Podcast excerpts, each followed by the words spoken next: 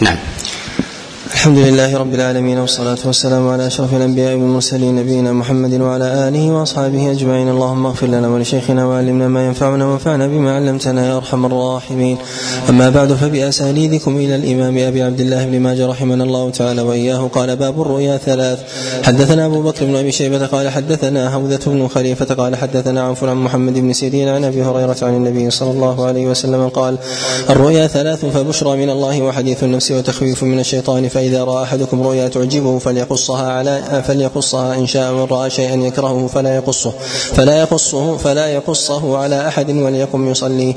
حدثنا هشام بن عمار قال حدثنا يحيى بن حمزة قال حدثنا يزيد بن عبيدة قال حدثني أبو عبيد أبو عبيد الله مسلم بن مشكم عن عوف بن مالك عن رسول الله صلى الله عليه وسلم قال إن الرؤيا ثلاث.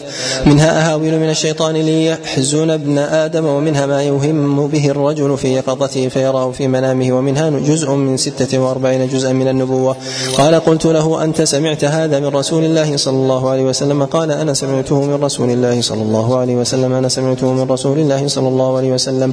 باب من رأى رؤيا يكرهها. حدثنا محمد بن رمح المصري قال أخبرنا الليث بن سعد عن أبي الزبير عن جابر بن عبد الله عن رسول الله صلى الله عليه وسلم أنه قال إذا رأى أحدكم الرؤيا يكرهها فليبصق عن يساره ثلاثا وليستعذ بالله من الشيطان ثلاثا وليتحول عن جنبه الذي كان عليه. حدثنا محمد بن رمح قال حدثنا الليث بن سعد عن يحيى بن سعيد عن أبي سلمة بن عبد الرحمن بن عوف عن أبي قتادة أن رسول الله صلى الله عليه وسلم قال الرؤيا من الله والحلم من الشيطان فإذا راى أحدكم شيئا يكرهه فليبصق عن يساره ثلاثة وليستعذ بالله من الشيطان الرجيم ثلاثا وليتحول عن جنبه الذي كان عليه. حدثنا علي بن محمد قال حدثنا وكيع عن العمري عن سعيد المقبوري عن أبي هريرة قال قال رسول الله صلى الله عليه وسلم إذا رأى أحدكم رؤيا يكرهها فليتحول وليدفل عن يساره. وليدفل عن يساره ثلاثا وليسال الله من خيرها وليتعوذ من شرها. باب من لعب به الشيطان في منامه فلا يحدث به الناس. حدثنا أبو بكر بن أبي شيبة قال حدثنا محمد بن عبد الله بن الزبير عن عمر بن عن عمر بن سعيد بن أبي حسين قال حدثني عطاء بن أبي رباح عن أبي هريرة قال جاء رجل إلى النبي صلى الله عليه وسلم فقال إني رأيت رأسي ضرب فرأيت يده يتدهدهها. فقال رسول الله صلى الله عليه وسلم يعبد الشيطان إلى أحدكم فيتهول له ثم يغدو يخبر الناس. حدثنا علي بن محمد قال حدثنا أبو معاوية عن الأعمش عن أبي سفيان عن جابر قال أتى النبي صلى الله عليه وسلم رجل وهو يخطب فقال يا رسول الله رأيت البارحة فيما يرى النائم كأن عنقي ضربت وسقط رأسي فاتبعته فأخذته فأعدته. فقال رسول الله صلى الله عليه وسلم إذا لعب الشيطان بأحدكم في منامه فلا يحدثن به الناس. حدثنا محمد بن روح قال أخبرنا الليث بن سعد عن أبي الزبير عن جابر عن رسول الله صلى الله عليه وسلم قال إذا حلم أحدكم فلا يخبر الناس بتلعب الشيطان به في المنام. باب الرؤيا إذا عبرت وقعت فلا يقصها على إلا على واد. حدثنا أبو بكر قال حدثنا جاء في الخبر في سبب كذب الرؤيا وصدقها عن النبي عليه الصلاة والسلام أنه سئل الرؤيا تكون صادقة وتكون كاذبة؟ قال تلك الأرواح. تصعد إلى السماء فإذا اجتلت الشياطين قبل أن تصل إلى السماء كذبت الرؤيا. وإذا وصلت إلى السماء قبل أن تجتال الشياطين صدقت صدقت الرؤيا. أحسن الله إليكم. حدثنا أبو بكر قال حدثنا هشيم عن يعلى بن عطاء عن وكيع بن عدس العقيلي عن عمه أبي رزين أنه سمع النبي صلى الله عليه وسلم يقول الرؤيا على رجل, على رجل طائر ما لم تعبر. فإذا عبرت وقعت قال والرؤيا جزء من ستة وأربعين جزءا من النبوة قال وأحسبه قال لا يقصها إلا على واد أو ذي رأي. باب على ما تعبر به الرؤيا. حدثنا محمد بن عبد الله بن نمير قال حدثنا أبي قال حدثنا الأعمش عن يزيد الرقاشي. عن أنس بن مالك. الرؤيا لها اتجاهات وقد تحتمل أكثر من تأويل وربما كل التأويل تصدق. فإذا أولت وسبق إليها وجه ليس ب ليس بخير ربما سبق وقوع الشر على الإنسان. وهي شبيهة بالمرآة أو الزجاجة المقعرة التي لها جهات متعددة تري الإنسان جهات متعددة وكلها صحيحة فما أول منها كان صوابا ولهذا ينبغي الإنسان أن لا يعبرها إلا عند حاذق عارف واد. ولا يعبرها كذلك عند من يكره فربما حملها على معنى معنى آخر مما مما يحذره الإنسان. نعم. أحسن الله إليكم عن أنس بن مالك قال قال رسول الله صلى الله عليه وسلم اعتبروها بأسمائها وكنوها بكناها والرؤيا لأول عابر. باب من تحلم حلما كاذبا حدثنا بشر بن هلال الصواف قال حدثنا عبد الوارث بن سعيد عن أيوب عن كلمة عن ابن عباس قال قال رسول الله صلى الله عليه وسلم من تحلم حلما كاذبا كلف أن يعقد بين شعيرتين ويعذب على ذلك ويعذب على ذلك. والكذب والرؤيا كبيرة من الكبائر من كبائر الذنوب وهو أعظم من الكذب بالكلام في الإخبار ونحو ذلك. لماذا؟ لأن الرؤى وحي وهذا عبث بشيء من جزء النبوة. عبث بشيء من جزء النبوة. فلا يجوز للإنسان أن يكذب في رؤيا أو أن يزيد فيها شيئا ليس ليس فيها وإنما يحدث بها كما كما رآها. نعم. أحسن الله باب أصدق الناس رؤيا أصدقهم حديثا. حدثنا أحمد بن عبد بن سرح المصري قال حدثنا بشر بن بكر قال حدثنا الأوزاعي عن ابن سيرين عن أبي هريرة قال قال رسول الله صلى الله عليه وسلم إذا قرب الزمان لم تكد رؤيا المؤمن تكذب أصدق وأصدقهم رؤيا أصدقهم حديثا ورؤيا المؤمن جزء من ستة وأربعين جزءا من النبوة. باب تعبير الرؤيا. حدثنا يعقوب بن حميد بن كاسب المديني قال حدثنا سفيان بن عيينة عن الزهري عن عبيد الله بن عبد الله عن ابن عباس قال أتى النبي صلى الله عليه وسلم رجل منصرفه من أحد فقال يا رسول الله إني رأيت في المنام ظلة تنطف سمنا وعسلا ورأيت الناس يتكففون منها فالمستكثر والمستقل رأيت سببا واصلا إلى السماء ورأيتك أخذت به فعلوت به ثم أخذ به رجل بعدك فعل به ثم أخذ به رجل بعده فعل به ثم أخذ به رجل بعده فانقطع به ثم وصل له فعل به. فقال أبو بكر دعني أعبرها يا رسول الله. قال أعبرها قال أما الظلة في الإسلام وأما ما ينطف منها من العسل والسمن فهو القرآن حلاوته ولينه وأما ما يتكفف منه الناس فالآخذ من القرآن كثيرا وقليلا وأما السبب الواصل إلى السماء فما أنت عليه من الحق أخذت به فعلى بك ثم يأخذ رجل من بعدك فيعلو به ثم يأخذه رجل من بعدك فيعلو به ثم آخر فيعلو به ثم آخر فينقطع به ثم يوصل له فيعلو به. قال أصبت بعضا وأخطأت بعضا. قال أبو بكر أقسمت عليك يا رسول الله لا تخبرني بالذي أصبت من الذي أخطأت. فقال النبي صلى الله عليه وسلم لا تقسم يا أبا بكر. حدثنا محمد بن يحيى قال حدثنا عبد الرزاق قال أخبرنا معمر عن الزهري عن عبيد الله عن ابن عباس قال كان أبو هريرة يحدث أن رجلا أتى رسول الله صلى الله عليه وسلم فقال يا رسول الله إني رأيت ظلة بين السماء والأرض تنطف سمنا وعسلا فذكر الحديث نحوه. حدثنا إبراهيم بن المنذر الحزامي قال حدثنا عبد الله بن معاذ الصنعاني وعن معمر عن الزهري عن سالم عن ابن عمر قال كنت غلاما شابا عزبا في عهد رسول الله صلى الله عليه وسلم فكنت أبيت في المسجد فكان من رأى منا رؤيا يقصها على النبي صلى الله عليه وسلم فقلت اللهم إن كان لي عندك خير فأرني رؤيا يعبرها لي النبي صلى الله عليه وسلم فنمت فرأيت ملكين اتياني فانطلقا بي فلقيهما ملك آخر فقال لم ترع فانطلقا بي إلى النار فإذا هي مطوية كطي البئر واذا فيها ناس قد عرفت بعضهم فأخذوا بي ذات اليمين فلما أصبحت ذكرت ذلك لحفصة فزعمت حفصة أنها قصتها على رسول الله صلى الله عليه وسلم فقال إن عبد الله رجل صالح لو كان يكثر الصلاة من الليل. قال فكان عبد الله يكثر الصلاة من الليل. حدثنا أبو بكر بن أبي شيبة قال حدثنا الحسن بن موسى الأشيب. قال حدثنا سلمة حماد بن سلمة عن عاصم بن بهدلة عن المسيب بن رافع عن خرشة بن الحر قال قدمت المدينة فجلست إلى شيخة في مسجد النبي صلى الله عليه وسلم فجاء شيخ يتوكل على عصا له. فقال القوم من سره أن ينظر إلى رجل من أهل الجنة فلينظر إلى هذا فقام خلف سارية فصلى ركعتين فقمت إليه فقلت له. قال بعض القوم كذا وكذا. قال الحمد لله الجنة لله يدخلها من يشاء. وإني رأيت على عهد رسول الله صلى الله عليه وسلم رؤيا رأيت كأن رجلا أتاني. فقال لانطلق فذهبت معه فسلك بي في منهج عظيم. فعرضت علي طريق على يساري. فأردت أن أسلكها فقال إنك لست من أهلها. ثم عرض الطريق عن يميني فسلكتها. فإذا انتهي حتى إذا انتهيت إلى جبل زلق فأخذ بيدي فزجل بي فإذا أنا على ذروته فلم أتقار ولم أتماسك وإذا عمود من حديد في ذروته حلقة من ذهب فأخذ, فأخذ بيدي فزجل بي. حتى أخذت بالعروة فقال استمسك. قلت نعم. فضرب العمود برجله فاستمسكت بالعروة. قال قال قصصت على النبي صلى الله عليه وسلم قال رأيت خيرا أما المنهج العظيم فالمحشر وأما الطريق الذي عرضت عن يسارك فطريق أهل النار ولست من أهلها وأما الطريق التي عرضت عن يمينك فطريق أهل الجنة وأما الجبل الزلق فمنزل الشهداء وأما العروة التي استمسكت بها فعروة الإسلام فاستمسك بها حتى تموت فأنا أرجو أن أكون من أهل الجنه الجنة وإذا هو عبد الله بن سلام. حدثنا محمود بن غيلان قال حدثنا أبو أسامة قال حدثنا بريد عن أبي برد عن أبي موسى عن النبي صلى الله عليه وسلم قال رأيت في المنام أني أهاجر من مكة إلى أرض بها نخل فذهب وهلي إلى أنها يمامة أو هجر فإذا هي المدينة يثرب ورأيت في رؤياي هذه أني هززت سيفا فانقطع صدره. فإذا هو ما أصيب من المؤمنين يوم أحد ثم هززته فعاد أحسن ما كان فإذا هو ما جاء الله به من الفتح واجتماع المؤمنين ورأيت فيها أيضا بقرا والله خير فإذا هم النفر من المؤمنين يوم أحد. وإذا الخير ما جاء الله به من الخير بعد وثواب الصدق الذي آتانا يوم بدر. حدثنا أبو بكر بن أبي شيبة قال حدثنا محمد بن بشر قال حدثنا محمد بن عمرو عن أبي سلمة عن أبي هريرة قال قال رسول الله صلى الله عليه وسلم رأيت في يدي سوارين من ذهب فنفختهما فأولتهما هذين الكذابين مسيلمة والعنسي. حدثنا أبو بكر قال حدثنا معاوية بن هشام قال حدثنا علي بن صالح عن سماك عن قابوس. قال قالت أم الفضل يا رسول الله رأيت كأن في بيتي عضوا من أعضائك. قال خيرا رأيت تلد فاطمة غلاما فترضعي فولدت حسينا أو حسنا فأرضعته بلبن قثم. قالت فجئت به إلى النبي صلى الله عليه وسلم فوضعته في حجري فبال فضربته. فوضعته في حجره فبال فضربت كتفه فقال النبي صلى الله عليه وسلم أوجعت ابني رحمك الله. حدثنا محمد بن بشار قال حدثنا أبو عامر قال أخبرني ابن جريج قال أخبرني موسى بن عقبة قال أخبرني سالم بن عبد الله عن عبد الله بن عمر عن رؤيا النبي صلى الله عليه وسلم قال رأيت امرأة سوداء ثائرة الرأس خرجت من المدينة حتى قامت بالمهيعة بالمهيعة وهي الجحفة فأولتها وباء بالمدينة فنقل إلى الجحفة.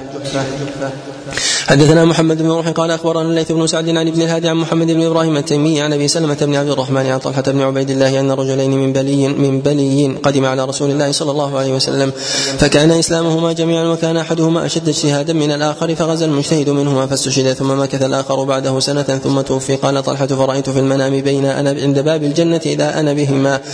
فخرج خارج من الجنة فاذن للذي توفي الآخر منهما ثم خرج فاذن للذي استشهد ثم رجع إلي فقال ارجع فإنك لم يأني لك بعد فأصبح طلحة يحدث الناس فعجبوا لذلك فبلغ ذلك رسول الله صلى الله عليه وسلم وحدثه الحديث فقال من أي ذلك تعجبون؟ قالوا يا رسول الله هذا كان أشد الرجلين اجتهادا ثم استشهد ودخل هذا الآخر الجنة قبله. فقال رسول الله صلى الله عليه وسلم أليس قد مكث هذا بعده سنة؟ قالوا بلى. قال وأدرك رمضان فصام وصلى كذا وكذا من سجدة في السنة؟ قالوا بلى. قال قال رسول الله صلى الله عليه وسلم فما بينهما أبعد مما بين السماء والأرض. حدثنا علي بن محمد قال حدثنا مكي قال حدثنا أبو بكر الهذلي عن ابن سيرين عن أبي هريرة قال قال رسول الله صلى الله عليه وسلم أكره الغل وأحب القيد القيد ثبات في الدين. والرؤيا يكتنفها عدة أمور حتى تكون صادقة أو واقعة. أول هذه الأمور وصدق هذه الرؤيا من جهة كونها رؤيا وليست بحلم. الثانية دقة الرأي بحكايتها من غير زيادة ولا نقصان. الثالث معرفة المعبر بحال الرأي الرابع حذق الرأي ودقته. وإذا اختل واحد من هذه الأشياء أو شيء منها فإنه يختل حينئذ مسألة مسألة الوقوع. والنبي صلى الله عليه وسلم كان يحث إذا رأى أحد رؤيا وأراد أحد أن يعبرها له أن يسأله عن حال الرأي ما هو وما هي حاله وهل هو رجل أو امرأة أو غير ذلك. أما تعبير الرؤيا كنص فارغ من الواقعة أو من حال الرأي ونحو ذلك فهذا يعطي الإنسان نتيجة في ذلك قاصرة. وكذلك أيضا فإن الرؤيا لها قرائن تعرف فيها الصدق ويعرف فيها الكذب والرؤيا قد تصدق من كافر وقد تكذب من مؤمن وقد يراها الصغير وقد يراها الكبير. وقد يعبر الكافر ويكون حاذقا في ذلك وقد يخطئ المؤمن. وهي من المعارف التي يصل الإنسان إلى نتيجتها منها ما يوصل إليه بالعقل ومنها ما يوصل إليه ما يوصل إليه بالنقل. نعم. أحسن الله اليكم أبواب الفتن باب الكف عمن قال لا إله إلا الله. وحدثنا أبو بكر بن أبي شيبة قال حدثنا أبو معاوية وحفص بن غياث عن الأعمش عن أبي صالح عن أبي هريرة قال قال رسول الله صلى الله عليه وسلم أمرت أن أقاتل الناس حتى يقولوا لا إله إلا الله فإذا قالوها عصموا مني دماءهم وأموالهم إلا بحقها وحسابهم على الله عز وجل.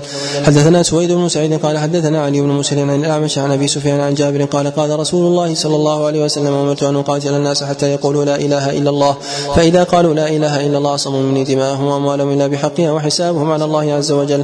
حدثنا أبو بكر بن أبي شيبة قال حدثنا عبد الله بن بكر السهمي قال حدثنا حاتم بن أبي صغيرة عن النعمان بن سالم ان عمرو بن أوس أخبره أن أباه أوس أخبره قال إنا لقعود عند النبي صلى الله عليه وسلم وهو يقص علينا ويذكرنا اذا أتاه رجل فساره فقال النبي صلى الله عليه وسلم اذهبوا به فاقتلوه. فلما ولى الرجل دعاه رسول الله صلى الله عليه وسلم فقال هل يشهد أن لا إله إلا الله؟ قال نعم. قال اذهبوا فخلوا سبيله إنما أمرت أن أقاتل الناس حتى يقولوا لا إله إلا الله فإذا فعلوا ذلك حرم علي دماؤهم وأموالهم.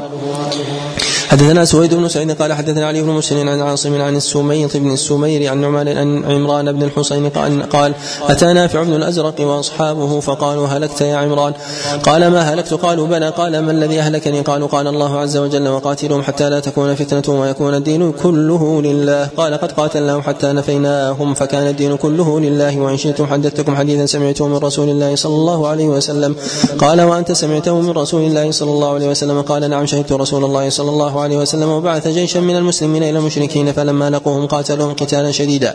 فمنحوهم أكتافهم فحمل رجل من لحمتي على رجل من المشركين بالرمح فلما غشيه قال أشهد أن لا إله إلا الله إني مسلم. فطعنه فقتله فأتى رسول الله صلى الله عليه وسلم فقال يا رسول الله هلكت؟ قال وما الذي صنعت؟ مرة أو مرتين فأخبره بالذي صنع. فقال له رسول الله صلى الله عليه وسلم فهلا شققت عن بطني؟ فعلمت ما في قلبه. قال يا رسول الله لو شققت عن بطنه أكنت أعلم ما في قلبه؟ قال فلا أنت قبلت ما تكلم به ولا أنت تعلم ما في قلبه. قال فسكت عنه رسول الله صلى الله عليه وسلم فلم يلبث إلا يسيرا حتى مات فدفناه فأصبح على ظهر الأرض. فقالوا لعل عدوا نباشه فدفناه ثم أمرنا غلماننا ثم أمرنا غلماننا يحرسونه فأصبح على ظهر الأرض. فقال فقلنا لعل غلمان لعل الغلمان نعسوا فدفناه ثم حرسناه بأنفسنا فأصبح على ظهر الأرض. فألقيناه في بعض تلك الشعاب. حدثنا إسماعيل بن حفص الأبو الأبولي قال حدثنا حفص بن غياث عن عن عاصم عن السميط عن عمران بن الحصين. عن عمران بن الحصين قال بعثنا رسول الله صلى الله عليه وسلم في سرية فحمل رجل من المسلمين على رجل من المشركين فذكر الحديث وزاد فيه فنبذته الأرض فأخبر النبي صلى الله عليه وسلم وقال إن الأرض لا تقبل من هو شر منه ولكن الله أحب أن يريكم تعظيم حرمة لا إله إلا الله. باب حرمة دم المؤمن وماله. حدثنا هشام بن عمار قال حدثنا عيسى بن يونس قال حدثنا الأعمش عن أبي صالح عن أبي سعيد قال قال رسول الله صلى الله عليه وسلم في حجة الوداع ألا إن أحرم الأيام يومكم هذا ألا وإن أحرم الشهور شهركم هذا ألا وإن أحرم البلد بلدكم هذا ألا وإن دماءكم وأموالكم عليكم حرام كحرمة يومكم هذا في شهركم هذا في بلدكم هذا ألا هل بلغت؟ قالوا نعم. قال اللهم اشهد. حدثنا أبو القاسم بن أبي ضمرة النصر بن محمد بن سليمان الحمصي قال حدثنا أبي قال حدثنا عبد الله بن أبي قيس النصري قال حدثنا عبد الله بن عمر قال رأيت رسول الله صلى الله عليه وسلم يطوف بالكعبة ويقول ما أطيبك وأطيب ريحك ما أعظمك وأعظم حرمتك والذي نفس محمد بيده لحرمة المؤمن أعظم عند الله حرمة منك ما له ماله ودمه. وأن نظن به إلا خيرا. حدثنا بكر بن عبد الوهاب قال حدثنا عبد الله بن نافع ويونس بن يحيى جميعا عن داود بن قيس عن أبي سعيد مولى عبد الله بن عامر مولى عبد الله بن عامر بن كريز عن أبي هريرة أن رسول الله صلى الله عليه وسلم قال كل المسلم على المسلم حرام دمه وماله وعرضه حدثنا أحمد بن عمرو بن السرح المصري قال حدثنا عبد الله بن وهب عن أبي هانئ. عن عمرو بن مالك الجنبي أن فضالة بن عبيد حدثه أن النبي صلى الله عليه وسلم قال المؤمن من أمنه الناس على أموالهم وأنفسهم والمهاجر من هجر الخطايا والذنوب. باب النهي عن النهبة. حدثنا محمد بن بشار ومحمد بن المثنى قال حدثنا أبو عاصم قال حدثنا ابن جرج عن أبي الزبير عن جابر بن عبد الله قال قال رسول الله صلى الله عليه وسلم من انتهب نهبة مشهورة فليس منا.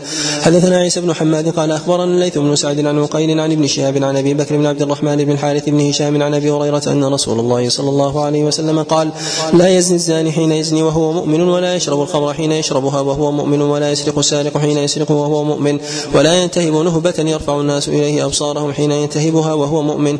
حدثنا حميد بن مسعد قال حدثنا يزيد بن زريع قال حدثنا المراد بذلك أن الإنسان في ارتكابه لأمثال هذه الموبقات تضعف جذوة الإيمان فيه حتى تنطفئ فلا تصاحب الكبيرة إيمانا إيمانا قويا. و وليس المراد بذلك هو انتفاء الإيمان وإنما هو قوة الضعف لجذوة الإيمان ولهبه وحرارته في القلب فتضعف في القلب عند مصاحبة المحرم فإذا أقلع عنه بدأ بدأت النفس اللوامة بالرجوع إلى لوم لوم صاحبها حتى حتى يقوى ويرجع في ذلك الإيمان. وكلما أصبح الإنسان للكبائر مقترفا لم يرجع إلى حرارة إلى حرارة الإيمان حتى ينطفئ الإيمان بكامله ويخرج الإنسان بارتكابه لأمثال هذه الكبائر من مرحلة الفعل إلى إلى حب هذه الكبائر والقناعة بحليتها. نعم. أحسن الله إليكم. حدثنا حميد بن مسعدة قال حدثنا يزيد بن زريع قال حدثنا حميد قال حدثنا الحسن عن عمران بن الحسين أن رسول الله صلى الله عليه وسلم قال من انتهب نهبة فليس منا. حدثنا أبو بكر بن أبي شيبة قال حدثنا أبو الأحوص عن سماك عن ثعلبة بن الحكم قال أصبنا غنما للعدو فانتهبناها فنصبنا قدورنا فمر النبي صلى الله عليه وسلم بالقدور فأمر بها فأكفئت ثم قال إن النهبة لا تحل. باب سباب باب سباب المسلم فسوق وقتاله كفر. حدثنا هشام بن عمان قال حدثنا حدثنا عيسى بن يونس قال حدثنا الأعمش عن شقيق عن ابن مسعود قال قال رسول الله صلى الله عليه وسلم سباب المسلم فسوق وقتاله كفر. حدثنا أبو بكر بن أبي شيبة قال حدثنا محمد بن الحسن الأسدي قال حدثنا أبو هلال عن ابن سيرين عن أبي هريرة عن النبي صلى الله عليه وسلم قال إن سباب المسلم فسوق وقتاله كفر. حدثنا علي بن محمد قال حدثنا وكيع عن شريك عن أبي إسحاق عن محمد بن سعد عن سعد قال قال رسول الله صلى الله عليه وسلم سباب المسلم فسوق وقتاله كفر. باب لا ترجعوا بعدي كفارا يضرب بعضكم رقاب بعض. حدثنا محمد بن بشار قال حدثنا محمد بن جعفر وعبد الرحمن بن مهدي قال حدثنا شعبة عن علي بن مدرك قال سمعت أبا زرعة بن عمرو بن جرير يحدث عن جرير بن عبد الله أن رسول الله صلى الله عليه وسلم قال في حجة الوداع استنصت الناس فقال لا ترجعوا بعدي كفارا يضرب بعضكم رقاب بعض. حدثنا عبد الرحمن بن إبراهيم قال حدثنا الوليد بن مسلم قال أخبرني عمر بن محمد عن أبيه عن ابن عمر أن رسول الله صلى الله عليه وسلم قال ويحكم أو ويلكم لا ترجعوا بعضي كفار بعدي كفارا يضرب بعضكم رقاب بعض. حدثنا محمد بن عبد الله بن نمير قال حدثنا أبي ومحمد بن بشر قال حدثنا إسماعيل عن قيس عن الصنابح الاحمسي الأحمسي قال قال رسول الله صلى الله عليه وسلم ألا إني فرطكم على الحوض وإني مكاثر بكم الأمم فلا تقتتل فلا تقتتلن بعدي باب المسلمون في ذمة الله عز وجل. حدثنا عمرو بن عثمان بن سعيد بن كثير بن دينار الحمصي قال حدثنا أحمد بن خالد الوهبي قال حدثنا عبد العزيز بن أبي سلمة بن الماجشون عن عبد الواحد بن أبي عون عن سعد بن إبراهيم عن حابس اليماني عن أبي بكر الصديق قال قال رسول الله صلى الله عليه وسلم من صلى الصبح فهو في ذمة الله فلا تغفر الله في عهده فمن قتله طلبه الله حتى يكبه في النار على وجهه. حدثنا محمد بن بشار قال حدثنا روح بن عبادة قال حدثنا أشعث عن الحسن عن سمرة بن جندب عن النبي صلى الله عليه وسلم قال من صلى الصبح فهو في ذمة الله عز وجل. حدثنا هشام بن عمان قال حدثنا الوليد بن مسلم قال حدثنا حماد بن سلمة قال حدثنا أبو المهزم يزيد بن سفيان قال سمعت أبا هريرة يقول قال رسول الله صلى الله عليه وسلم المؤمن أكرم على الله عز وجل من بعض ملائكته. باب العصبية. حدثنا بشر بن هلال الصواب قال حدثنا عبد الوارث بن سعيد قال حدثنا أيوب عن غيلان بن جرير عن زياد بن رياح عن أبي هريرة قال قال رسول الله صلى الله عليه وسلم من قاتل تحت رايات عمي عمية يدعو إلى عصبية أو يغضب لعصبية فقتلته جاهلية. حدثنا أبو بكر بن أبي شيبة قال حدثنا زياد بن الربيع اليحمدي قال حدث عن عن عباد بن كثير اليحمدي. عن عباد بن كثير الشامي عن امرأة منهم يقال لها فسيلة. قالت سمعت أبي يقول سألت النبي صلى الله عليه وسلم فقلت يا رسول الله أمن العصبية أن يحب الرجل قومه؟ قال لا ولكن من العصبية أن يعين الرجل قومه على الظلم. باب السواد الأعظم حدثنا العباس بن عثمان الدمشقي قال حدثنا الوليد بن مسلم قال حدثنا معان بن رفاعة السلامي قال حدثني أبو خلف الأعمى أنه سمع أنس بن مالك يقول سمعت رسول الله صلى الله عليه وسلم يقول إن أمتي لن تجتمع على ضلالة فإذا رأيتم الاختلاف فعليكم بالسواد الأعظم. باب ما يكون من الفتن. حدثنا محمد بن عبد الله بن نمير وعلي بن محمد وهذا الحديث مع مع شهرته وصحة معناه إلا أنه لا يثبت عن رسول الله صلى الله عليه وسلم من وجه.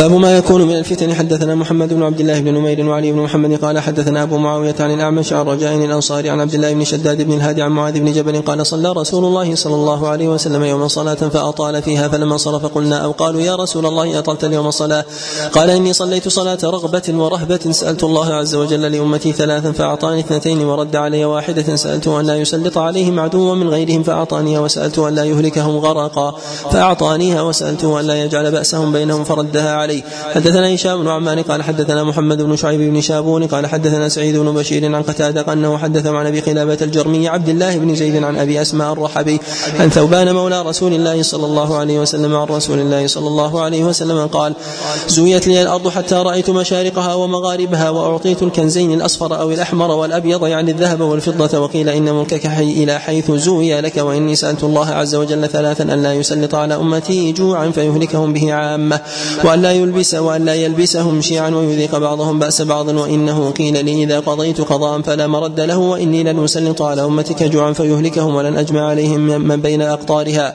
حتى يفني بعضهم بعضا ويقتل بعضهم بعضا وإذا وضع السيف في أمتي فلن يرفع عنهم إلى يوم القيامة وإن مما أتخوف على أمتي أئمة مضلين وستعبد وستعبد قبائل من أمة الأوثان وستلحق قبائل من أمتي بالمشركين وإن بين يدي الساعة دجالين كذابين قريبا من ثلاثين كلهم يزعم أنه نبي ولن تزال طائفة من أمتي على الحق منصورين. لا يضرهم من خالفهم حتى يأتي أمر الله عز وجل. قال أبو الحسن فلما فرغ أبو عبد الله من هذا الحديث قال ما أهوله. حدثنا أبو بكر بن أبي شيبة قال حدثنا سفيان بن عيينة عن الزهري عن عروة عن زينب ابنة أم سلمة عن حبيبة عن أم حبيبة عن زينب بنت جحش أنها قالت استيقظ رسول الله صلى الله عليه وسلم وهو محمر وجهه وهو يقول لا إله إلا الله ويل للعرب من شر قد اقترب فتح اليوم من ردم يأجوج ومأجوج وعقد بيده عشرة قالت زينب قلت يا رسول الله أن نهلك وفينا الصالحون؟ قال إذا كثر الخبث. حدثنا راشد بن سعيد الرملي قال حدثنا الوليد بن مسلم عن الوليد بن سليمان بن أبي السائب عن علي بن يزيد عن القاسم بن أبي عبد الرحمن عن أبي أمامة قال قال رسول الله صلى الله عليه وسلم ستكون فتن يصبح الرجل فيها مؤمنا ويمسي كافرا إلا من أحياه الله بالعلم. حدثنا محمد بن عبد الله بن نمير قال حدثنا أبو معاوية وأبي عن الأعمش عن شقيق عن حذيفة قال كنا جلوسا عند عمر. فقال أيكم يحفظ حديث رسول الله صلى الله عليه وسلم في الفتنة قال حذيفة فقلت أنا قال فقال إنك لجريء قال كيف؟ قال سمعته يقول فتنة الرجل في أهله وولده وجاره تكفر الصلاة والصيام والصدقة والأمر بالمعروف والنهي عن المنكر. فقال عمر ليس هذا أريد إنما أريد الذي تموج كموج البحر. فقال ما لك ولها يا أمير المؤمنين إن بينك وبينها بابا مغلقا قال فيكسر الباب أو يفتح؟ قال لا بل يكسر قال ذاك أجدر أن لا يغلق. قلنا لحذيفة كان عمر يعلم من الباب؟ قال نعم كما يعلم أن دون الغد الليل إني, إني حدثته حديثا ليس بالأغاليط فهبنا أن نسأله من الباب. فقلنا لمسروق سله فسأله فقال عمر حدثنا أبو كريب قال حدثنا أبو معاوية عبد الرحمن المحاربي ووكيع عن الأعمش عن زيد بن وهب عن عبد الرحمن بن عبد رب الكعبة قال انتهيت إلى عبد الله بن عمرو بن العاص وهو جالس في ظل الكعبة والناس مجتمعون عليه فسمعته يقول بينا نحن مع رسول الله صلى الله عليه وسلم في سفر إذ نزل منزلا فمنا من يضرب خباءه ومنا من ينتظر ومنا من هو في جشره في جشر في جشره. إذ نادى مناديه الصلاة جامعة فاجتمعنا فقام رسول الله صلى الله عليه وسلم فخطبنا فقال إنه لم يكن نبي قبلي إلا كان حقا عليه أن يدل أمته على ما يعلمه خيرا لهم وينذرهم ما يعلمه شرا لهم وإن أمتكم جعلت عافيتها في أولها وإن آخرهم وإن آخرهم يصيبهم بلاء وأمور تنكرونها. ثم تجيء فتن يرقق بعضها بعضا فيقول المؤمن هذه مهلكتي ثم تنكشف ثم تجيء فتنة فيقول المؤمن هذه مهلكتي ثم تنكشف. فمن سره أن يزحزح عن النار ويدخل الجنة فلتدرك موتته وهو يؤمن بالله واليوم الآخر وليأتي إلى الناس الذي يحب أن يأتوا إليه ومن بايع إماما فأعطاه صفقة يمينه وثمرة قلبه فليطعه ما استطاع فإن جاء آخر ينازعه فاضربوا عنق الآخر. قال فأدخلت رأسي من بين الناس فقلت أنشدك الله أنت سمعت هذا من رسول الله صلى الله عليه وسلم. قال فأشار بيده إلى أذنيه فقال سمعته أذناي ووعاه قلبي. في قول رسول الله صلى الله عليه وسلم إن مما أتخوف على أمتي الأئمة المضلين. والمراد بذلك أئمة الدين وأئمة الدنيا. أئمة الدين بهم فساد الدين وأئمة الدنيا بهم فساد الدنيا. وإذا اجتمع الفساد في الأمرين فعلى الأمة العفا. والله جل وعلا لا يهلك أمة ما وجد فيها ما وجد فيها المصلحون. والله سبحانه وتعالى يدفع بالصالح الواحد بالصالح الواحد عن الأمة من البلاء ما لا يدفعه مع وجود آلاف آلاف الصالحين لأن المصلح يصلح ويتعدى إصلاحه إلى إلى الناس كافة. بخلاف الصالح فإنه صالح في ذاته وصلاحه لازم له. لازم له لا يتعدى إلى لا يتعدى إلى غيره. وعظمة المصلح بتعدي رسالته إلى إلى الناس. وكلما كان إصلاحه أبعد كانت رحمته بمقدار بمقدار بعد بعد رسالته في الناس. نعم. أحسن الله إليكم. باب التثبت في الفتنة. حدثني هشام بن عمار ومحمد بن الصباح قال حدثنا عبد العزيز بن أبي حازم قال حدثني أبي عن عمارة بن حزم عن عبد الله بن عمرو أن رسول الله صلى الله عليه وسلم قال كيف بكم وبزمان يوشك أن يأتي يغربل الناس فيه غربلة تبقى حثالة من الناس قد مرجت عهودهم وأمانات فاختلفوا وكانوا هكذا وشبك بين أصابعه. قالوا كيف بنا يا رسول الله إذا كان ذلك؟ قال تأخذون بما تعرفون وتدعون ما تنكرون وتقبلون على خاصتكم وتذرون أمر عوامكم. حدثنا أحمد بن عبدة قال حدثنا حماد بن زيد عن أبي عمران الجوني عن المشعث في قوله تأخذون بما تعرفون وتدعون ما تنكرون. إشارة إلى أن المنكر والشر يصل في الأمة إلى حد يميزه الإنسان بالفطرة. يميزه الإنسان بالفطرة. فما وكل النبي صلى الله عليه وسلم الأمر إلى إلى معرفة حكم الله عز وجل من حلال وحرام وإنما ما يرجع فيه إلى إلى الفطرة يعني تعدي الناس في الضلال في إلى إلى إلى أحكام الشريعة إلى ما يناقض الفطرة التي فطر الله عز وجل الناس عليها. أحسن الله إليكم حدثنا أحمد بن عبدة قال حدثنا حماد بن زيد عن أبي عمران الجوني عن المشعث بن طريف عن عبد الله بن الصامت عن أبي ذر قال قال رسول الله صلى الله عليه وسلم كيف أنت يا أبا ذر وموت يصيب الناس حتى يقوم البيت بالوصيف عن القور قلت ما خار الله ورسوله أو قال الله ورسوله أعلم. قال تصبر. قال كيف أنت وجوع يصيب الناس حتى تأتي مسجدك؟ فلا تستطيع أن ترجع إلى فراشك. ولا تستطيع أن تقوم من فراشك إلى مسجدك. قال قلت الله ورسوله أعلم. أو ما خار الله ورسوله. قال عليك بالعفة. ثم قال كيف أنت وقتل يصيب الناس حتى تغرق حجارة الزيت بالدم؟ قلت ما خار الله ورسوله؟ قال الحق بمن أنت منه الحق بمن أنت منه. قال قلت يا رسول الله أفلا آخذ بسيفي فأضرب به من فعل ذلك؟ قال شاركت القوم إذا ولكن ادخل بيتك. قلت يا رسول الله إن دخل بيتي. قال إن خشيت أن يبهرك شعاع السيف فألق طرف ردائك على وجهك فيبوء بإثمه وإثمك فيكون من أصحاب النار. حدثنا محمد بن بشار قال حدثنا محمد بن جعفر قال حدثنا عوف عن الحسن قال حدثنا أسيد أو أسيد بن المتشمس قال حدثنا أبو موسى قال حدثنا رسول الله صلى الله عليه وسلم إن قال إن بين يدي الساعة لهرجا قال قلت يا رسول الله ما الهرج؟ قال القتل القتل. فقال بعض المسلمين يا رسول الله إنا نقتل الآن في العام الواحد من المشركين كذا وكذا. فقال رسول الله صلى الله عليه وسلم ليس بقتل المشركين ولكن يقتل بعضكم بعضا. حتى يقتل الرجل جاره وابن عمه وذا قرابته. فقال بعض القوم يا رسول الله ومعنا عقولنا يوم ذلك اليوم فقال رسول الله صلى الله عليه وسلم لا تنزع عقول أكثر ذلك الزمان ويخلف له هباء من الناس لا عقول لهم. ثم قال الأشعري ويم الله إني لأظنها مدركتي وإياكم ويم الله ما لي ولكم منها مخرج إن أدركتنا فيما عهد إلينا نبينا صلى الله عليه وسلم إلا أن نخرج منها كما دخلنا فيها. وأشراط الساعة التي تأتي عن النبي عليه الصلاة والسلام في آخر الزمان هي محلها وموضعها هي بلدان المسلمين وليس وليس في البلدان الأخرى. فكل شرط من أشراط الساعة وعلاماتها جاء النبي عليه الصلاة والسلام فمحله هو في بلدان المسلمين وليس في بلدان الأبعدين من الأبعدين من الكافرين. نعم. أحسن الله إليكم حدثنا محمد بن بشار قال حدثنا صفوان بن عيسى قال حدثنا عبد الله بن عبيد مؤذن المسجد جردان قال حدثتني عديسة بنت أهبان قالت لما جاء علي بن أبي طالب ها هنا البصرة دخل على أبي فقال يا أبا مسلم ألا تعينني على هؤلاء القوم؟ قال بلى. قال فدعا جارية له فقال يا جارية أخرجي سيفي فأخرجت. فسل منه قدر شبر فإذا هو خشب فقال إن خليلي وابن عمك صلى الله عليه وسلم عهد إلي إذا كانت الفتنة بين المسلمين فاتخذ سيفا من خشب فإن شئت خرجت خرجت مع فإن شئت خرجت معك. قال لا حاجة لي فيك ولا في سيفك. حدثنا عمران بن موسى الليثي قال حدثنا عبد الوارث بن سعيد قال حدثنا محمد بن جحادة عن عبد الرحمن بن ثروان عن هزيل بن شرحبيل عن أبي موسى الأشعري قال قال رسول الله صلى الله عليه وسلم إن بين يدي الساعة فتنة كقطع الليل المظلم.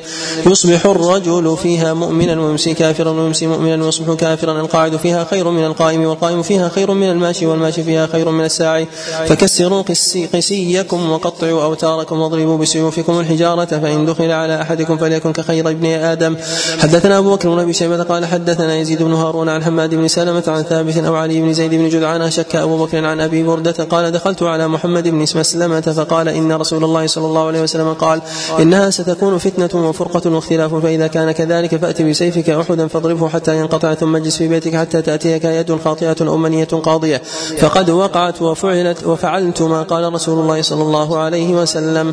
باب إذا التقى المسلمان بسيفيهما. حدثنا سويد بن سعيد قال حدثنا مبارك بن سحيم عن عبد العزيز بن صهيب عن أنس بن مالك عن النبي صلى الله عليه وسلم قال ما من مسلمين التقيا بأسيافهما إلا كان القاتل والمقتول في النار. حدثنا أحمد بن سنان قال حدثنا يزيد بن هارون عن سليمان التيمي وسعيد بن أبي عروبة عن قتادة عن الحسن عن أبي موسى قال قال رسول الله صلى الله عليه وسلم إذا التقى المسلمان بسيفيهما فالقاتل والمقتول في النار قالوا يا رسول الله هذا القاتل فما بال المقتول؟ قال إنه أراد قتل صاحبه.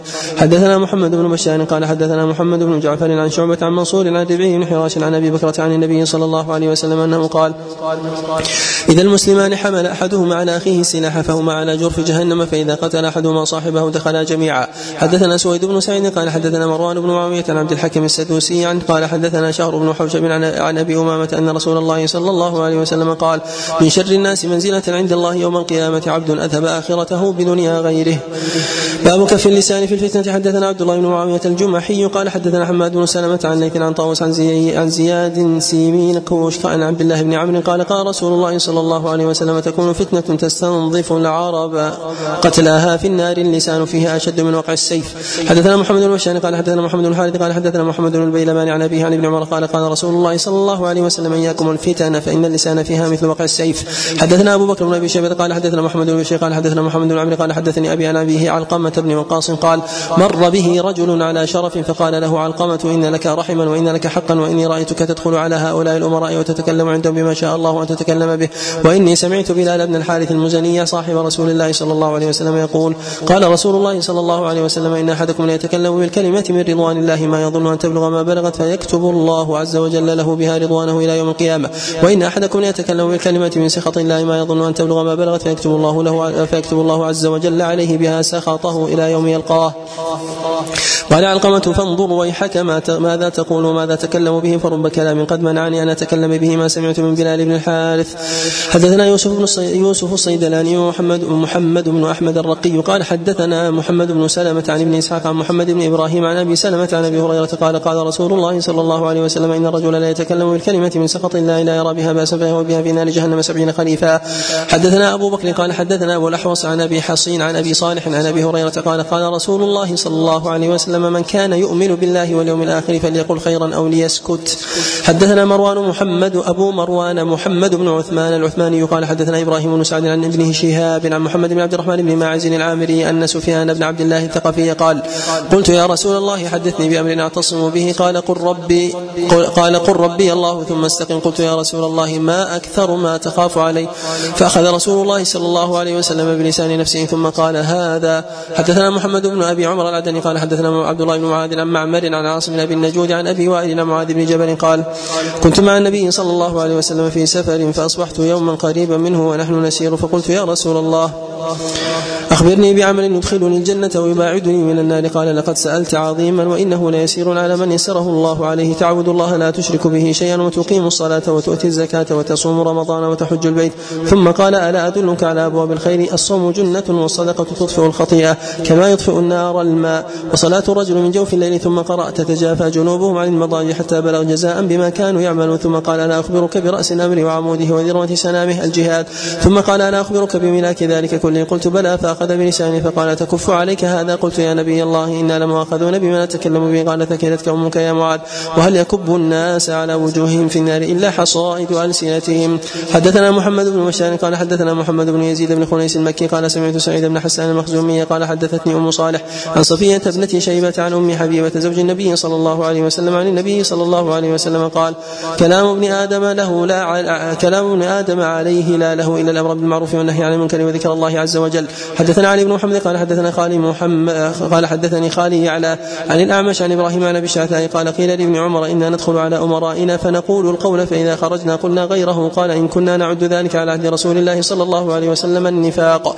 حدثنا هشام بن عمار قال حدثنا محمد بن شعيب بن شابور قال حدثنا الأوزاعي عن قرة بن عبد الرحمن بن حيوي عن, عن الزهري عن أبي سلمة عن أبي هريرة قال قال رسول الله صلى الله عليه وسلم من حسن إسلام المرء تركه ما لا يعنيه باب العزلة. حدثنا محمد بن صباح قال حدثنا عبد العزيز بن أبي حازم قال أخبرني أبي عن بعجة بن عبد الله بن بدر الجهني عن أبي هريرة أن النبي صلى الله عليه وسلم قال خير معايش الناس لهم رجل ممسك بعنان فرسه في سبيل الله يطير على متنه كلما سمع هيعة أو فزعة طار عليها يبتغي الموت بقتل مضاله ورجل في غنيمة في رأس شعفة من هذه الشعاف أو بطن واد من هذه الأودية. يقيم الصلاة ويؤتي الزكاة ويعبد ربه حتى يأتيه اليقين. ليس من الناس إلا في خير. حدثنا هشام بن عمار قال حدثنا يحيى بن حمزة قال حدثنا الزبيدي قال حدثني الزهري عن عطاء بن يزيد الليثي عن أبي سعيد الخدري أن رجلا أتى النبي صلى الله عليه وسلم فقال أي الناس أفضل؟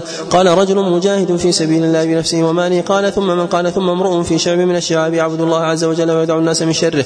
حدثنا علي بن محمد قال حدثنا وليد بن مسلم قال حدثني عبد الرحمن بن يزيد بن جابر قال حدثني بشر بن عبيد الله قال حدثنا أبو إدريس القولاني أنه سمع حذيفة بن اليمان يقول قال رسول الله صلى الله عليه وسلم يكون دعاة على أبواب جهنم من أجابهم إليها قذفوه فيها. قلت يا رسول الله صفهم لنا. قال هم قوم من جلدتنا يتكلمون بألسنتنا. قلت فما تأمرني إن أدركني ذلك؟ قال فالزم جماعة المسلمين وإمامهم. قلت فإن لم يكن لهم جماعة ولا إمام. قال فاعتزل تلك الفرق كلها ولو أن تعض بأصل شجرة حتى يدركك الموت وأنت, على وأنت كذلك.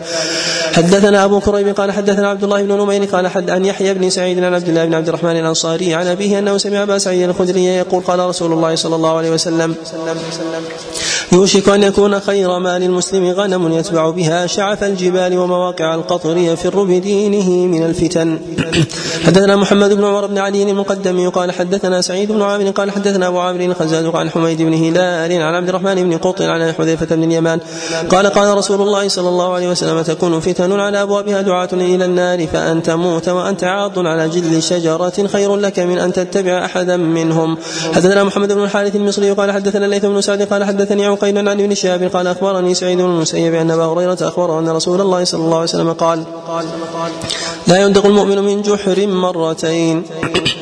حدثنا عثمان بن أبي شيبة قال حدثنا أبو أحمد الزبيري قال حدثنا زمعة بن صالح عن الزهري عن سالم عن ابن عمر قال قال رسول الله صلى الله عليه وسلم لا يندق المؤمن من جحر مرتين. باب الوقوف عند الشبهات. حدثنا عمرو بن رافع قال حدثنا عبد الله بن مبارك عن زكريا بن أبي زايد عن الشعبي قال سمعت النعمان بن بشير يقول على منبري وأهوى بإصبعه إلى أذنيه. سمعت رسول الله صلى الله عليه وسلم يقول الحلال بين والحرام بين وبينهما مشتبهات. لا يعلمها كثير من الناس فمن اتقى الشبهات استبرأ لدينه وعرضه ومن وقع في الشبهات وقع في الحرام.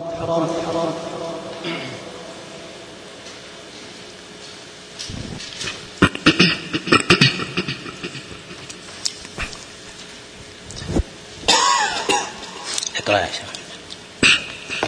كالراعي حول الحمى يوشك أن يرتع فيه ألا وإن لكل ملك حمى ألا وإن حمى الله محارمه ألا وإن في الجسد مضغة إذا صلح صلح الجسد كله.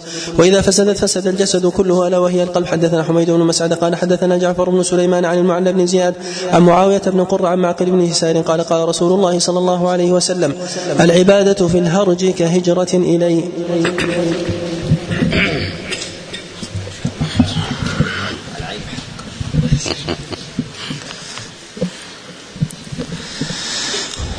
قال رحمه الله تعالى. تعالى تعالى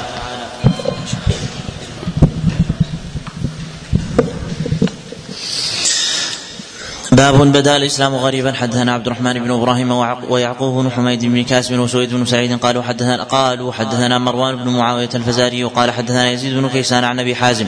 عن أبي هريرة قال قال رسول الله صلى الله عليه وسلم بدأ الإسلام غريبا سيعود غريبا فطوبى للغرباء. حدثنا حرملة بن يحيى قال حدثنا عبد الله بن وهب قال أخبرنا عمرو بن الحارث وابن لهيعة عن يزيد بن أبي حبيب عن سنان بن سعد عن أنس بن مالك عن رسول الله صلى الله عليه وسلم قال إن الإسلام بدأ غريبا وسيعود غريبا فطوبى للغرباء. وزكاء الغرباء المتأخرون المتأخرين قريب من زكاء المتقدمين.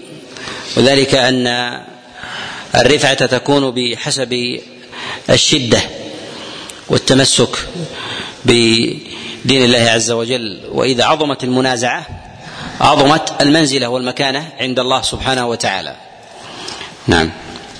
صلى الله عليك حدثنا سفيان بن وكيع قال حدثنا حفص بن غياث عن الأعمش عن أبي إسحاق عن أبي الأحوص عن عبد الله قال قال رسول الله صلى الله عليه وسلم إن الإسلام بدا غريبا وسيعود غريبا فطوبى للغرباء قال قيل ومن الغرباء قال النزاع من القبائل. باب من ترجى له السلامة من الفتن. حدثنا حرمة بن يحيى قال حدثنا عبد الله بن وهب قال أخبرني ابن لهيعة عن عيسى بن عبد الرحمن عن زيد بن أسلم عن أبيه عن عمر عن عمر بن الخطاب أنه خرج يوما إلى مسجد رسول الله صلى الله عليه وسلم فوجد معاذ بن جبل قاعدا عند قبر النبي صلى الله عليه وسلم يبكي فقال ما يبكيك؟ قال يبكيني شيء سمعته من رسول الله صلى الله عليه وسلم سمعت رسول الله صلى الله عليه وسلم يقول إن يسير الرياء شرك وإن من عادى لله وليا فقد بارز الله بالمحاربة إن الله ب... إن الله يحب الأبرار الأتقياء الأخفياء الذين إذا غابوا لم يفتقدوا وإن حضروا لم يدعوا ولم يعرفوا. قلوبهم مصابيح الهدى يخرجون من كل غبراء من كل غبراء مظلمة. حدثنا هشام بن عمار قال حدثنا عبد العزيز بن محمد الزراوردي قال حدثنا زيد واسلم عن عبد الله بن عمر قال قال رسول الله صلى الله عليه وسلم الناس كإبل مئة لا تكاد تجد فيها راحلة. باب افتراق الأمم. حدثنا أبو بكر بن أبي شيبة قال حدثنا محمد بن بشر قال حدثنا محمد بن عمرو عن أبي سلمة عن أبي هريرة قال قال رسول الله صلى الله عليه وسلم تفرقت اليهود على 71 فرقة وتفترق أمتي على 73 فرقة.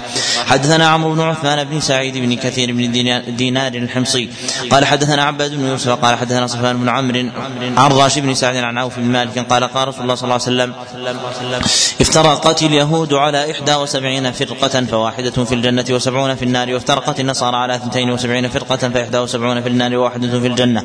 والذي نفس محمد بيده لتفترقن أمتي على ثلاث وسبعين فرقة فواحدة في الجنة وثنتان وسبعون في النار. قيل يا رسول الله من هم؟ قال الجماعة. حدثنا هشام بن عمان قال حدثنا الوليد بن مسلم قال حدثنا أبو عامر قال حدثنا قتادة عن أنس مالك قال قال رسول الله صلى الله عليه وسلم. إن بني إسرائيل افترقت على إحدى وسبعين فرقة وإن أمتي ستفترق على اثنتين وسبعين فرقة كلها في النار إلا واحدة وهي الجماعة. حدثنا أبو بكر بن أبي شيبة قال حدثنا يزيد بن هارون عن محمد بن عمرو عن أبي سلمة عن أبي هريرة قال قال رسول الله صلى الله عليه وسلم لتتبعن سنة من كان قبلكم باعا بباع وذراعا بذراع وشبرا وشبرا, بشبر حتى لو دخلوا في جحر ضب لدخلتم فيه. قالوا يا رسول الله اليهود والنصارى قال فمن إذا باب فتنة المال. حدثنا عيسى بن حماد المصري قال أخبرنا ليث بن سعد عن سعيد المقبوري عن عياض بن عبد الله أنه سمع, سمع أبا سعيد الخدري يقول قام رسول الله صلى الله عليه وسلم فخطب الناس فقال لا والله ما أخشى عليكم أيها الناس إلا ما يخرج ما يخرج الله لكم من زهرة الدنيا. فقال له رجل يا رسول الله يأتي الخير بالشر؟ فصمت رسول الله صلى الله عليه وسلم ساعة ثم قال كيف قلت؟ قال قلت وهل يأتي الخير بالشر؟ فقال رسول الله صلى الله عليه وسلم إن الخير لا يأتي إلا بخير أو أو خير هو أو خير هو. إن كل ما ينبت الربيع يقتل حبطا أو أو يلم إلا آكلة الخضر أكل أكلت حتى إذا امتلأت خاصرة خاصرتاها استقبلت الشمس. فثلطت وبالت ثم اجترت فعادت فأكلت فمن يأخذ مالا بحقه يبارك له ومن يأخذ ومن يأخذ مالا بغير حقه فمثله كمثل الذي يأكل ولا يشبع. حدثنا عمرو بن سواد المصري قال اخبرني قال أخبرني عبد الله بن وهب قال أخبرنا عمرو بن الحارث أن بكر بن سوادة حدثه عن أن يزيد بن رباح حدثه عن عبد الله بن عمرو بن العاص عن رسول الله صلى الله عليه وسلم أنه قال إذا فتحت عليكم خزائن الفارس والروم أي قوم أنتم؟ قال عبد الرحمن بن عوف بن عوف نكون نقول كما أمرنا الله قال رسول الله صلى الله عليه وسلم وغير ذلك تتنافسون ثم تتحاسدون ثم تتدابرون ثم تتباغضون ونحو أو نحو ذلك ثم تنطلقون تنفقون في مساكين المهاجرين فتجعلونهم بعضهم على فتجعلون بعضهم على رقاب بعض. حدثنا يونس بن عبد الأعلى المصري قال أخبرني ابن وهب قال أخبرني يونس عن ابن شهاب عن عروة بن الزبير أن المسور بن مخرمة أخبره عن عمرو بن عوف وهو حليف بني عامر بن لؤي. وكان شهد بدرا مع رسول الله صلى الله عليه وسلم. أن رسول الله صلى الله عليه وسلم بعث ابا عبيدة بن الجراح إلى البحرين حب يأتي بجزيتها. وكان النبي صلى الله عليه وسلم هو صالح هو هو صالح أهل البحرين وأمر عليهم العلاء بن الحضرمي. فقدم أبو عبيدة بمال من البحرين فسمعت فسمعت الأنصار بقدوم أبي عبيدة فوافوا فوافوا صلاة الفجر مع رسول الله صلى الله عليه وسلم. فلما صلى رسول الله صلى الله عليه وسلم انصرف فتعرضوا له فتبسم رسول الله صلى الله عليه وسلم حين راهم ثم قال أظنكم سمعتم أن أبا عبيدة قدم بشيء من البحرين؟ قالوا أجل قالوا أجل يا رسول الله. قال أبشروا وأملوا ما يسركم والله ما الفقر. أخشى عليكم ولكني أخشى عليكم أن تبسط الدنيا عليكم كما بسطت على من كان قبلكم. فتنافسوها كما تنافسوها فتهلككم كما أهلكتهم. باب فتنة النساء. حدثنا بشر بن هلال الصواف. قال حدثنا عبد الوارث بن سعيد عن سليمان التيمي. وحدثنا عمرو بن رافع قال حدثنا عبد الله بن المبارك عن سليمان التيمي عن أبي عثمان النهدي عن أسامة بن زيد قال قال رسول الله صلى الله عليه وسلم ما أدع بعدي فتنة أضر على الرجال من النساء. حدثنا أبو بكر بن أبي شيبة وعلي بن محمد قال حدثنا وكيع عن خارجة بن مصعب عن زيد بن اسلم عن عطاء بن يسار عن أبي سعيد قال قال رسول الله صلى الله عليه وسلم ما من صباح إلا وملكان يناديان ويل للرجال من النساء وويل للنساء من الرجال. حدثنا عمران بن موسى الليثي قال حدثنا حمد بن زيد قال حدثنا علي بن زيد بن جدعان عن أبي نضرة عن أبي سعيد أن رسول الله صلى الله عليه وسلم قام خطيبا فكان فيما قال إن الدنيا خضرة حلوة وإن الله مستخلفكم فيها فناظر كيف تعملون ألا فاتقوا الدنيا واتقوا النساء. حدثنا أبو بكر بن أبي شيبة وعلي بن محمد قال حدثنا عبيد الله بن موسى عن موسى بن عبيده عن داود بن مدرك عن عروة بن الزبير عن عائشة قالت بينما رسول الله صلى الله عليه وسلم جالس في المسجد دخلت امرأة من مزينة ترفل في زينة الله في المسجد. فقال النبي صلى الله عليه وسلم يا أيها الناس انهوا نساءكم عن لبس الزينة والتبختر في المسجد فإن بني إسرائيل لم يلعنوا حتى لبس نساؤهم الزينة وتبخترن في المساجد. حدثنا أبو بكر بن أبي شيبة حد قال حدثنا سفيان بن عيينة عن عاصم عن عن مولى أبي رهم اسمه عبيد أن أبا هريرة لقي امرأة متطيبة تريد المسجد فقال يا أمة الجبار أين تريدين؟ قالت المسجد قال قال وله تطيبت قالت نعم قال فإني سمعت رسول الله صلى الله عليه وسلم يقول أيما امرأة تطيبت ثم خرجت خرجت إلى المسجد لم تقبل لها صلاة حتى تغتسل حدثنا محمد بن رمح قال أخبرنا ليث بن سعد عن ابن الهادي عن عبد الله بن دينار عن عبد الله بن عمر عن رسول الله صلى الله عليه وسلم أنه قال يا معشر النساء تصدقنا وأكثرن من الاستغفار فإني رايتكن أكثر أهل النار. فقالت امرأة منهن جزلة وما لنا يا رسول الله أكثر أهل النار؟ قال تكثرن اللعن وتكفرن العشير. ما رأيت من اقساط عقل ودين اغلب أغلب لذي لب منكن قالت يا رسول الله وما نقصان العقل والدين. قال أما نقصان العقل فشهادة امرأتين تعدل شهادة رجل فهذا من نقصان العقل. وتمكث الليالي ما تصلي وتفطر في رمضان فهذا نقصان الدين.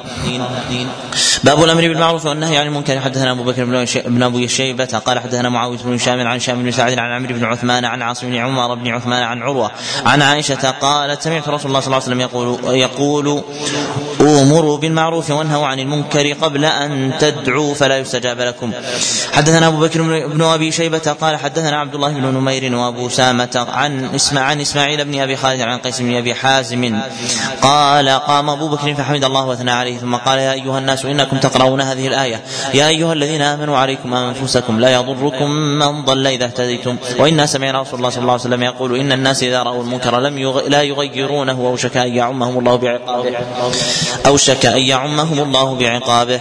قال أبو سامة مرة أخرى فإني سمعت رسول الله صلى الله عليه وسلم يقول حدثنا محمد بن بشار قال حدثنا عبد الرحمن بن مهدي قال حدثنا سفيان عن علي بن بذيمة عن أبي عبيده عن أبي عبيدة قال قال رسول الله صلى الله عليه وسلم إن بني إسرائيل لما وقع فيهم النقص كان الرجل يرى يرى أخاه على الذنب فينهاه عنه فإذا كان الغد لم يمنعه ما رأى منه أن يكون أكله وشريبه وخليطة. فضرب الله قلوب بعضهم ببعض ونزل فيهم القرآن فقال لعن الذين كفروا من بني إسرائيل على لسان داود وعيسى بن مريم حتى بلغ. ولو كانوا يؤمنون بالله والنبي وما أنزل إليهم اتخذوهم أولياء ولكن كثيرا منهم فاسقون. قال وكان رسول الله صلى الله عليه وسلم متكئا فجلس وقال لا حتى تأخذوا على يدي الظالم فتأطروه على الحق أطراب حدثنا محمد بن بشار قال حدثنا أبو داود املاه قال املاه علي حدثنا املاه علي قال حدثنا محمد بن أبي أبي الوضاح عن علي بن بديمة عن أبي عبيدة عن عبد الله عن النبي صلى الله عليه وسلم بمثله. حدثنا عمران بن موسى قال حدثنا حماد بن زيد قال حدثنا علي بن زيد بن جدعان عن أبي نضرة عن أبي سعيد الخدري أن رسول الله صلى الله عليه وسلم قام خطيبا فكان فيما قال ألا لا يمنعن رجلا هيبة الناس أن يقول بحق ذا علمه قال فبكى أبو سعيد وقال قد والله رأينا أشياء فهبنا. حدثنا أبو كريب قال حدثنا عبد الله بن نمير وأبو معاوية عن الأعمش عن عمرو بن مرة عن أبي البختري عن أبي سعيد قال قال رسول الله صلى الله عليه وسلم لا يحقر أحدكم نفسه. قالوا يا رسول الله كيف يحقر احدنا يحقر أحدنا نفسه. قال يرى أمر يرى أمرا لله عليه في مقال ثم لا يقول فيه فيقول الله عز وجل له يوم القيامة ما منعك أن تقول في كذا وكذا فيقول خشية الناس فيقول فإياك كنت أحق أن تخشى. حدثنا علي بن محمد قال حدثنا وكيع عن إسرائيل عن أبي إسحاق عن عبيد الله بن جرير عن عبيد الله بن جرير عن أبيه قال قال رسول الله صلى الله عليه وسلم ما من قوم يعمل فيهم بالمعاصي هم أعز منهم وأمنع لا يغيرون إلا عمهم الله بعقاب. حدثنا سويد بن سعيد قال حدثنا يحيى بن سليمان عن عبد الله بن عثمان بن خثيم عن أبي الزبير عن جابر. قال لما رجعت رجعت لما رجعت إلى رسول الله صلى الله عليه وسلم مهاجرة البحر قال ألا تحدثون بأعاجم؟ ما رأيتم بأرض الحبشة؟ قال فتية منهم بلى يا رسول الله بيننا نحن مرت بنا عجوز من عجائز رهابينهم تحمل على رأسها قلة من ماء فمرت بفتى منهم فجعل إحدى يديه بين كتفيها ثم دفعها فخرت على ركبتيها فانكسرت قلتها فلما ارتفعت التفت التفتت إليه التفتت إليه فقالت سوف تعلم يا غدر إذا وضع الله الكرسي وجمع الأولين والآخرين وتكلمت الأيدي والرجل بما كانوا يكسبون فسوف تعلم كيف أمري وأمرك عنده غدا؟ قال يقول رسول الله صلى الله عليه وسلم صدقت صدقت كيف يقدس الله امه لا يؤخذ لضعيف من شديدهم؟ حدثنا القاسم بن زكريا بن, دي بن, دي بن دينار قال حدثنا عبد الرحمن بن مصعب حا وحدثنا محمد بن عبادة الواسطي قال حدثنا يزيد بن هارون قال حدثنا إسرائيل قال أخبرنا محمد بن محمد بن, محمد بن عبادة. عباد لدينا في هذا ثلاث حركات. عبادة وعبادة وعبادة بالتشديد. نعم. هنا أحسن الله عليك الفتح. هنا الفتح عبادة. أحسن عليك لدينا عبادة وعبادة وعبادة. نعم. صلى الله عليك وحدثنا محمد بن عبادة الواسطي قال حدثنا يزيد بن هارون قال قال حدثنا إسرائيل أكثرهم, قال أكثرهم عبادة. وأما عبادة فعبادة عبادة بالمخنث وهو نديم المتوكل المعروف. ثم يلي واو قلة عبادة بالفتح وهو عبادة بن عمر وله أبناء هذا أحدهم. نعم. صلى الله عليك قال حدثنا يزيد بن هارون قال حدثنا إسرائيل قال أخبرنا محمد بن جحادة عن عطية العوفي. عن أبي سعيد الخدري عن أبي سعيد الخدري قال قال رسول الله صلى الله عليه وسلم أفضل الجهاد كلمة كلمة عدل عند سلطان جائر.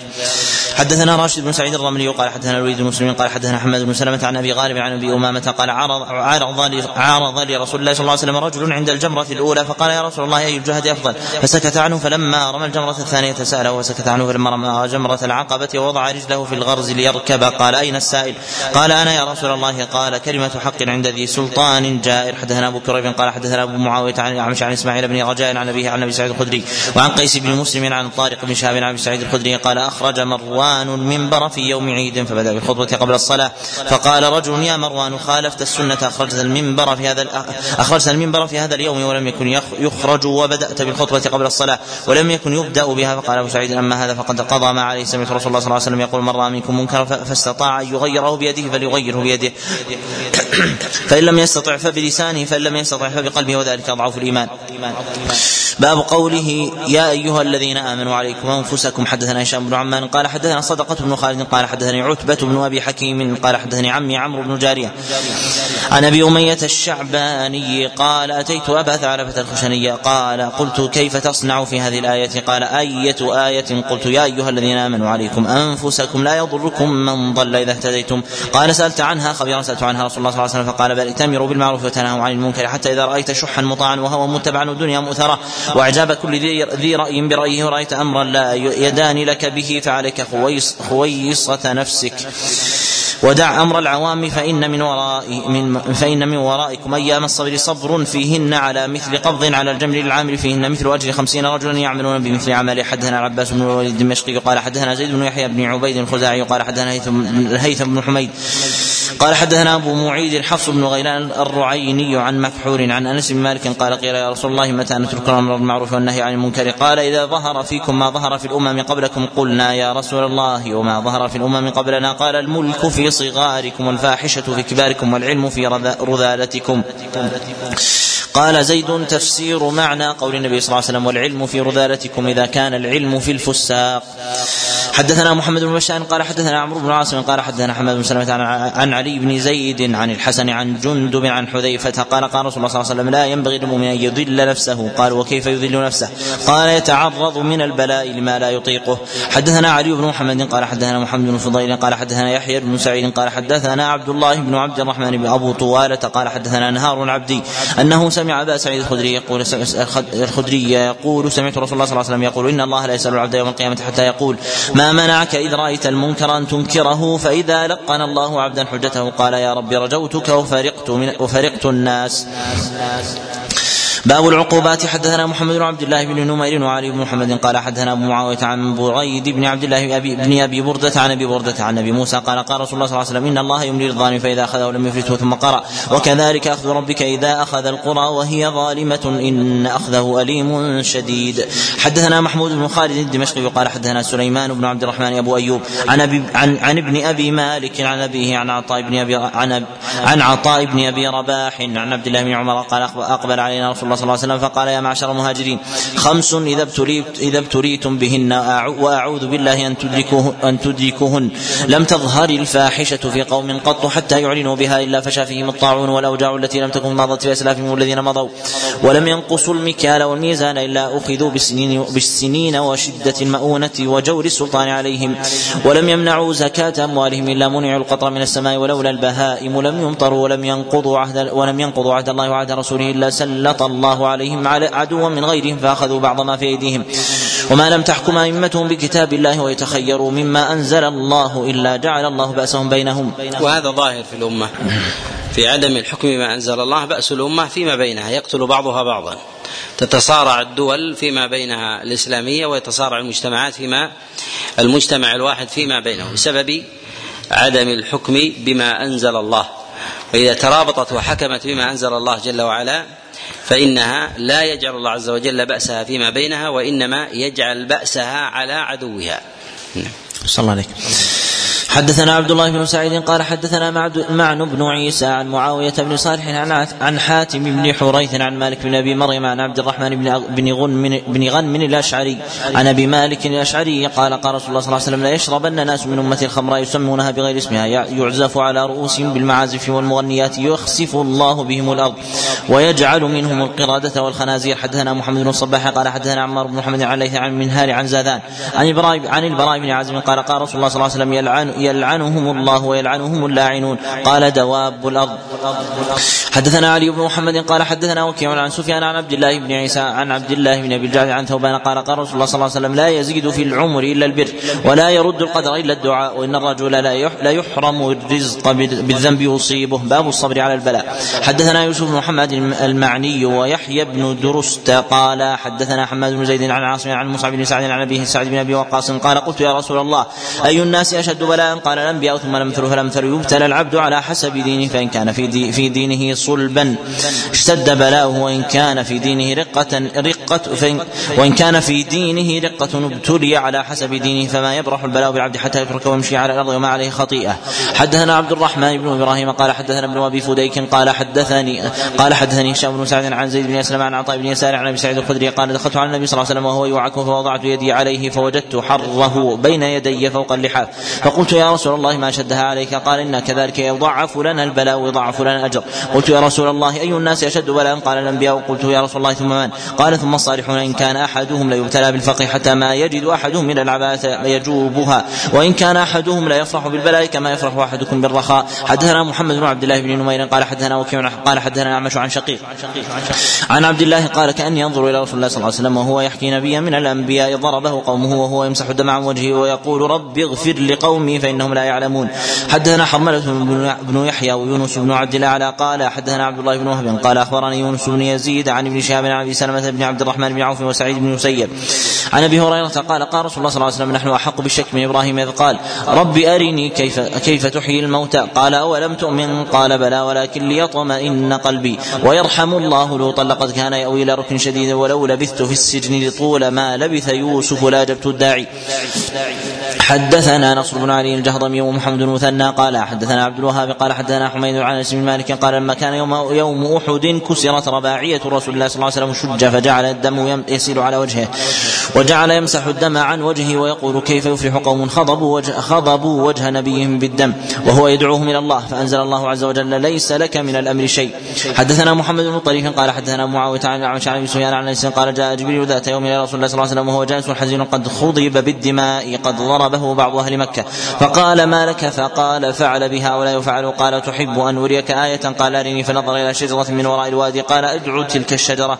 فدعاها فجاءت تمشي حتى قامت بين يديه. قال قل لها فلترجع. فقال فقال لها فرجعت حتى عادت إلى مكانها. فقال رسول الله صلى الله عليه وسلم حسبي حسبي حسبي. حدثنا محمد بن عبد الله بن بن نمير وعلي بن محمد قال حدثنا أبو معاوية عن الأعمش عن شقيق عن حذيفه قال قال رسول الله صلى الله عليه وسلم أحصوا لي كل من تلفظ بالإسلام. قلنا يا رسول الله أتخاف علينا ونحن ما بين الست الستمائة إلى السبعمائة. فقال رسول الله صلى الله عليه وسلم إنكم لا تدرون لعلكم أن تبتلوا. قال فابتلينا حتى جعل الرجل منا ما يصلي إلا سرا. حدثنا هشام بن عمان قال حدثنا وليد بن مسلم قال حدثنا سعيد بن بشير عن قتادة عن مجاهد عن ابن عباس عن أبي بن كعب عن رسول الله صلى الله عليه وسلم أنه ليلة أسري به وجد ريحا طيبة فقال يا جبريل ما هذه الريح الطيبة. قال هذه ريح قبر الماشطة وابنيها وزوجها. قال وكذلك وكان ذلك وكان بدء ذلك أن الخضر كان من أشرف بني إسرائيل وكان ممره براهب في صومعته فيطلع عليه الراهب فيعلمه الإسلام.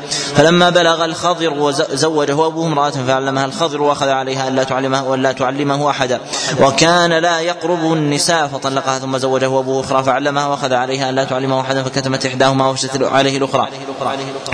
فانطلق هاربا حتى حتى اتى جزيره في البحر فأقبل رجلان يحتطبان فرآه فكتم أحدهما وفشى الآخر. وقال قد رأيت الخضر فقيل ومن رآه معك؟ قال فلان فسئل فكتب وكان في دينهم أن من كذب قتل. قال فتزوج المرأة الكاتمة فبينما هي تمشط ابنة فرعون. إذ سقط المش المشط فقالت تعس فرعون. فأخبرت أباها وكان للمرأة ابنان وزوج. فأرسل إليهم فرأود المرأة وزوجها ان يرجعا عن دينهما. فأبايا فقال إني قاتلكما. فقال احسانا منك إلينا. إن قتلتنا أن تجعلنا في بيت ففعل. إن قتلتنا أن تجعلنا في بيت ففعل. فلما اسري بالنبي صلى الله عليه وسلم وجد ريحا طيبة فسأل جبريل فأخبره. حدثنا محمد بن روح قال أخبرنا ليث بن سعد عن يزيد بن أبي حبيب عن سعد بن سنان عن اسم مالك عن رسول الله صلى الله عليه وسلم أنه قال عظم الجزاء مع عظم البلاء وإن الله إذا أحب قوم ابتلاهم فمن رضي فله الرضا ومن سخط فله السخط. حدثنا علي بن علي بن ميمون الرقي قال حدثنا عبد الواحد بن صالح قال حدثنا إسحاق بن يوسف عن الأعمش عن يحيى بن وثاب عن ابن عمر قال قال رسول الله صلى الله عليه وسلم المؤمن الذي يخالط الناس ويصبر على ذاهم أعظم أجرا من المؤمن الذي لا يخالط الناس ولا يصبر على ذاهم. حدثنا محمد بن مثنى ومحمد بن قال حدثنا محمد بن جعفر قال حدثنا شعبة قال سمعت قتادة يحدث عن اسم مالك قال قال رسول الله صلى الله عليه وسلم ثلاث من كن فيه وجد طعم الإيمان وقال بندار حلاوة الإيمان. من كان يحب المرء لا يحبه إلا لله. ومن كان الله ورسوله أحب إليه ما سواهما. ومن كان أن يلقى في النار أحب إليه من يرجع في الكفر بعد إذا انقذه الله منه. حدثنا الحسين بن الحسن المروزي قال حدثنا ابن أبي عدي حاو حدثنا إبراهيم بن سعيد الجوهري قال حدثنا عبد الوهاب بن عطاء قال حدثنا راشد بن محمد الحماني عن شهر بن حوشب عن أم الدرداء عن أبي الدرداء قال أوصاني خليل صلى الله عليه وسلم أن لا تشرك بالله شيئا وإن قطعت وحرقت ولا ولا تترك صلاة مكتوبة متعمدا فمن تركها متعمدا فقد برئت منه الذمة ولا تشرب الخمر فإنها مفتاح كل شر. باب شدة الزمان. حدثنا غياث بن جعفر الرحبي قال حدثنا الوليد بن مسلم قال سمعت ابن جابر يقول سمعت أبا عبد رب يقول سمعت معاوية يقول سمعت النبي صلى الله عليه وسلم يقول لم يبق من الدنيا إلا بلاء وفتنة. حدثنا أبو بكر بن أبي شيبة قال حدثنا يزيد بن هور قال أخبرنا عبد الملك بن قدامة الجمحي عن إسحاق بن أبي فرات عن المقبوري عن أبي هريرة قال قال رسول الله صلى الله عليه وسلم سيأتي على الناس سنوات خداعات يصدق فيها الكذب ويكذب فيها الصادق ويؤتمن فيها الخان ويخون فيها الأمين وينطق فيها الرويبضة قيل وما الرويبضة قال الرجل التافه في أمر العامة. حدثنا رسول بن عبد الله قال حدثنا محمد بن عن أبي إسماعيل الأسلمي عن أبي حازم عن أبي هريرة قال قال رسول الله صلى الله عليه وسلم والذي نفسي بيده لا تذهب الدنيا حتى يمر الرجل على القبر فيتمرغ عليه ويقول يا ليتني كنت مكان صاحب هذا القبر وليس به وليس به الدين إلا البلاء. حدثنا عثمان بن أبي شيبة قال حدثنا طلحة بن يحيى عن يونس عن الزهري عن أبي حميد يعني مولى مسافع عن أبي هريرة قال قال رسول الله صلى الله عليه وسلم لتنتقوا لتنتقوا لتنتقون كما ينتقى التمر من اغفاله فليذهبن خياركم ولا يبقين شراركم فموتوا إن استطعتم. حدثنا يونس بن عبد الأعلى قال حدثنا محمد بن إدريس الشافعي قال حدثني محمد بن خالد الجندي عن عن أبان بن صالح عن الحسن. عن أنس بن مالك أن رسول الله صلى الله عليه وسلم قال لا يزداد الأمر إلا شدة ولا الدنيا الا ادبارا ولا الناس إلا شحا ولا تقوم الساعة إلا على شرار الناس ولا المهدي إلا عيسى بن مريم. باب إشراط الساعة. حدثنا الناد بن السري وابو هاشم الرفاعي ومحمد بن يزيد قال حدثنا أبو بكر بن عياش. وأبو هشام. صلى عليك. حدثنا هناد بن السري وأبو هشام الرفاعي ومحمد بن يزيد. قال حدثنا أبو بكر أبو بكر بن عياش قال حدثنا أبو حصين أبو حصين عن أبي صالح عن أبي هريرة قال قال رسول الله صلى الله عليه وسلم بعثت أنا والساعة والساعة كهاتين أو الساعة كهاتين وجمع بين اصبعيه حدثنا أبو بكر بن أبي شيبة قال حدثنا وكيع عن سفيان عن عن فرات القزاز. عن أبي الطفيل عن حذيفة بن أسيد قال اطلع علينا النبي صلى الله عليه وسلم من غرفة ونحن تذاكر الساعة فقال لا تقوم الساعة حتى تكون عشر آيات للدجال والدخان وطلوع من مغربها. حدثنا عبد الرحمن بن إبراهيم قال حدثنا الوليد بن مسلم قال حدثنا عبد الله بن العلاء قال حدثني أبو بن عبيد الله قال حدثني ابو أبو, إدريس الخولاني قال حدثني عوف بن مالك الأشجعي قال أتيت رسول الله صلى الله عليه وسلم وهو في غزوة تبوك وهو في خباء من أدم فجلست بفناء الخباء فقال رسول الله صلى الله عليه وسلم ادخل يا عوف فقلت بكل يا رسول الله قال بكل ثم قال يا عوف احفظ خلالا ستا بين يدي الساعة إحداهن موتي قال فوجمت عندها وجمة شديدة فقال قل احدى قل إحدى ثم فتح بيت المق ثم فتح بيت المقدس ثم داء يظهر فيكم يستشهد يستشهد الله به ذراريكم وأنفسكم ويزكي به أموالكم ثم تكون الأموال فيكم. حتى يعطى الرجل مئة دينار فيظل ساخطا وفتنة تكون بينكم لا يبقى بيت مسلم إلا دخلته ثم تكون بينكم وبين بني الأصفر هدنة. فيغدرون بكم في فيسيرون إليكم في ثمانين غاية في, في ثمانين غاية تحت كل غاية اثنا عشر ألفا. حدثنا هشام بن عمار قال حدثنا عبد العزيز الدراوردي قال حدثنا عمرو مولى المطلب عن عبد الله بن عبد الرحمن الأنصاري عن حذيفة بن اليمان قال قال رسول الله صلى الله عليه وسلم لا تقوم الساعة حتى تقتلوا إمامكم وتجتلدوا بأسيافكم ويرث دنياكم. شراركم. حدثنا أبو بكر بن ابي شيبة قال حدثنا إسماعيل بن عليا عن أبي حيان عن أبي زر... عن أبي زرعة عن أبي هريرة قال كان رسول الله صلى الله عليه وسلم يوما بارزا للناس فأتاه رجل فقال يا رسول الله متى الساعة؟ وقال ما المسؤول عنها باعلم السائل ولكن أخبرك عن أشراطها. إذا ولدت الامه ربتها فذاك من أشراطها وإذا كانت الحفاة العراة رؤوس الناس فذاك من أشراطها وإذا تطاول رعاء الغنم في البنيان فذاك من أشراطها. في خمس لا يعلمهن إلا الله. فتلا رسول الله صلى الله عليه وسلم إن الله عنده علم الساعة وينزل الغيث ويعلم ما في الأرحام. الآية. حدثنا محمد بن محمد بن قال حدثنا محمد بن جعفر قال حدثنا شعبة قال سمعت قتادة يحدث عن أنس بن مالك قال ألا احدثكم حديثا سمعته من رسول الله صلى الله عليه وسلم؟ لا يحدثكم به أحد بعد سمعته سمعته منه إن من أشراط الساعة أن يرفع العلم ويظهر الجهل ويفشو الزنا وتشرب الخمر ويذهب الرجال ويبقى النساء حتى يكون لخمسين امرأة قيم واحد. حدثنا أبو بكر بن شيبة قال حدثنا محمد بن عن محمد بن عمرو عن أبي سلمة عن أبي هريرة قال قال رسول الله صلى الله عليه وسلم لا تقوم الساعة حتى يحسر الفرات عن جبل من ذهب فيقتتل الناس عليه فيقتل من كل عشرة تسعة. حدثنا أبو مروان العثماني وقال حدثنا عبد العزيز بن أبي حازم عن, عن العلاء بن عبد الرحمن عن أبي عن أبي هريرة أن رسول الله صلى الله عليه وسلم قال لا تقوم الساعة حتى لا تقوم لا تقوم الساعة حتى يفيض المال وتظهر الفتن ويكثر الهرج قالوا ما الهرج يا رسول الله؟ قال القتل القتل القتل ثلاثة باب ذهاب القرآن والعلم. حدثنا أبو بكر بن أبي شيبة قال حدثنا قال حدثنا الأعمش عن سالم بن أبي الجعد عن زياد بن أبي قال ذكر النبي صلى الله عليه وسلم شيئا فقال ذاك عند أوان ذهاب العلم. قلت يا رسول الله وكيف يذهب العلم ونحن نقرأ القرآن ونقرئه ونقرئه أبناءنا ويقرئه أبناؤنا أبناءهم إلى يوم القيامة؟ قال ثكلتك ثكلتك أمك زياد إن كنت لا أراك إن كنت لا أراك لا أراك من أفقه رجل بالمدينة.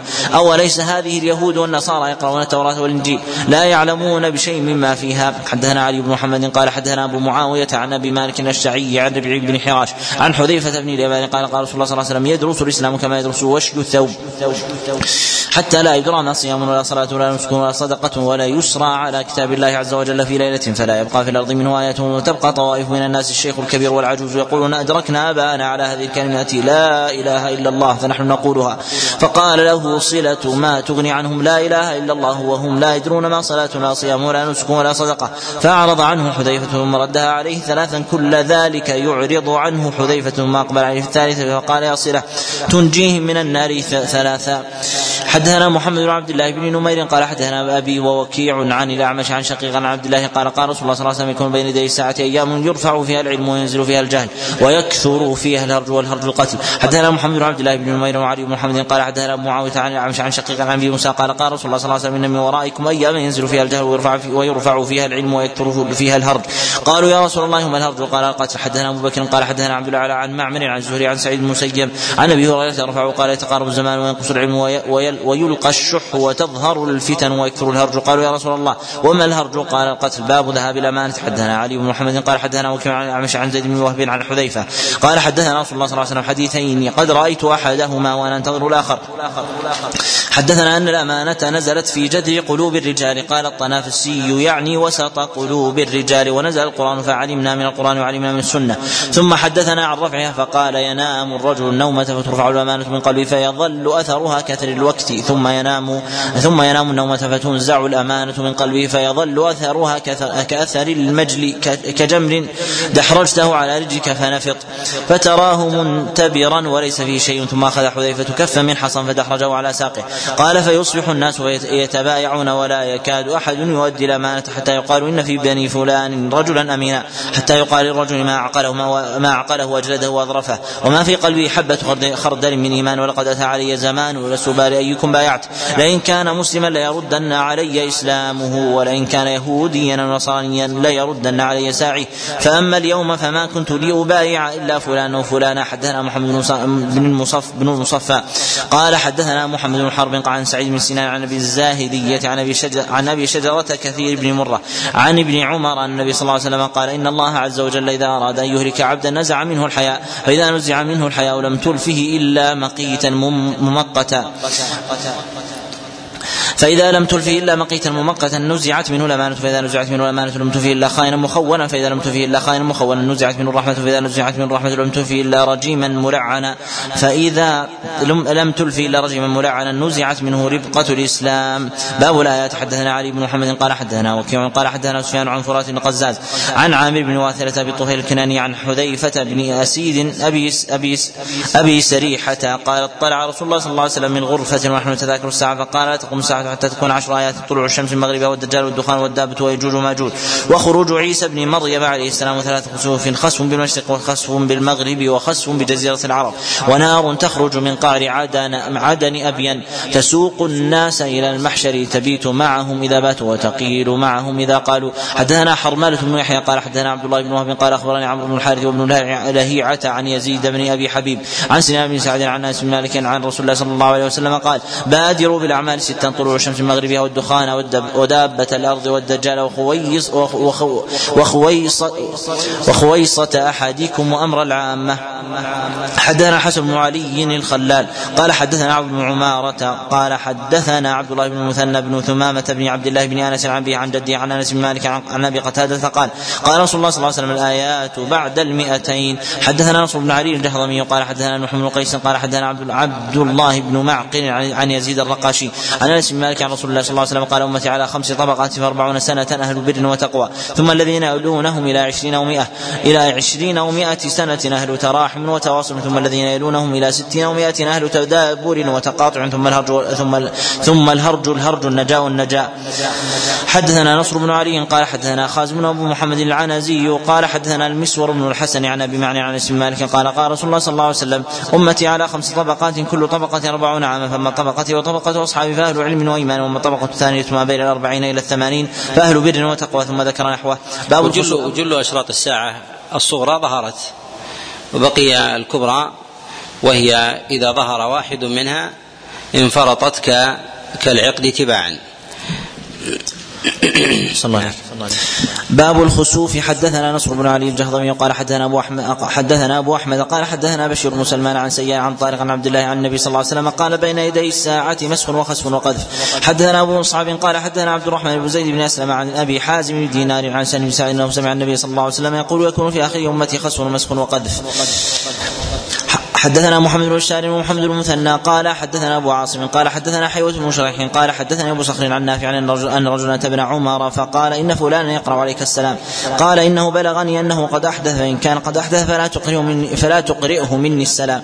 فإني سمعت رسول الله صلى الله عليه وسلم يقول يكون في أمتي أو في هذه الأمة مسخ وخزف وخزف وقذف في أهل القدر. حدثنا أبو كريب قال حدثنا أبو معاوية محمد بن فضيل عن الحسن بن عمرو عن أبي الزبير عن عبد الله بن عمرو قال قال رسول الله صلى الله عليه وسلم يكون في أمتي خسف ومسخ وقذف. باب جيش البيداء. حدثنا هشام بن عمار قال حدثنا سفيان بن عيينة عن أمية بن سفيان بن عبد الله. القدر النفاة. النفاة الذين ينفون قدرة الله عز وجل وينظرون إلى المعادلات المادية ويسمونها بحتمية في حتمية الكون. وهم أشبه ما يكونون بالماديين. نشأت بفكر اعتقادي ديني ثم تحولت بعد ذلك إلى إلى فكر عقلي محض. نعم. صلى الله عليه عن أمية بن صفوان بن عبد الله بن صفوان قال سمع جد أنه سمع جده عبد الله بن صفوان بن صفوان يقول أخبرتني حفصة أنها سمعت رسول الله صلى الله عليه وسلم يقول لا يؤمن هذا البيت جيش يغزونه حتى إذا كانوا بالبيداء من الأرض خسف بصوتهم وتنادى أولهم وآخرهم فيخسف بهم فلا يبقى منهم إلا الشريد الذي يخبر عنهم فلما جاء جيش, جيش الحجاج ظننا أنه أنهم, منه أنهم هم فقال رجل أشهد عليك أنك لم تكذب على حفصة وأن حفصة لم تكذب على النبي صلى الله عليه وسلم حدثنا أبو بكر بن أبي قال حدثنا الفضل بن دكين قال حدثنا سفيان عن سلمة بن كهير عن أبي إدريس المرهبي عن مسلم بن صفوان عن صفية قالت قال رسول الله صلى الله عليه وسلم لا ينتهي الناس عن غزو هذا البيت حتى يغزو جيش حتى إذا كانوا بالبيداء وببيداء من الأرض خسف بأولهم وآخرهم ولم ينجو أوسطهم قلت فإذا كان فيهم من يكره قال يبعثهم الله على ما في أنفسهم. حدثنا محمد بن الصباح ونصر بن علي وهذا أن الصحابة عليهم رضوان الله تعالى قد يظنون ظنا أن النبي عليه الصلاة والسلام قصد واقعة بعينها ولا ولا يكون ذلك ولا يكون ذلك صحيحا. وهذا فيه أنه يسوغ للإنسان أن يجتهد بتوقع أن المراد بالنسخ في أشراط الساعة والفتن ونحو ذلك نازله بعينها. ولهذا اجتهد عمر بن الخطاب عليه رضوان الله تعالى في الدجال بل أقسم على ذلك. كذلك هنا أيضا في الجيش الذي يغزو يغزو الكعبة ولم يكن ولم يكن هو هو الحجاج. يعني أنهم يجتهدون والأمر في ذلك ساعة إلا أنه لا يلتزم من ذلك عملا. لا يلتزم من ذلك عملا وإنما وإنما هو قول وظن لاحتياط الإنسان لدينه. نعم. صلى الله عليك. حدثنا محمد بن صباح ونصر بن علي وهارون بن عبد الله الحمال قالوا حدثنا سفيان بن عيينة عن محمد بن سوقة عن قال سمع أنه سمع نافع بن جبير يخبر عن أم سلمة قال ذكر النبي صلى الله عليه وسلم الجيش الذي يخسف بهم. فقالت أم سلمة يا رسول الله لعل فيهم المكره فقال إنهم يبعثون على نياتهم. باب دابة الأرض. حدثنا أبو بكر بن أبي شبة قال حدثنا يوسف بن محمد قال حدثنا أحمد بن سلمة عن علي بن زيد عن أوس بن خالد عن أبي هريرة أن رسول الله صلى الله عليه وسلم قال تخرج الدابة ومعها خاتم سليمان بن داود وعصا موسى بن عمران عليهما السلام. عليهما السلام فتجلو وجه وجه المؤمن بالعصا وتخطم أنف الكافر بالخاتم حتى إن أهل الخوان لا يجتمعون فيقول هذا يا مؤمن ويقول هذا يا كافر. قال أبو الحسن القطان حدثناه إبراهيم بن نصر قال حدثنا موسى بن إسماعيل قال حدثنا محمد بن سلمة فذكر نحوه. وقال فيه مرة فيقول هذا يا مؤمن وهذا يا كافر. حدثنا أبو غسان محمد بن عمرو حدثنا أبو غسان محمد بن عمرو زنيج قال حدثنا أبو تميلة قال حدثنا خالد بن عبيد قال حدثنا عبد الله بن بريدة عن أبيه قال ذهب بي رسول الله صلى الله عليه وسلم إلى موضع بالبادية قريب من مكة فإذا أرض يابسة حولها رمل فقال رسول الله صلى الله عليه وسلم تخرج الدابة من هذا الموضع فإذا فتر في شبر. قال ابن بريدة فحججت بعد ذلك بسنين فأرانا عصا فعصا له فإذا هو بعصاي هذه هذه كذا وكذا. باب طلوع الشمس. في موقع ولا يثبت في موضع الدجال ولا في موضع الدابة ولا في موضع المهدي. خبر عن رسول الله صلى الله عليه وسلم. وأما ثبوت ذلك ف فهي على مراتب. منها ما ما هو قطعي متواتر وذلك ك كالدابة وكذلك أيضا الدجال. ومنه ما هو صحيح إلا أنه دون التواتر من جهة ثبوت حدوثه أصلا وذلك كالمهدي. نعم. صلى الله عليه باب طلوع الشمس من مغربها. حدثنا أبو بكر وابي شيبة قال حدثنا محمد الفضيل عن, عن عمارة بن القعقاع عن أبي زرعة عن أبي هريرة قال سمعت رسول الله صلى الله عليه وسلم يقول لا تقوم الساعة حتى تطلع الشمس من مغربها فإذا طلعت وراء وراءها الناس. آمن من عليها فذلك حين لا ينفع نفسا إيمانها. حدثنا علي قال حدثنا وكيع قال حدثنا سفيان عن أبي حيان التيمي عن أبي زرعة بن عمرو بن جرير عن عبد الله بن عمرو قال قال رسول الله صلى الله عليه وسلم أول الآيات خروج طلوع الشمس من مغربها وخروج الدابة على الناس ضحى. قال عبد الله فأيهما ما خرجت قبل الأخرى فالأخرى منها قريب. قال عبد الله ولا أظنها إلا طلوع الشمس من مغربها حدثنا أبو بكر بن أبي شيبة قال حدثنا عبيد الله بن مسعود عن إسرائيل عن عاصم عن زر عن صفوان بن عسان قال قال رسول الله صلى الله عليه وسلم من قبل المغرب إن من قبل مغرب الشمس باب مفتوحا عرضه سبعون سنة فلا يزال ذلك الباب مفتوحا للتوبة حتى تطلع الشمس من نحوه. فإذا طلعت من نحوه لم ينفع نفسا إيمانها لم تكن آمنت من قبل أو كسبت في إيمانها خيرا. باب فتنة الدجال خروج عيسى بن مريم عليه السلام وخروج يأجوج ومأجوج. حدثنا محمد بن عبد الله بن نمير وعلي بن محمد قال حدثنا أبو معاوية قال حدثنا أعمش عن شقيق عن حذيفة قال قال رسول الله صلى الله عليه وسلم الدجال أعور عين اليسرى. جفال الشعر معه جنة ونار فناره جنة وجنة نار. حدثنا رسول الله علي الجهضمي ومحمد بن بشار ومحمد بن المثنى قال وحدثنا روح بن عبادة قال حدثنا سعيد بن أبي عروبة عن أبي التياح عن المغيرة بن سبيع عن عمرو بن حريث عن أبي بكر الصديق قال حدثنا رسول الله صلى الله عليه وسلم الدجال يخرج من أرض بالمشرق يقال لها خراسان. يتبعه أقوام كأن وجوههم المجان المطرقة حدثنا محمد بن عبد الله بن نمير وعلي بن محمد قال حدثنا وكيع قال حدثنا إسماعيل بن أبي خالد عن قيس بن أبي حازم عن مغيرة بن شعبة قال ما سأل أحد النبي صلى الله عليه وسلم عن الدجال أكثر مما سألته وقال ابن نمير شد سؤالا مني فقال لي ما تسأل عنه؟ قلت إنهم يقولون إن معه الطعام والشراب. قال هو أهون على الله من ذلك. حدثنا محمد بن عبد الله بن نمير قال حدثنا أبي قال حدثنا إسماعيل بن أبي خالد عن مجاهد عن شعبي عن فاطمة بنت قيس قالت صلى رسول الله صلى الله عليه وسلم ذات يوم صعد المنبر وكان لا يصعد عليه قبل ذلك إلا يوم الجمعة. فاشتد ذلك على الناس فمن, فمن, بين قائم وجالس فأشار إليهم بيده أن اقعدوا. فإني والله ما قمت مقامي هذا لأمر ينقصكم لرغبة ولا لرهبة ولكن ولكن من الدارية أتاني فأخبرني. خبرا منعني القيلولة من الفرح وقرة عين. فأحببت أن أنشر عليكم فرح نبيكم. ألا إن ابن عم لتميم الداري أخبرني أن أن الريح ألجأتهم إلى جزيرة لا يعرفونها فقعدوا في قوارب السفينة فخرجوا فيها فإذا هم بشيء أهدب. أسود كثير الشعر قالوا له ما أنت؟ قال أنا الجساسة قالوا أخبرينا. قالت ما أنا بمخبر بمخبرتكم شيئا ولا سائلتكم ولكن هذا الدير ولكن هذا الدير قد قد رمقتموه فأتوه فإن فيه رجلا بالأشواق إلى أن تخبروا ويخبركم. فأتوه فدخلوا عليه فإذا هم بشيخ موثق شديد الوثاق يظهر, يظهر, يظهر الحزن شديد شديد التشكي فقال لهم من أين؟ قالوا من الشام قال ما فعلت العرب؟ قالوا نحن قوم من العرب عما تسأل قال ما فعل هذا الرجل الذي خرج فيكم قالوا خيرا نأوأ قوما نأوأ قوما فأظهره الله عليهم فأمر فأمرهم اليوم جميع إله واحد ودين واحد قال ما فعلت عين زغر قالوا خيرا يسقون منها زروعهم ويستسقون منها لسقيهم قال فما فعل نخل نخل بين عمان وبيسان؟ قالوا يطعم يطعم ثمر ثمره كل عام. قال فما فعلت بحيرة الطبرية؟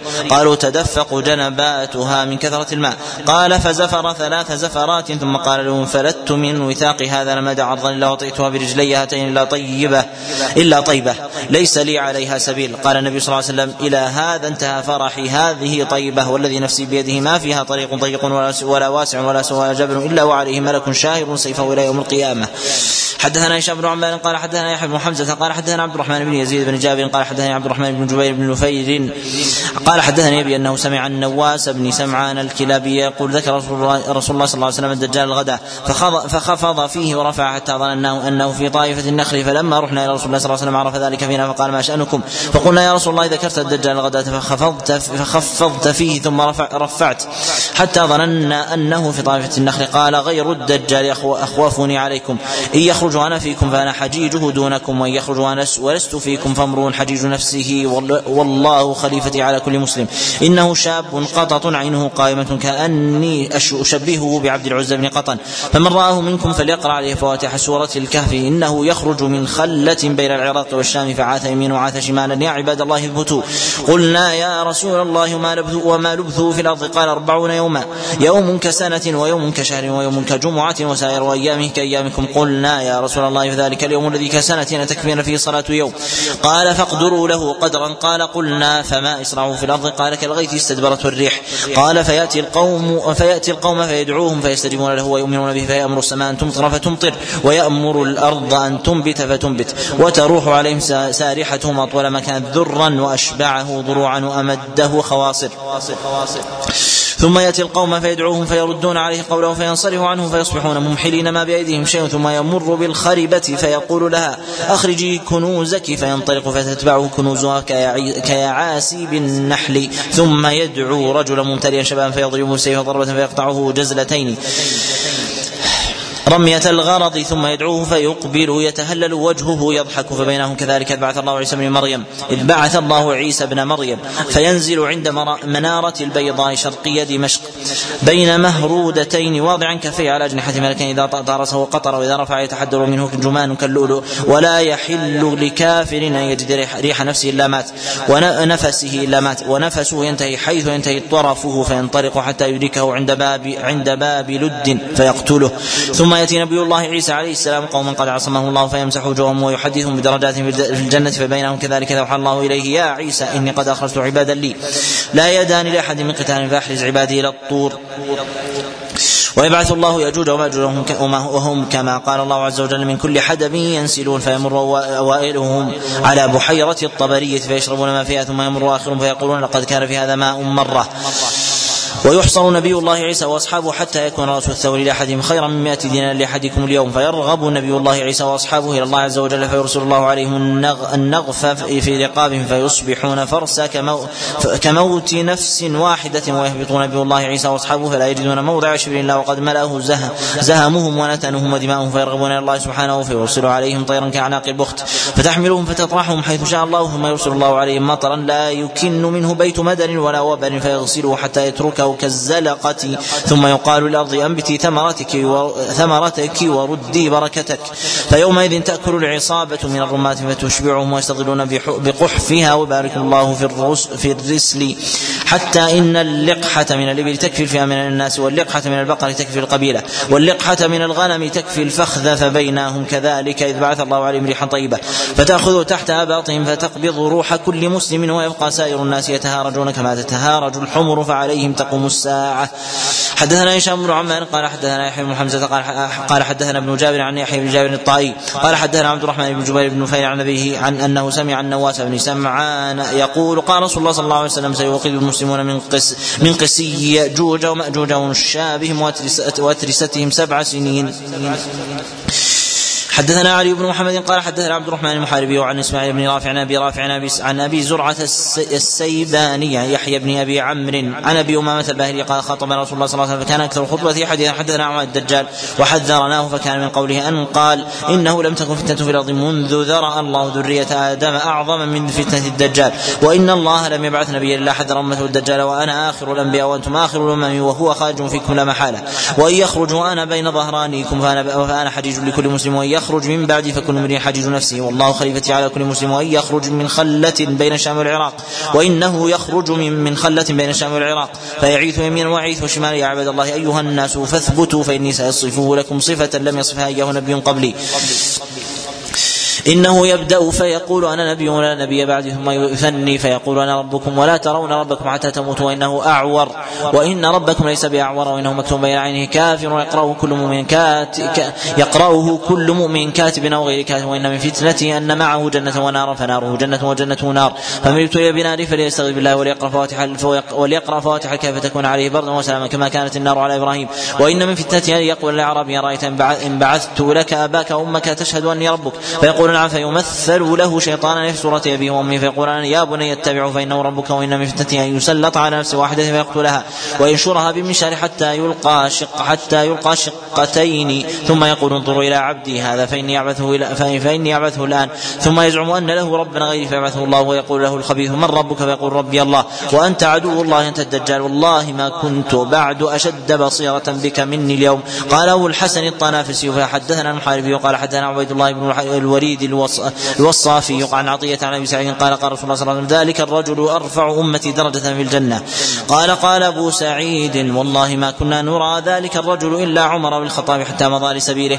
قال المحاربي ثم رجعنا إلى حديث أبي رافع. قال وإن من فتنته أن يأمر السماء أن تمطر فتمطر ويأمر الأرض أن تنبت فتنبت وإن من فتنته أن يمر بالحي فيكذبونه فلا تبقى لهم سائمة لا هلكت.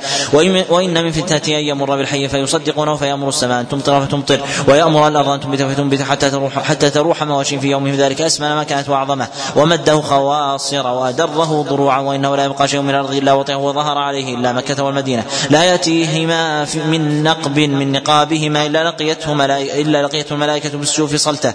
حتى ينزل عند الضريب الأحمر عند منقطع السبخة فترجف المدينة بأهلها ثلاث رجفات فلا يبقى منافق ولا منافقة لا خرج إليه. فتنفي الخبث منها كما ينفي الكير خبث الحديد ويدعى ذلك اليوم يوم الخلاص. فقالت أم شريك بن أم أم شريك بنت أبي العكر يا رسول الله فإن العرب يومئذ قال قال قال قال أبي العكر. العكر العكر. فقالت أم شريك بنت أبي العكر يا رسول الله فأين فأين العرب فأين العرب يومئذ؟ قال هم يومئذ قليل وجلهم ببيت المقدس وإمامهم رجل صالح فبين فبينما إمامهم قد تقدم يصلي بهم الصبح. إذ نزل عليهم عيسى بن مريم عليه السلام الصبح فرجع ذلك الإمام ينكص يمشي القهقرى. ليتقدم عيسى عيسى عليه السلام يصلي بالناس فيضع عيسى عليه السلام يده بين كتفيه ثم يقول له تقدم صلي فإن فإنها لك أقيمت. فيصلي بهم إمامهم فإذا انصرف. قال عيسى عليه السلام افتحوا الباب. فيفتح ووراءه الدجال. معه سبعون ألف يهودي كلهم ذو سيف محل وساج. فإذا نظر إليه الدجال ذاب كما يذوب الملح في الماء وينطلق هاربا ويقول عيسى عليه السلام إن لي فيك ضربة لن تسبقني بها فيدركه عند باب اللد. عند باب اللد الشرقي فيقتل فيقتله فيهزم الله اليهود فلا يبقى شيء مما خلق الله يتوارى به يهودي إلا أنطق الله ذلك الشيء إلا لا حجر ولا شجر ولا حائط ولا دابة إلا الغرقدة. فانها من شجرهم لا تنطق إلا قال يا عبد الله المسلم هذا يهودي فتعال اقتل. قال رسول الله صلى الله عليه وسلم وإن أيامه أربعون سنة السنة كنصف السنة والسنة كالشهر والشهر كالجمعة وآخر ايامه كالشررة. يصبح أحدكم على باب المدينة فلا يبلغ فلا يبلغ بابها الآخرة حتى يمسي. فقيل له يا رسول الله كيف نصلي في تلك الأيام القصار. قال تقدر تقدرون فيها الصلاة كما تقدرونها في هذه الأيام الطوال ثم صلوا. قال رسول الله صلى الله عليه وسلم فيكون عيسى بن مريم عليه السلام في أمتي حكما عدلا اماما مقسطا يدق الصليب ويذبح الخنزير ويضع الجزية ويترك الصدقة فلا يسعى على شاة ولا بعير وترفع الشعناء والتباغض وتنزع حمة حمة كل ذات حمة حتى يدخل الوليد حتى يدخل الوليد يده في في الحية فلا تضره. وتفر الوليدة وتفر الوليدة الأسد فلا يضرها ويكون الذئب في الغنم كأنه كلبها. وتملأ وتملأ الأرض من من السلم كما يملأ الإناء من الماء. وتكون وتكون الكلمة واحدة فلا يعبد إلا الله إلا الله وتضع الحرب أوزارها وتسلب قريش ملكها. وتكون الأرض كفاء وتكون الأرض كفاء كفاء ثور الفضة تنبت نباتها بعهد آدم. حتى يجتمع النفر على على القطف من العنب فيشبعهم ويجتمع النفر على الرماة فتشبعهم ويكون الثور بكذا وكذا من المال وتكون الفرس بالدريهمات. قالوا يا رسول الله وما يرخص الفرس؟ قال لا تركب لحرب أبدا قيل له فما يغري الثور؟ قال تحرث تحرث الأرض كلها وإن قبل خروج الدجال ثلاث سنوات شداد يصيب الناس يصيب الناس فيها جوع شديد. يأمر الله السماء السنة الأولى أن تحبس ثلث مطرها ويأمر الأرض فتحبس فتحبس ثلث نباتها ثم يأمر السماء في السنة الثانية فتحبس ثلثي مطرها ويأمر الأرض فتحبس ثلثي نباتها ثم يأمر الله السماء في السنة الثالثة فتحبس مطرها كله.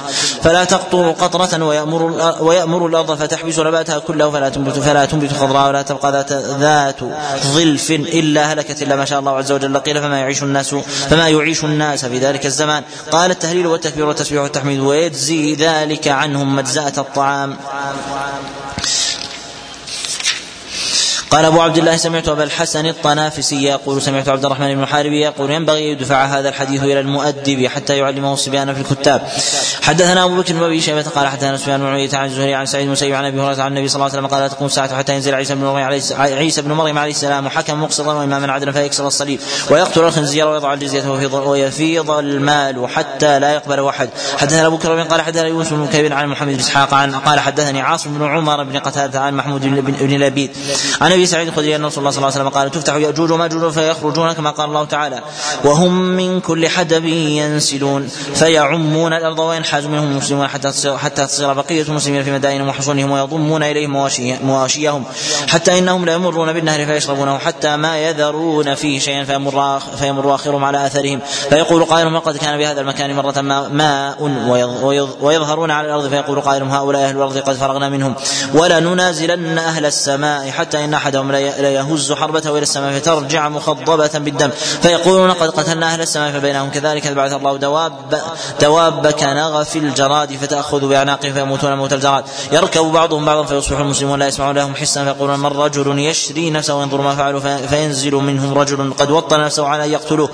فيجدهم موتى فيناديهم ألا ابشروا قد هلك عدوكم فيخرج فيخرج الناس ويخ فيخرج الناس ويخلون سبيل مواشيهم فما يكون لهم رعي إلا لحومهم فتش فتشكر, فتشكر عليها كأحسن كأحسن ما شك شكرت من نبات أصابته قط. حدثنا أزهر بن مروان قال حدثنا عبد الله قال حدثنا سعيد عن قتادة قال حدث أبو رافع عن أبي هريرة.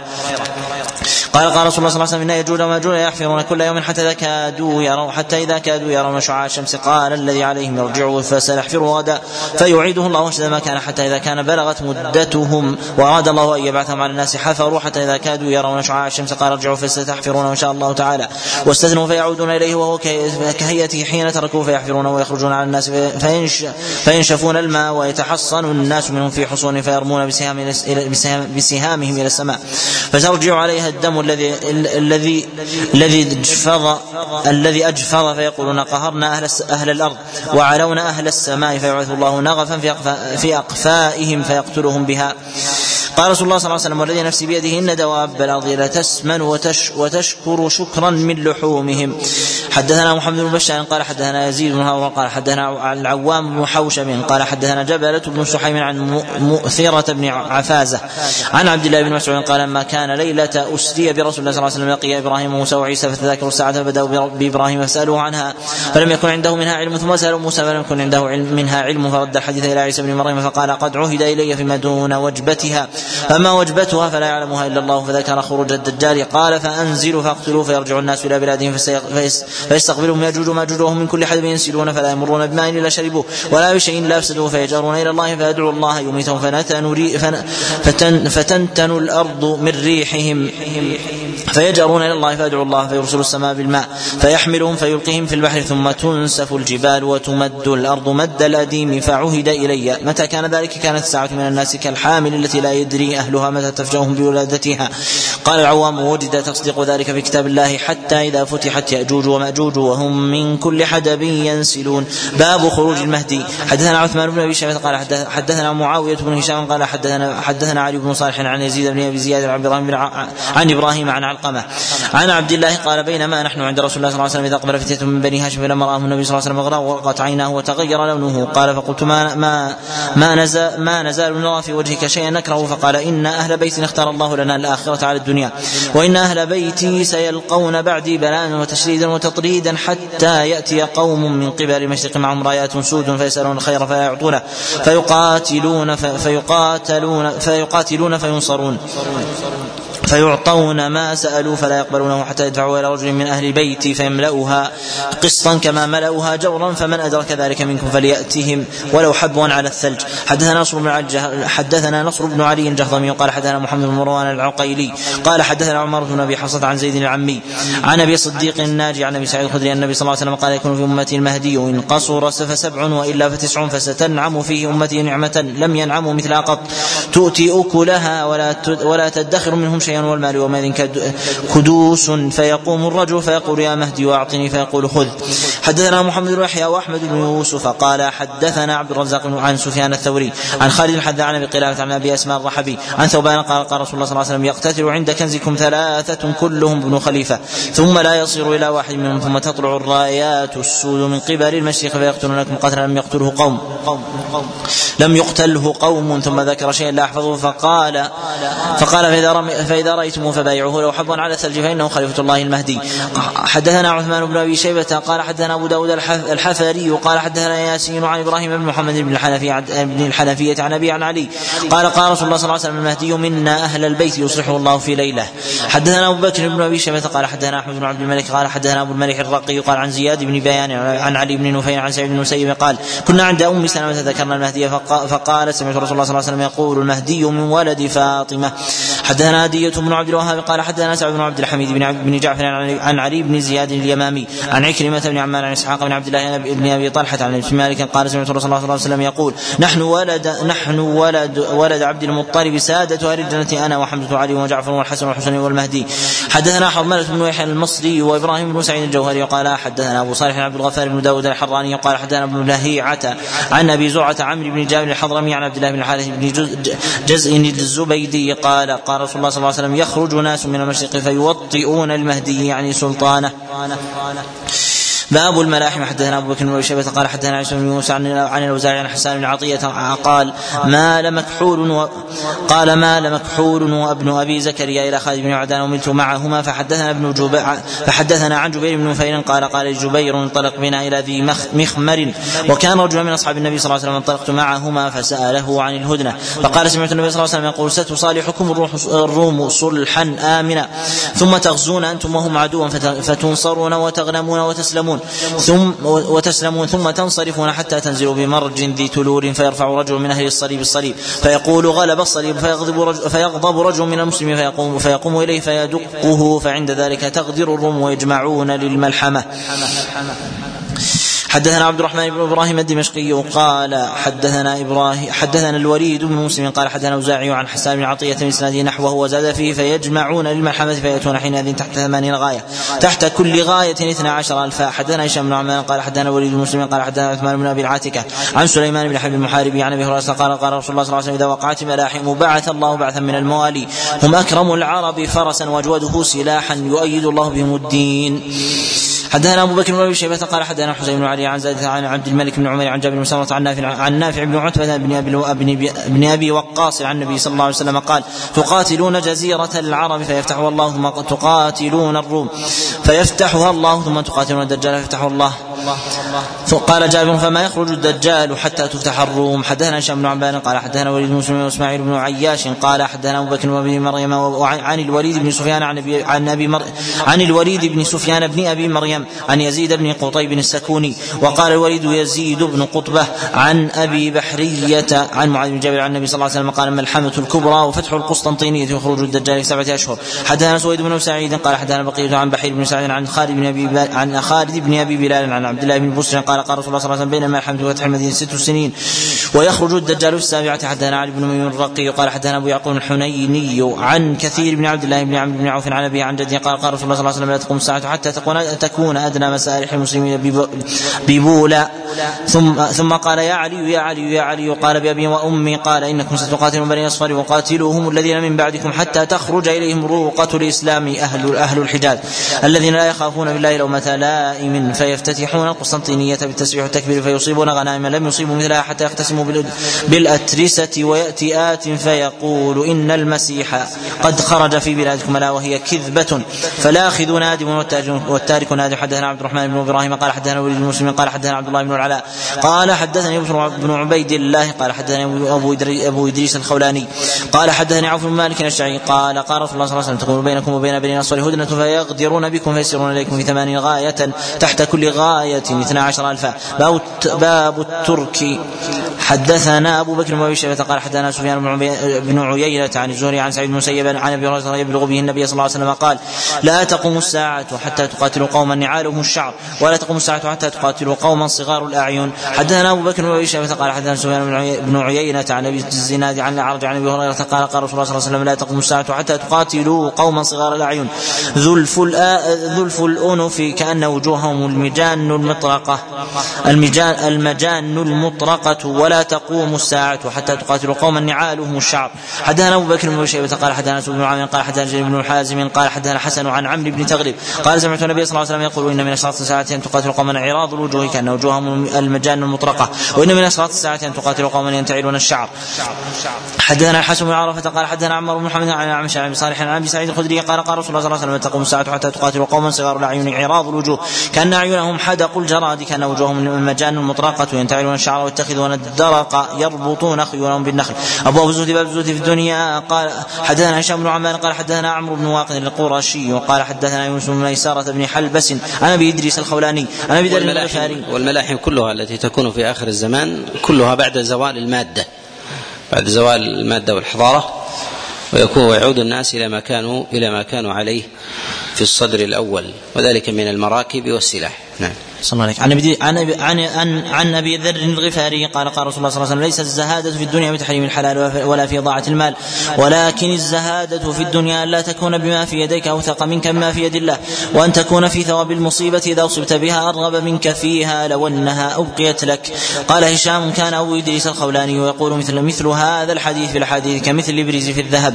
حدثنا هشام بن عمان قال حدثنا الحكم بن هشام قال حدثنا يحيى بن سعيد عن أبي فروة عن أبي خلاد وكانت له صحبة. قال قال رسول الله صلى الله عليه وسلم إذا رأيتم الرجل قد أعطي زهدا في الدنيا وقلة منطق فاقتربوا منه فإنه يلقى يلقى الحكمة. حدثنا أبو عبيدة بن أبي السفر قال حدثنا شهاب بن عباد قال حدثنا خالد بن عمرو القرشي وعن سفيان الثوري عن أبي حازم عن سالم بن سعد الساعدي قال أتى النبي صلى الله عليه وسلم رجل فقال يا رسول الله دلني على عمل إذا أنا عملت وأحبني الله وأحبني الناس. فقال رسول الله صلى الله عليه وسلم ازهد في الدنيا وحبك الله وازهد فيما فيما في أيدي الناس يحبوك. حدثنا محمد بن الصباح قال أنبأنا جرير عن عن أبي وائل عن سمرة بن سالم رجل من قومه قال نزل نزلت على أبي هاشم بن عتبة وهو طعين فأتاه معاوية يعوده فبكى أبو هاشم. فقال معاوية ما يبكيك أي خال أو أوجع أوجع يش أوجع يشئزك أم على الدنيا فقد ذهب صفوها؟ قال على كل لا ولكن رسول الله صلى الله عليه وسلم عهد إلينا عهدا وددت أني كنت تبعته. قال إنك لعلك تدرك أموالا تقسم بين أقوام وإنما يكفيك من ذلك خادم ومركب في سبيل الله فأدركته فجمعت. حدثنا حسن بن أبي الربيع قال حدثنا عبد الرزاق قال حدثنا جعفر بن سليمان عن ثابت عن أنس قال اشتكى سلمان فعاده سعد فرآه يبكي فقال له سعد ما يبكيك يا أخي أليس قد صحبت رسول الله صلى الله عليه وسلم اليس أليس؟ قال سلمان ما أبكي واحدة من اثنتين. ما أبكي صبا للدنيا ولا كراهية للآخرة ولكن رسول الله صلى الله عليه وسلم عهد إلينا عهد فما أراني إلا قد تعديت. قال ما عهد إليك؟ قال عهد إلينا ان أي أنه يكفي أحدكم مثل زاد الراكب ولا أراني إلا قد تعديت وما انت أو أما أنت يا سعد فاتق الله عند حكمك اذا حكمت وعند قسمك اذا قسمت وعند همك اذا هممت. قال ثابت فبلغني أنه ما ترك إلا بضعة وعشرين درهما من درهما من نفيقة كانت عنده. باب الهم بالدنيا حدثنا محمد بن قال حدثنا محمد بن جعفر قال حدثنا شعبة عن عمر بن سليمان قال سمعت عبد الرحمن بن ابان بن عثمان بن عفان عن أبيه قال خرج زيد بن ثابت من عند مروان بنصف النهار. قلت ما بعث اليه هذه الساعة إلا لشيء يسأل يسأل عنه. فسألته فقال سألنا عن أشياء سمعناها من رسول الله صلى الله عليه وسلم سمعت رسول الله صلى الله عليه وسلم يقول. من كانت الدنيا همه فرق الله عليه أمره وجعل فقره بين عينيه ولم ياتي من الدنيا إلا ما كتب له ومن كانت الآخرة نيته جمع الله له أمره وجعل غناه في قلبه واتته الدنيا وهي راغمة. حدثنا علي بن محمد والحسين بن عبد الرحمن قال حدثنا عبد الله بن نمير عن معاوية النصري عن نهشل عن الضحاك عن سعيد بن يزيد قال قال عبد الله سمعت نبيكم صلى الله عليه وسلم يقول من جعل هموم الهموم هما واحدا هم المعاد كفاه الله هم الدنيا ومن تشعبت به الهموم في أحوال الدنيا لم يبال الله في أي في أي اوديته هلك. حدثنا نصر بن علي الجهضمي قال حدثنا عبد الله بن داود عن عمران عن عمران بن زايدة عن أبي عن أبي خالد الوالبي عن أبي هريرة قال ولا أعلمه إلا وقد رفعه قال يقول يقول الله سبحانه يا ابن آدم تفرغ لعبادتي أملأ صدرك غنى وأسد فقرك وإن لم تفعل ملأت صدرك شغلا ولم أسد فقرك باب مثل الدنيا حدثنا محمد بن عبد الله بن نمر قال حدثنا أبي ومحمد بن بشير قال حدثنا إسماعيل بن أبي خالد عن قيس بن أبي حازم قال سمعت المستورد أخا بني فهر يقول سمعت رسول الله صلى الله عليه وسلم يقول ما مثل الدنيا في الآخرة إلا مثل ما يجعل أحدكم أحدكم إصبعه في اليم فلينظر بما يرجع. حدثنا يحيى بن حكيم قال حدثنا أبو داود قال حدثنا مسعودي قال أخبرنا عمرو بن مرة عن إبراهيم عن علقمة عن عبد الله قال اضطجع النبي صلى الله عليه وسلم على حصين فأثر في جلده فقلت بأبي وأمي يا رسول الله لو كنت آذنتنا ففرشنا لك شيئا يقيك منه. فقال رسول الله صلى الله عليه وسلم ما أنا وما أنا والدنيا إنما أنا والدنيا كراكب استظل تحت شجرة ثم راح وتركها. حدثنا هشام بن عمار وإبراهيم بن المنذر الحزامي ومحمد بن الصباح قالوا حدثنا أبو يحيى زكريا بن منظور. قال حدثنا أبو حازم عن سالم بن سعيد. قال كنا مع رسول الله صلى الله عليه وسلم في الحليفة. فإذا هو بشاة ميتة شائلة برجلها فقال أترون هذه هينة على صاحبها؟ فالذي نفسي بيده إلى الدنيا هو على الله من هذه على صاحبها. ولو كانت الدنيا تزن عند الله جناح بعوضة ما سقى كافر منها قطرة أبدا. حدثنا يحيى بن حبيب بن بن, بن عربي قال حدثنا حماد بن, زي بن حماد بن زيد عن مجاهد بن سعيد الهمداني عن قيس عن قيس بن أبي حازم حازم الهمداني قال حدثنا مستورد بن شداد قال إني لفي الركب مع رسول الله صلى الله عليه وسلم إذا اتى على صخره منبوذه قال فقال أترون هذه انت على أهلها؟ قال قيل يا رسول الله من هوانها القواء. كما قال قال فهو الذي نفسي بيده الدنيا اهون على الله من هذه على أهلها. حدثنا علي بن ميمون الرقي قال حدثنا أبو خليد عتبة بن محمد الدمشقي قال عن ابن ثوبان عن عطاء بن قرة. عن عبد الله بن ضمرة السلولي قال حدثنا أبو هريرة قال سمعت رسول الله صلى الله عليه وسلم وهو يقول الدنيا ملعونة ملعون ما فيها إلا ذكر الله وما والاه أو عالما أو متعلما حدثنا أبو مروان محمد بن عثمان العثماني قال حدثنا عبد العزيز بن أبي حازم عن العلاء بن عبد الرحمن عن ابي عن أبي هريرة قال قال رسول الله صلى الله عليه وسلم الدنيا سجن المؤمن وجنة الكافر. حدثنا يحيى بن حبيب بن عربي قال حدثنا أحمد بن زيد عن ليث عن مجاهد عن ابن عمر قال أخذ رسول الله صلى الله عليه وسلم ببعض جسدي فقال يا عبد الله كن في الدنيا كأنك غريب أو كأنك عابر سبيل وعد نفسك من أهل القبور. باب من لا يؤبه له. حدثنا هشام بن عمان قال حدثنا سويد بن بن عبد العزيز عن زيد بن واقد عن بسر بن عبيد الله عن ادريس الخوناني عن معاذ بن جابر قال قال رسول الله صلى الله عليه وسلم ألا أخبرك عن ملوك الجنة؟ قلت بلى. قال رجل ضعيف مستضعف ذو طمرين لا يؤبه له لو أقسم على الله لا بره حدثنا محمد بن شان قال حدثنا عبد الرحمن بن مهدي قال حدثنا سفيان عن معبد بن خالد قال سمعت حارثة بن وهب قال قال رسول الله صلى الله عليه وسلم ألا أنبئكم بأهل الجنة كل ضعيف متضعف ألا أنبئكم بأهل النار كل عتل جواظ مستكبر. حدثنا محمد بن يحيى قال حدثنا عمرو بن أبي سلمة عن صدقة بن عبد الله عن إبراهيم بن مرة عن أيوب بن سليمان عن أبي أمامة عن رسول الله صلى الله عليه وسلم قال إن أغبط الناس عندي مؤمن خفيف الحاذي ذو حظ من صلاة غامض في الناس لا يؤبه له كان رزقه كفافا صبر عليه عجلت منيته وقلت وقل تراثه وقلت بواكي حدثنا كثير بن عبيد الحمصي قال حدثنا أيوب بن سويد عن أسامة بن زيد عن عبد الله بن أبي أمامة الحارثي عن أبيه قال قال رسول الله صلى الله عليه وسلم البذاذة من الإيمان قال البذاذه القشافة يعني التقشف. حدثنا سويد بن سعيد قال حدثنا يحيى بن عن ابن خثيم عن شهر بن حوشب عن أسماء بنت يزيد عن أنها سمعت رسول الله صلى الله عليه وسلم يقول ألا أنبئكم بخياركم؟ قالوا بلى يا رسول الله قال خياركم الذين إذا رؤوا ذكر الله عز وجل. باب فضل الفقر. حدثنا محمد بن صباح قال حدثنا عبد العزيز بن أبي حازم قال حدثنا ابي قال عن سهل بن سعيد الساعدي. قال مر على رجل على رسول الله صلى الله عليه وسلم رجل فقال النبي صلى الله عليه وسلم تقول في هذا الرجل. قالوا رأيك فيها رأيك في هذا؟ نقول هذا من أشرف الناس هذا حديث.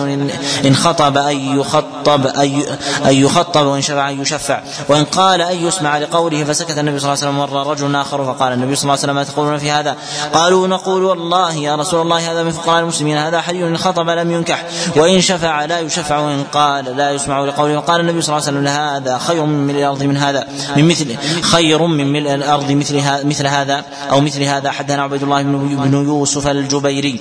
قال حدثنا أحمد بن عيسى قال حدثنا موسى بن عبيدة قال أخبرني القاسم بن مهران عن عمران بن حسين قال قال رسول الله صلى الله عليه وسلم إن الله يحب عبده المؤمن الفقير المتعفف أبا العيال.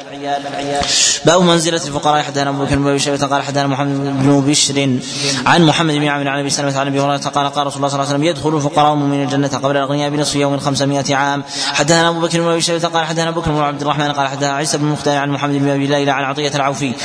عن أبي سعيد الخدري عن رسول الله صلى الله عليه وسلم وليس المراد بذلك هو التخفف من الدنيا هو الذي عجل بهم لدخول الجنة. ولكن المراد بذلك هي تبعة المال.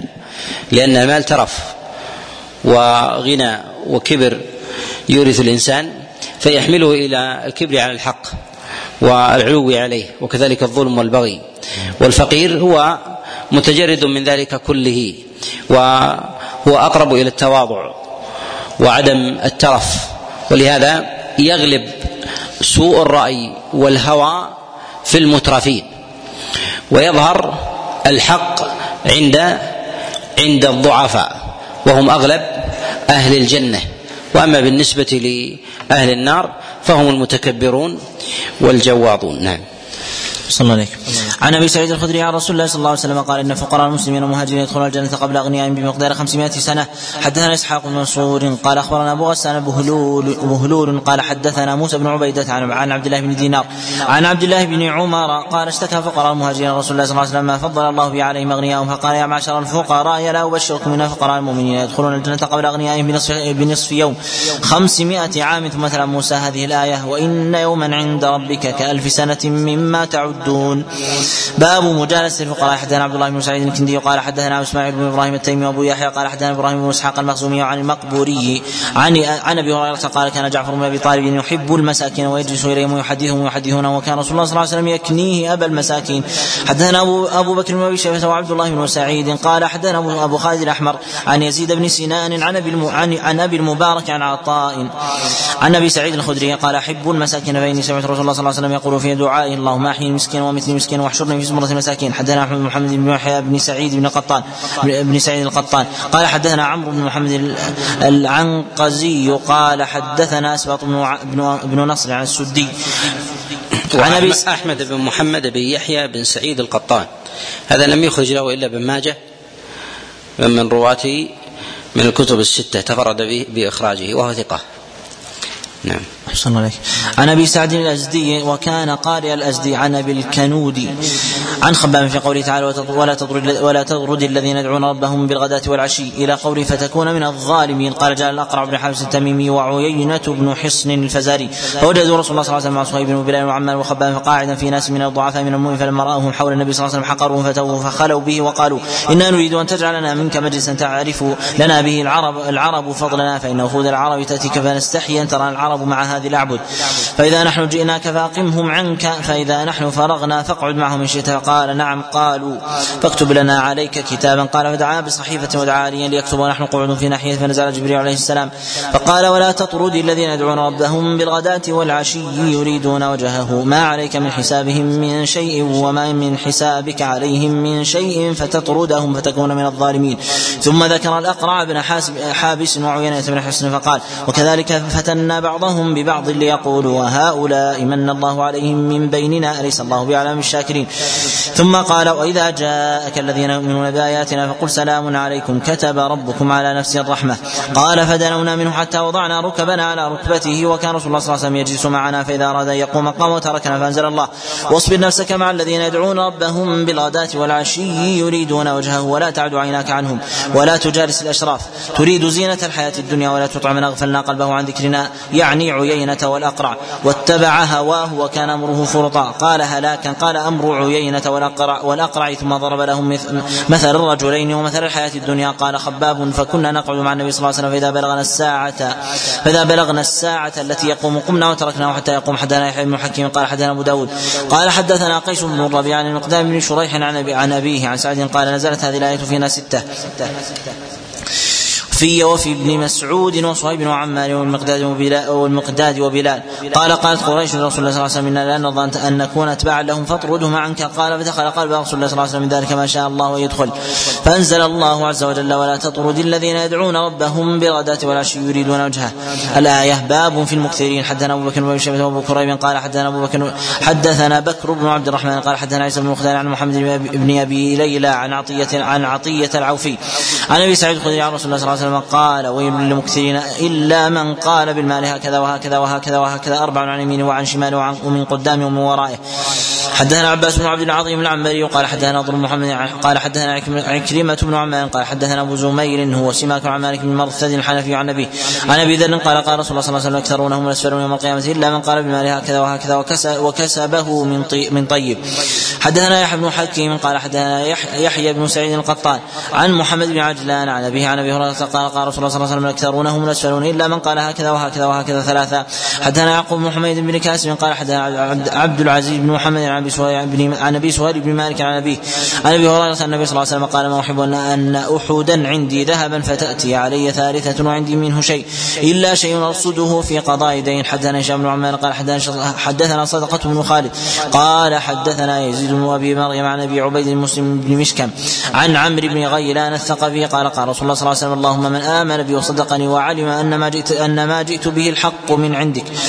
فأقلل ماله وولده وحبب إليه لقاك وعجل له القضاء من لم يؤمن بي ولم يصدقني ولم يعلم أن ما جئت به الحق من عندك. فاكثر ماله وولده واطل عمره. حدثنا أبو بكر بن أبي شيبة قال حدثنا عفان قال حدثنا غسان بن قال حدثنا غسان بن برزين وحدثنا عبد الله بن مع... قال حدثنا غسان أحسن الله حدثنا غسان بن بر بن برزين حاء وحدثنا عبد الله بن معاوية الجمحي. قال حدثنا غسان بن برزين قال حدثنا سيار بن سلامة عن البراء السليطي. عن نقادة الأسدي عن نقادة الأسدي قال بعث رسول الله صلى الله عليه وسلم رجل يستمنحه ناقة فرده ثم بعثني رجل آخر فأرسل إليه بناقة فلما أبصر رسول الله صلى الله عليه وسلم قال اللهم بارك فيها وفي من بعث بها. قال قال نقادة فقلت رسول الله صلى الله عليه وسلم وفي من جاء بها؟ قال وفي من جاء بها. ثم أمر بها فحلبت فدرت فقال رسول الله صلى الله عليه وسلم اللهم أكثر مال فلان المانع الأول واجعل رزق فلان يوما بيوم الذي بعث الناقة حدثنا حسن بن محمد قال حدثنا أبو بكر بن عياش عن أبي حصين عن أبي صالح عن أبي هريرة قال قال رسول الله صلى الله عليه وسلم تعس عبد الدينار وعبد الدرهم وعبد القطيفة وعبد القطيفة وعبد الخميصة إن أعطي رضي وإن لم يعط لم يفي. حدثنا يعقوب بن حميد قال حدثنا إسحاق بن سعيد عن صفوان بن سليمان عن عبد الله بن دينار عن أبي صالح عن أبي هريرة عن أبي هريرة النبي صلى الله عليه وسلم قال تعس عبد الدينار وعبد الدرهم وعبد الخميصة تعس وانتكس وإذا شيك فلانتقش باب القناعة حدثنا أبو بكر بن أبي شيبة قال حدثنا سفيان بن عيينة عن أبي الزناد عن الأعرج عن أبي هريرة قال قال رسول الله صلى الله عليه وسلم ليس الغنى عن كثرة الأعراض ولكن الغنى غنى النفس. حدثنا محمد بن روح قال حدثنا عبد الله بن لهيعة عن عبيد الله بن أبي جعفر وحميد بن هاني الخولاني أنهما سمع أبا عبد الرحمن الحبولي يخبر عن عبد الله بن عمرو بن العاص عن رسول الله صلى الله عليه وسلم أنه قال قد أفلح من هدي إلى الإسلام ورزق الكفاف وقنع به حدثنا محمد بن عبد الله بن نمير وحل وعلي بن محمد قال حدثنا وكيع قال حدثنا مشو عن عمارة بن القعقاع عن أبي زرعة عن أبي هريرة قال قال رسول الله صلى الله عليه وسلم اللهم اجعل رزق آل محمد قوتا. حدثنا محمد بن عبد الله بن نمير قال حدثنا أبي ويعلى عن إسماعيل بن أبي خالد عن نفيع عن أنس قال قال رسول الله صلى الله عليه وسلم ما من غني ولا فقير إلا ود يوم القيامة أنه أوتي من الدنيا قوتا. حدثنا سويد بن سعيد بن موسى قال حدثنا مروان بن معاوية قال حدثنا عبد الرحمن بن شميلة عن سلمة بن عبيد الله عن محصن الأنصاري عن أبيه قال قال رسول الله صلى الله عليه وسلم من أصبح منكم معافا في جسده من في سلم عنده قوت يومه فكأنما حيزت له الدنيا. حدثنا أبو بكر أبو بكر قال حدثنا وكيع وأبو معاوية عن الأعمش عن أبي صالح عن أبي هريرة قال قال رسول الله صلى الله عليه وسلم انظروا إلى من هو أسفل منكم ولا تنظروا إلى من هو فوقكم فإنه أجدر الا تزدروا نعمة الله. قال أبو معاوية عليكم. حدثنا أحمد بن سنان قال حدثنا كثير فإن الإنسان إذا نظر إلى من دونه شكر وإذا نظر إلى من فوقه كفر وهذا غالبا. نعم. صلى الله عليك قال حدثنا كثير من شام قال حدثنا جعفر بن برقان قال حدثنا يزيد بن الاصم عن أبي هريرة رفعه إلى النبي صلى الله عليه وسلم قال إن الله لا ينظر إلى صوركم وأموالكم ولكن إنما ينظر إلى أعمالكم وقلوبكم. باب معيشة آل محمد صلى الله عليه وسلم. حدثنا أبو بكر شيبة قال حدثنا عبد الله بن نمير وأبو أسامة عن هشام بن عروة عن أبي عن عائشة قال إن كنا آل محمد صلى الله عليه وسلم لم نمكث شهرا ما نوقد في بنار ما هو إلا التمر والماء الا أن ابن نمير قال نلبث شهرا. は。حدثنا حدثنا أبو بكر وابي شيبة قال حدثنا يزيد بن هارون قال حدثنا محمد بن عمرو عن ابي سلمه عن عائشه قال قد كان يأتي على آل محمد صلى الله عليه وسلم الشهر ما يرى في في البيت من بيوت الدخان. قلت فما كان طعامهم؟ قالت الاسودان التمر والماء غير أنه كان لنا جيران من الأنصار جيران صدق وكانت لهم ربائب وكانوا يبعثون إليه ألبانها. قال محمد وكانوا تسعة أبيات. حدثنا بن علي قال حدثنا عمر قال حدثنا شعبة عن سماك عن نعمان بن بشير قال سمعت عمر الخطاب يقول رأيت رسول الله صلى الله عليه وسلم يلتوي في اليوم من الجوع ما يجد من الدقل ما يملأ به بطنه. حدثنا أحمد بن منيع قال حدثنا حسن موسى قال حدثنا شيبان عن قتادة. عن أنس بن مالك قال سمعت رسول الله صلى الله عليه وسلم يقول مرارا والذي نفس محمد بيده ما اصبح عند آل محمد صاع حب ولا صاع تمر وانه وإن له يومئذ لتسع نسوة. حدثنا محمد بن يحيى قال حدثنا أبو المغيرة قال حدثنا عبد الرحمن بن عبد الله المسعودي عن علي بن بذيمة عن أبي عبيدة عن عبد الله قال قال رسول الله صلى الله عليه وسلم ما أصبح في آل محمد إلا مد من طعام أو ما أصبح في آل محمد مد من طعام حدثنا رسول الله قال أخبرني أبي عن شعبة عن عبد الله كرم رجل من أهل الكوفة عن أبي عن سليمان بن صرد أنه قال أتانا رسول الله صلى الله عليه وسلم فمكثنا ثلاث ليال لا نقدر أو لا يقدر على طعام. حدثنا سويد بن سعيد قال حدثنا علي بن مسلم عن الأعمش عن أبي صالح عن أبي هريرة عن أبي هريرة قال أوتي رسول الله صلى الله عليه وسلم يوم بطعام سخن فأكل فلما فرغ قال الحمد لله ما دخل بطني طعام سخن منذ كذا وكذا. باب ضجاع آل محمد صلى الله عليه وسلم. حدثنا عبد الله بن سعيد قال حدثنا عبد الله بن نمير وأبو خالد عن شام بن عروة عن النبي عن عائشة قالت كان ضجاع رسول الله صلى الله عليه وسلم ادما حشوه ليف. حدثنا واصل بن عبد الله قال حدثنا محمد بن فضيل عن عن عن عطاء بن السائب عن أبيه عن علي أن رسول الله صلى الله عليه وسلم اتى علي وفاطمة وهما في خميل لهما والخميل القطيفة البيضاء من الصوف قد قد كان رسول الله صلى الله عليه وسلم جهزهما بها. ووسادة محشوة إذ خيرا إذ خيرا وقربة. حدثنا محمد بن بشار بن بشار قال حدثنا عمر بن يونس قال حدثنا عكرمة, عكرمة بن عمار قال حدثني سماك الحنفي وأبو زميل قال حدثني عبد الله بن العباس قال حدثني عمر بن الخطاب قال دخلت دخلت على رسول الله صلى الله عليه وسلم وهو على حصير قال فجلست فإذا عليه زار وليس عليه غيره وإذا الحصير قد أثر في جنبي وإذا أنا بقبضه من شعر نحو الصاع وقرض في ناحية في الغرفة. وإذا ايهاب معلق فافتدرت عيناي فقال ما يبكيك يا ابن الخطاب؟ فقلت يا نبي الله وما لي لا أبكي وهذا الحصر قد أثر في جنبك وهذه خزانتك لا ارى فيها إلا ما أرى. وذلك كسرى وقيصر في الثمار والأنهار وأنت نبي الله وصفوته وهذه خزانتك. قال يا ابن الخطاب لا ترضى أن تكون لنا الآخرة ولهم الدنيا. قلت بلى. حدثنا محمد بن طيف وإسحاق بن إبراهيم بن حبيب قال حدثنا محمد بن فضيل عن مجاهد عن عامر عن الحارث عن علي قال أهديت ابنه رسول الله صلى الله عليه وسلم إلي. فلما كان فراشنا ليلة أهديت الا فما كان فراشنا ليلة أهديت إلا مسك كبش. باب عيشه أصحاب النبي صلى الله عليه وسلم. حدثنا محمد بن عبد الله بن نمير وابو كريب قال حدثنا أبو اسامه عن زائدة عن الأعمش عن شقيق عن أبي مسعود قال كان رسول الله صلى الله عليه وسلم يأمر بالصدقة فينطلق أحدنا يتحامل حتى يجيء بالمد. وإن وإن لأحدهم اليوم مئة ألف قال شقيق كأنه يعرض بنفسه. حدثنا أبو بكر بن قال حدثنا وكيع عن أبي عامه سمعه من خالد بن عمير قال خطبنا خطبنا عتبة, عتبة بن غزوان على المنبر فقال لقد رأيتني سابع سبعة مع رسول الله صلى الله عليه وسلم ما لنا طعام نأكله إلا ورق إلا ورق الشجر. حتى قرحت أشداقنا. حدثنا أبو بكر بن شيبة قال حدثنا غندر عن شعبة عن عباس الجريري قال سمعت أبا عثمان يحدث عن أبي هريرة أنه ما صا قال سمعت أبا عثمان يحدث عن أبي هريرة أنه ما صابهم جوع وهم سبعة. قال فأعطاني النبي صلى الله عليه وسلم سبعة تمرات لكل إنسان تمرة. حدثنا محمد بن يحيى عن أبي عمر العدني قال حدثنا سفيان بن عيينة عن محمد بن عمرو عن يحيى بن عبد الرحمن بن حاطب عن عبد الله بن الزبير بن عوام عن أبيه قال لما نزلت ثم لتسألن يومئذ عن النعيم. قال الزبير وأي نعيم نسأل عنه؟ وإنما هو الاسودان التمر والماء. قال أما إنه سيكون. حدثنا عثمان بن أبي شيبة قال حدثنا عبد بن سليمان عن هشام بن عروة عن, عن وهب بن كيسان عن بن عبد الله قال بعث رسول الله صلى الله عليه وسلم ونحن 300 ونحن 300 نحمل ازوادنا على على رقابنا ففني ازوادنا حتى كان يكون للرجل منا تمرة. فقيل يا أبا عبد الله وأين تقع التمرة من الرجل؟ قال لقد وجدنا فقدها حين فقدناها وأتينا البحر فإذا نحن بحوت قد قذفه البحر. فأكلنا منه ثمانية عشر يوما. باب في البناء والخراب. حدثنا أبو كريم قال حدثنا أبو معاوية عن الاعمش عن أبي السفر عن عبد الله بن عمرو قال مر علينا رسول الله صلى الله عليه وسلم ونحن نعالج خصا لنا فقال ما هذا؟ فقلت خص لنا. وها ونحن نصلحه. فقال رسول الله صلى الله عليه وسلم ما أرى الأمر إلا أعجل من ذلك. حدثنا عباس بن عثمان الدمشقي قال حدثنا وليد مسلم قال حدثنا عيسى بن عبد الله على بن أبي فروة قال حدثنا إسحاق بن أبي طلحة عن أنس قال مر رسول الله صلى الله عليه وسلم بقبة على باب رجل من انصاره فقال ما هذه؟ قالوا قبة بناها فلان. قال رسول الله صلى الله عليه وسلم كل مال يكون هكذا فهو وبال على صاحبه يوم القيامة. فبلغ الأنصاري ذلك فوضعها فمر النبي صلى الله عليه وسلم بعد فلم يراها فسأل عنها فأخبر أنه وضعها لما بلغه عنه فقال يرحمه الله يرحمه الله.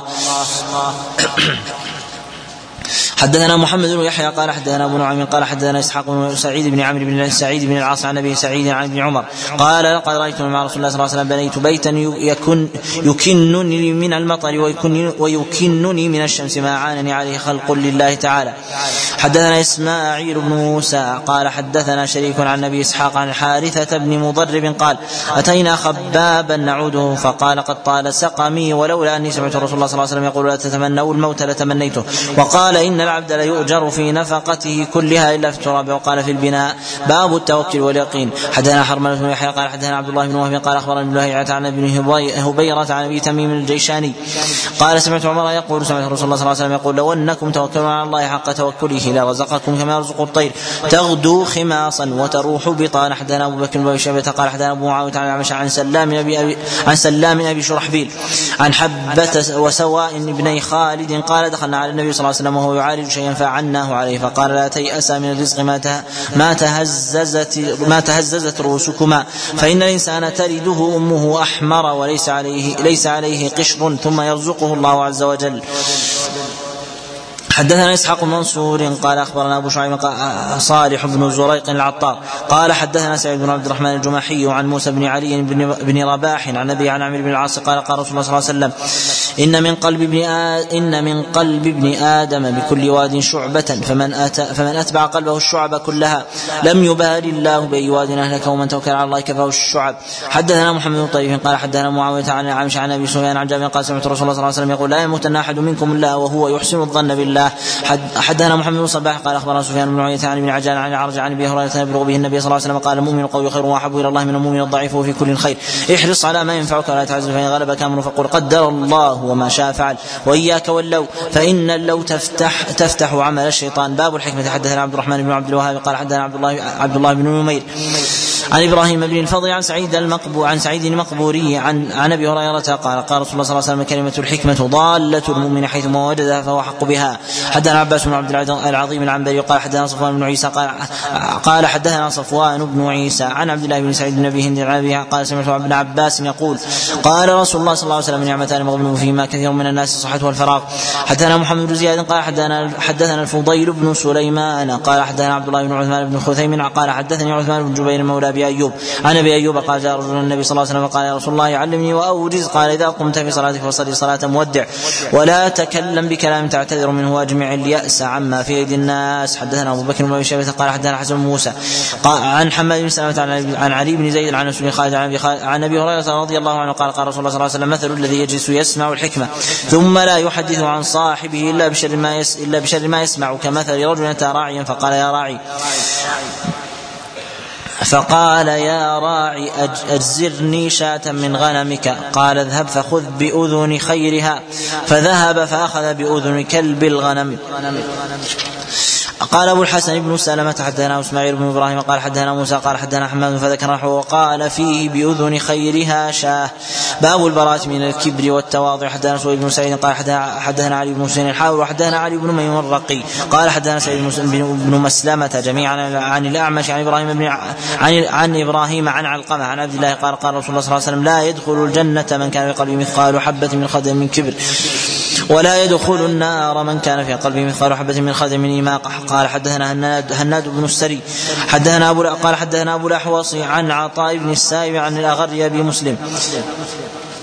عن أبي هريرة قال قال قال رسول الله صلى الله عليه وسلم يقول الله سبحانه والكبرياء والرداء والعظمة ازاري من ينازعني واحدا منهما القيته في جهنم حدثنا عبد الله بن سعيد بن هارون اسحاق قال حدثنا عبد الرحمن المحاربي قال عن عطاء عن عطاء بن سعيد عن سعيد بن جبير عن ابن عباس قال قال رسول الله صلى الله عليه وسلم يقول الله سبحانه والكبرياء والرداء والعظمة ازاري فمن نازعني واحدا منهما القيته في النار حدثنا حرملة بن يحيى قال حدثنا حدثنا ابن وهب قال أخبرني عمرو بن الحارث أن دراجا حدثه عن أبي الهيثم عن ابي عن أبي سعيد عن رسول الله صلى الله عليه وسلم قال من يتوضأ لله درجة يرفعه الله به درجة ومن يتكبر على الله درجة يضعه الله به درجة حتى يجعله في أسفل السافلين. حدثنا نصر بن علي قال حدثنا عبد الصمد وسلم بن قتيبة قال حدثنا شعبة عن علي بن زيد.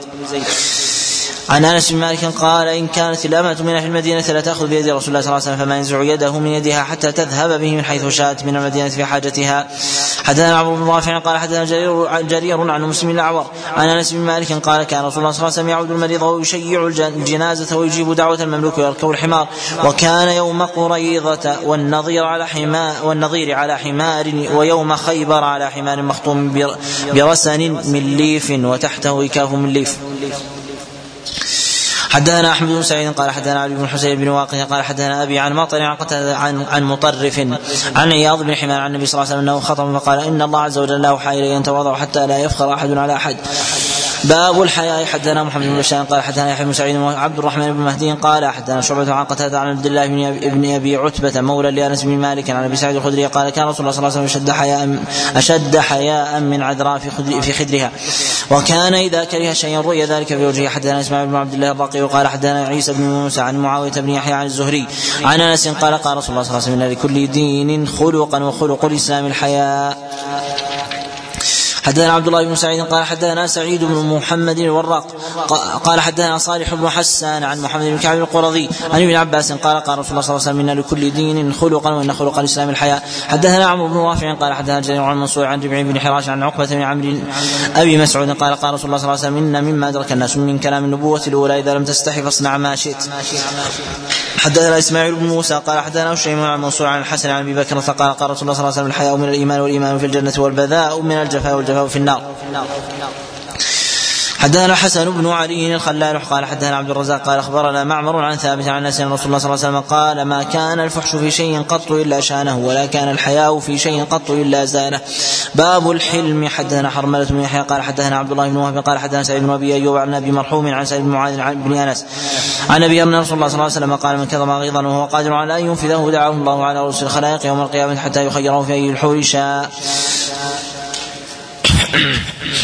حدثنا أبو كريب بن محمد بن الله الهمداني وقال حدثنا يونس بن بكير قال حدثنا خالد بن دينار الشيباني وعن عمارة العبدي قال حدثنا أبو سعيد الخدري قال كنا جلوسا عند رسول الله صلى الله عليه وسلم فقال أتتكم وفود عبد القيس وما يرى أحد فبينا نحن كذلك جاءوا فنزلوا فاتوا رسول الله صلى الله عليه وسلم بقي الاشج العصري فجاء بعد فنزل منزلا فناخ راحلته ووضع ثيابه جانبا ثم جاء إلى رسول الله صلى الله عليه وسلم فقال رسول الله صلى الله عليه وسلم يا اشج إن فيك لخصلتين يحبهما الله ورسوله الحلم والتؤدة قال يا رسول الله شيء جبلت عليه أم شيء حدث لي. قال رسول الله صلى الله عليه وسلم بل شيء جبلت عليه. حدثنا أبو إسحاق الهروي قال حدثنا العباس بن الفضل الأنصاري قال حدثنا قرة بن خالد قال حدثنا أبو جمرة عن ابن عباس النبي صلى الله عليه وسلم قال أشد العصري. إن فيك خصلتين يحبهما الله الحلم والحياء. حدثنا زيد بن مخزم قال حدثنا بشر بن عمر قال حدثنا حماد بن سلمة عن يونس بن عبيد عن الحسن ابن عمر. قال قال رسول الله صلى الله عليه وسلم ما من جرعة أعظم أجرا عند الله من جرعة غيظ كظمها عبد ابتغاء وجه الله. باب الحزن والبكاء. حدثنا أبو بكر بن شيبة قال أخبرنا عبيد الله بن موسى قال أخبرنا إسرائيل عن إبراهيم بن مهاجر عن مجاهد عن مورق العجلي. عن أبي ذر قال قال رسول الله صلى الله عليه وسلم إني أرى ما لا ترون وأسمع ما لا تسمعون إن السماء اطت وحق لها أن تغطى ما فيها موضع أربع اصابع إلا وملك واضع جبهته ساجد ساجدا لله والله. لو تعلمون ما أعلم ضحكتم قليلا وبكيتم كثيرا. وما تلذذتم بالنساء على الفروشات ولا خرجتم من الصعودات تجرون إلى الله. والله لوددت أني كنت شجرة تعضد. حدثنا محمد بن المثنى قال حدثنا عبد الصمد بن عبد الوارث قال حدثنا همام قال حدثنا قتادة عن أنس بن مالك قال قال رسول الله صلى الله عليه وسلم لو تعلمون ما أعلم ضحكتم قليلا وبكيتم كثيرا. حدثنا عبد الرحمن بن إبراهيم قال حدثنا محمد بن أبي فديك عن موسى بن يعقوب الزمعي عن أبي حازم أن عامر بن عبيد الله بن عبد الله بن الزبير أخبره ونبأه أخبره أنه لم يكن بين الإسلام وبين نزلت هذه الآية هذه الآية يعاتبهم الله بها إلا أربع سنين. ولا يكونوا كالذين أوتوا الكتاب من قبل فطال عليهم الأمد فقست قلوبهم وكثير منهم فاسقون. حدثنا بكر بن خالد قال حدثنا بكر الحنفي وقال حدثنا عبد الحميد بن جعفر عن إبراهيم بن عبد الله بن حنين عن أبي هريرة قال قال الانسان إذا طال عليه الأمد بالشبهة قسى قلبه. وإذا طال عليه الأمد بالشهوة مل ورجع. ولهذا الشبهة كانت أكثر حبا لإبليس من الشهوة وذلك أن الشهوة يتاب منها وأما بالنسبة للشبهة لا يتاب منها لأن الإنسان يفعلها يفعلها عن قناعة. نعم. صلى الله عليه حدثنا بكر بن خالد قال حدثنا أبو بكر الحنفي وقال حدثنا عبد الحميد بن جعفر عن إبراهيم بن عبد الله بن حنين عن أبي هريرة قال قال رسول الله صلى الله عليه وسلم لا تكثروا الضحك. فإن كثرة الضحك تميت القلب. حدثنا هناد بن السري قال حدثنا أبو الأحوص عن عن الأعمش عن إبراهيم عن علقمة عن عبد الله قال قال لي النبي صلى الله عليه وسلم اقرأ عليه فقرأت عليه سورة النساء حتى إذا بلغت. فكيف, فكيف إذا جئنا من كل أمة بشهيد وجئنا بك على هؤلاء شهيدا؟ فنظرت إليه فإذا عينه تدمعان. حدثنا القاسم بن زكريا بن دينار قال حدثنا إسحاق بن منصور قال حدثنا أبو رجاء الخرساني وعن محمد بن مالك عن إبراهيم قال كنا مع رسول الله صلى الله عليه وسلم في جنازة فجلس على شفير القبر فبكى حتى بل الثرى. ثم قال يا إخواني لمثل هذا فأعدوا حدثنا عبد الله بن أحمد بن بشير بن ذكوان الدمشقي. حدثنا وليد بن مسلم قال حدثنا أبو رافع عن ابن أبي مليكة عن عبد الرحمن بن السائب عن سعد بن وقاص قال قال رسول الله صلى الله عليه وسلم فإن لم تبكوا فتباكوا. حدثنا عبد الرحمن بن إبراهيم الدمشقي وإبراهيم بن المنذر قال حدثنا ابن أبي فهديك قال حدثني أحمد بن قال حدثني حماد بن أبي حميد الزرقي عن عون بن عبد الله بن عتبة بن مسعود عن ابي عن عبد الله بن مسعود قال قال رسول الله صلى الله عليه وسلم ما من عبد مؤمن يخرج من عينيه دموع وإن كان مثل رأس الذباب من خشية الله ثم تصيب شيئا من حر وجهه إلا حرمه الله على النار. باب التوقي على العمل. حدثنا أبو بكر بن أبي شيبة قال حدثنا وكيع عن مالك بن بن مغول عن عبد الرحمن بن سعيد الهمداني عن عائشة قالت قلت يا رسول الله والذين يؤتون ما آتوا وقلوبهم وجلة هو الذي يزني ويسرق ويشرب الخمر؟ قال لا يا بنية أبي بكر أو قال لا يا ابنة الصديق ولكنه الرجل يصوم ويتصدق ويصلي وهو يخاف أن لا يتقبل منه. حدثنا عثمان بن إسماعيل بن عمران الدمشقي قال حدثنا الوليد بن مسلم قال حدثنا عبد الرحمن بن زيد بن جابر قال حدثنا أبو عبد رب قال سمعت معاوية بن أبي سفيان يقول سمعت رسول الله صلى الله عليه وسلم يقول إنما الأعمال كالوعاء. إذا طاب أسفله طاب اعلاه وإذا فسد أسفله فسد اعلاه حدثنا كثير بن حدثنا كثير بن عبيد الحمصي قال حدثنا بقية عن ورقاء بن عمر قال حدثنا عبد الله بن ذكوان أبو الزناد عن العرج عن أبي هريرة قال قال رسول الله صلى الله عليه وسلم إن العبد إذا صلى في العلانية فأحسن وصلى في السر فأحسن وقال الله عز وجل هذا عبدي حقا. حدثنا عبد الله بن عامر بن زرارة وإسماعيل بن موسى قال حدثنا شريك بن عبد الله عن عن بن صالح. عن أبي هريرة قال قال رسول الله صلى الله عليه وسلم قاربوا وسددوا والنفاق هو الفارق الفارق بين عبادة العلانية وعبادة السر. فإذا زادت عبادة العلانية عن عبادة السر فإن هذا هو نسبة النفاق لدى الإنسان. وكل عمل يفعله الإنسان في العلانية ولا يفعله في السر فهذا فهذا ضرب من ضروب من ضروب النفاق. ولهذا ينبغي للإنسان إذا كان يعمل شيء في العلانية فعليه أن يفعله في السر حتى يزكيه حتى يزكيه. ولهذا عظم الله جل وعلا عبادة السر على عبادة العلانية ودمعة الخلوة على دمعة العلانية. لهذا جاء في الحديث عن رسول الله صلى الله عليه وسلم كما في حديث أبي هريرة في السبعة الذين يظلهم الله عز وجل في ظله يوم لا ظل إلا ظله. قال النبي عليه الصلاة والسلام ورجل ذكر الله خاليا. والعبرة في ذلك هي في الخلوة. ذلك أن الإنسان لا تخرج دمعته في خلوة إلا لعظمة الله في قلبه لأنه لا يراه في لا يراه لا يراه أحد. ولهذا دمعة واحدة في الخلوات أعظم عند الله عز وجل من سكب العبرات في الجلوات. نعم. الله عليك عن أبي هريرة قال قال رسول الله صلى الله عليه وسلم قال وسددوا فانه ليس أحد منكم ينجيه عمله. قال ولا أنت يا رسول الله. قال ولا أنا إلا أن يتغمدني الله برحمة منه وفضل وفضل. باب الرياء والسمعة. حدثنا ابو مروان العثماني وقال حدثنا عبد العزيز بن أبي حازم عن العلاء بن عبد الرحمن عن ابي عن أبي هريرة أن رسول الله صلى الله عليه وسلم قال قال الله عز وجل أنا أغنى الشركاء عن الشرك فمن عمل لي عملا أشرك في غيري فانا منه بريء وهو الذي اشرك وهو للذي اشرك حدثنا محمد بن بشار وهارون وعبد الله الحمام وإسحاق بن منصور قالوا حدثنا محمد بن بكر البرساني قال أخبرنا عبد الحميد بن جعفر قال أخبرني أبي عن زياد بن ميناء عن أبي سعد بن أبي فضالة الأنصاري وكان من الصحابة قال قال رسول الله صلى الله عليه وسلم إذا جمع الله الأولين والآخرين يوم القيامة اليوم لا ريب فيه نادى مناد من كان أشرك في عمل عمله لله فليطلب ثوابه من عند غير الله فإن الله أغنى الشركاء عن الشرك حدثنا عبد الله بن سعيد قال حدثنا خالد الأحمر عن كثير بن زيد بن زيد عن ربيح عن ربيح بن عبد الرحمن بن أبي سعيد الخدري عن أبي عن أبي سعيد قال خرج علينا رسول الله صلى الله عليه وسلم نتذكر مسيح الدجال فقال ألا أخبركم بما هو أخوف عليكم عندي من المسيح الدجال? قال قلنا بلى. فقال الشرك الخفي أن يقوم الرجل فيصلي يصلي فيزين صلاته لما يرى من نظر رجل. حدثنا محمد بن خلف العسقلاني قال حدثنا رواد بن الجراح عن عامر بن عبد الله عن الحسن بن عن الحسن بن ذكوان عن عبادة بن يسي عن شداد بن أوس عن الحسن بن ذكوان عن عبادة بن عن عبادة بن يسي عن عن شداد بن أوس قال قال رسول الله صلى الله عليه وسلم إن اخوف ما تخوف على امتي الإشراك بالله أما إني لست أقول يعبدون الشمس ولا قمر ولا وثنا ولكن ولكن أعمالا لغير الله وشهوة خفية حدثنا أبو بكر أعظم ما يعالج الرياء والشرك الأصغر هو أن يكثر الإنسان من عبادة السر ويغتنم الخلوة بالعبادة فإذا كان وحده في سيارة أو في ظلمة أو في غرفة أو أو في سفر يكثر من صلاة من استغفار من تسبيح وتهليل يغتنم قدر إمكانه مسارعا بعبادة الخلوات حتى يزكو لديه ما يفعله في ما يفعله في العلانية. صلى الله عليه حدثنا أبو بكر بن شيبة وأبو كريم قال حدثنا أبو بكر بن عبد الرحمن قال حدثنا يوسف بن مختار عن محمد بن أبي ليلى عن عطية العوفي عن أبي سعيد الخدري عن النبي صلى الله عليه وسلم قال من يسمع يسمع الله به ومن يرى يرى الله به. حدثنا ابو حدثنا هارون بن إسحاق قال حدثنا محمد بن عبد الوهاب عن سفيان عن سلمة بن كهيل عن جندب قال قال رسول الله صلى الله عليه وسلم من يرى يرى الله به ومن يسمع يسمع الله به. باب الحسد حدثنا محمد بن عبد الله بن نمير قال حدثنا أبي ومحمد بن بشير قال قال حدثنا إسماعيل بن أبي خالد عن قيس بن أبي حازم عن عبد الله بن مسعود قال قال رسول الله صلى الله عليه وسلم لا حسد إلا في اثنتين رجل آتاه الله ما نفس سلطه على هلكته بالحق ورجل أتاه حكمه أتاه الله حكمة فهو يقضي بها ويعلمها. حدثنا يحيى بن حكم محمد بن عبد الله بن يزيد قال حدثنا سفيان عن زهري عن سالم عن أبيه قال قال رسول الله صلى الله عليه وسلم لا حسد إلا في اثنتين رجل أتاه الله القرآن فهو يقوم به اناء الليل واناء النهار ورجل أتاه الله مالا فهو ينفقه اناء الليل واناء واناء النهار. حدثنا حدثنا هارون بن عبد الله الحماد. وأحمد بن الأزهر قال حدثنا ابن أبي فديك عن عيسى بن أبي عيسى الحناط. عن أبي الزناد عن ناس أن رسول الله صلى الله عليه وسلم قال حسد يأكل حسناتك كما تاكل النار الحطب.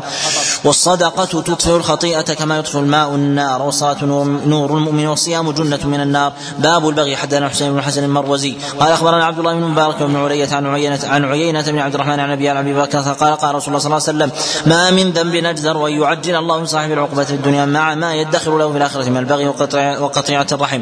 حدثنا سويد بن سعيد قال حدثنا صالح بن موسى عن معاوية بن إسحاق عن عائشة وطلحة عن عائشة أم المؤمنين. قالت قال رسول الله صلى الله عليه وسلم اسرع الخير ثوابا البر وصلة الرحم واسرع الشر عقوبة البغي وقطيعة الرحم. حدثنا يعقوب بن حميد المدني قال حدثنا عبد العزيز بن محمد عن داود بن قيس عن أبي سعيد مولى بن عامر عن أبي هريرة رسول الله صلى الله عليه وسلم قال حسب امرئ من الشر أن يحقر أخاه المسلم. حدثنا حرمه بن يحيى قال حدثنا عبد الله بن وهب قال أخبرنا عمرو بن الحارث عن يزيد بن أبي حبيب عن سنان بن سعد عن أنس بن مالك قال قال رسول الله صلى الله عليه وسلم إن الله عز وجل أوحى إلي أن تواضعوا ولا يبغي بعضكم على بعض باب الورع والتقوى. حدثنا أبو بكر بن شيبة قال حدثنا هاش هاشم بن القاسم قال حدثنا أبو عقيل. قال حدثنا عبد الله بن يزيد. قال حدثنا ربيعة بن يزيد وعطية بن قيس عن عطية السعدي. وكان من أصحاب النبي صلى الله عليه وسلم قال قال النبي صلى الله عليه وسلم لا يبلغ العبد أن يكون من المتقين. حتى يدع ما لا بأس به حذرا لما به لما به البأس. حدثنا حدثنا هشام بن عمار قال حدثنا يحيى بن حمزة قال حدثنا زيد بن واقع قال حدثنا مغيث بن سمي عن عبد الله بن عمرو قال قيل رسول الله صلى الله عليه وسلم أي الناس أفضل؟ قال كل مخموم القلب وصدوق اللسان. قال وصدوق اللسان نعرفه فما مخموم القلب؟ قال هو التقي النقي لا إثم فيه ولا بغي ولا غل ولا حسد. حدثنا علي بن محمد قال حدثنا معاوية عن أبي رجاء عن برد بن سنان عن مكحول عن واثلة الأسقع عن أبي هريرة قال قال رسول الله صلى الله عليه وسلم. يا أبا هريرة كن ورعا تكن اعبد الناس وكن قانعا تكن أشكر الناس واحبا وأحب للناس. ما تحب لنفسك تكن مؤمنا. وأحسن جوار من جاورك تكن مسلما. وأقل الضحك فإن كثرة الضحك تميت القلب. حدثنا عبد الله حدثنا عبد الله بن محمد بن روح قال حدثنا عبد الله بن وهب عن, الماضي بن محمد عن علي بن سليمان عن قاسم محمد عن أبي إدريس الخولاني عن أبي ذر قال قال رسول الله صلى الله عليه وسلم لا عقل كالتدبير ولا ورع كالكف ولا حسب كحسن الخلق. حدثنا محمد بن خلف العسقلاني قال حدثنا يونس محمد قال حدثنا سلام بن أبي المطيع عن قتادة عن الحسن عن الحسن عن سمرة بن جندب. قال قال رسول الله صلى الله عليه وسلم حسب المال والكرم والتقوى. حدثنا هشام بن عمار حدثنا هشام بن عمار وعثمان بن أبي شيبة قال حدثنا معتمر بن سليمان عن كامس بن الحسن عن أبي السرير الضريب بن نقير عن أبي ذر قال قال رسول الله صلى الله عليه وسلم إني لا أعرف كلمة وقال عثمان وآية لو أخذ الناس كلهم بها لكفتهم قالوا يا رسول الله أي آية؟ قال من يتق الله يجعل له مخرجا. باب ثناء الحسن. حدثنا أبو بكر بن أبي شيبة قال حدثنا يزيد بن هارون قال أخبرنا نافع بن عمر الجمحي, الجمحي عن أمية بن صفوان عن أبي بكر بن أبي زهير الثقفي عن أبيه قال خطب رسول الله صلى الله عليه وسلم بالنباوة أو البناوة قال والنباوة من الطائف قال يشكر ان تعرف أهل الجنة من أهل النار قالوا بما ذاك يا رسول الله قال بالثناء الحسن والثناء السيء أنتم شهداء الله بعضكم على بعض حدثنا أبو بكر بن ابي شيبة قال حدثنا أبو معاوية عن الأعمش عن جامع بن عن كلثوم الخزاعي. قالت النبي صلى الله عليه وسلم رجل فقال يا رسول الله كيف لي أن أعلم إذا أحسنت وأني قد أحسنت وإذا أسأت وأني قد أسأت؟ فقال رسول الله صلى الله عليه وسلم إذا قال جيرانك إنك قد إنك قد أحسنت فقد أحسنت. وإذا قالوا إنك قد أسأت فقد أسأت. حدثنا محمد بن يحيى قال حدثنا عبد الرزاق قال أخبرنا معمر عن منصور عن أبي وائل عن عبد الله قال قال رجل لرسول الله صلى الله عليه وسلم كيف لي أن أعلم إذا ولهذا أعلم الناس بالشخص جاره. وأعظم ما يسأل عن بالوصول إليه من جهة خلقه ودينه أن يسأل الجار وذلك لقربه وأعلم الناس بحاله وحال أهله ومدخله ومخرجه وأدبه ودينه وصلاته وستره وعفافه فهو أعلم الناس لقربه لقربه به. نعم.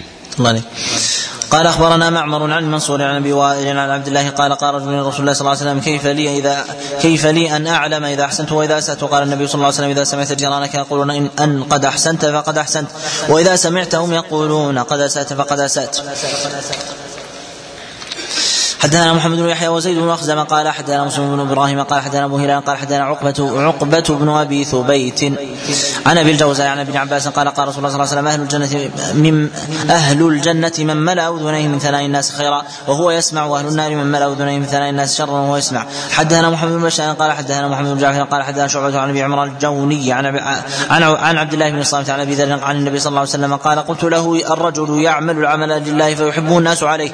قال ذلك عاجل بشرى المؤمن حدثنا محمد بن بشار قال حدثنا أبو داود قال حدثنا سعيد بن سنان أبو سنان الشيباني قال عن عن حبيب بن أبي ثابت عن أبي صالح عن أبي هريرة قال قال رجل يا رسول الله إني أعمل العمل فيطلع, فيطلع عليه فيعجبني قال لك اجران اجر السر واجر العلانية باب النية. حدثنا أبو بكر بن شيبة قال حدثنا يزيد بن وحدثنا محمد بن محي قال أخبرنا ليث بن سعيد قال أخبرنا يحيى بن سعيد أن محمد بن إبراهيم التيمي أخبره أنه سمع علقمه بن وقاص أنه سمع عمر بن الخطاب يخطب الناس وقال سمعت رسول الله صلى الله عليه وسلم يقول إنما الاعمال بالنيات وإنما لكل امرئ ما وإنما إنما الأعمال بالنيات ولكل امرئ ما نوى فمن كانت هجرته إلى الله وإلى رسوله فهجرته إلى الله وإلى رسوله ومن كانت هجرته لدنيا يصيبها أو امرأة يتزوجها فهجرته إلى ما هجر إليه. حدثنا أبو بكر بن شيبه وعلي بن محمد قال حدثنا وكيع قال حدثنا أعمش عن سالم بن أبي الجعد عن كبشة المالي قال قال رسول الله صلى الله عليه وسلم مثل هذه الأمة كمثل أربعة نفر رجل رجل اتاه الله مالا وعلما فهو يعمل بعلمه في ماله ينفقه في حقه ورجل اتاه الله علما لم يؤت ولم يؤت مالا فهو يقول لو كان لي مثل هذا مثل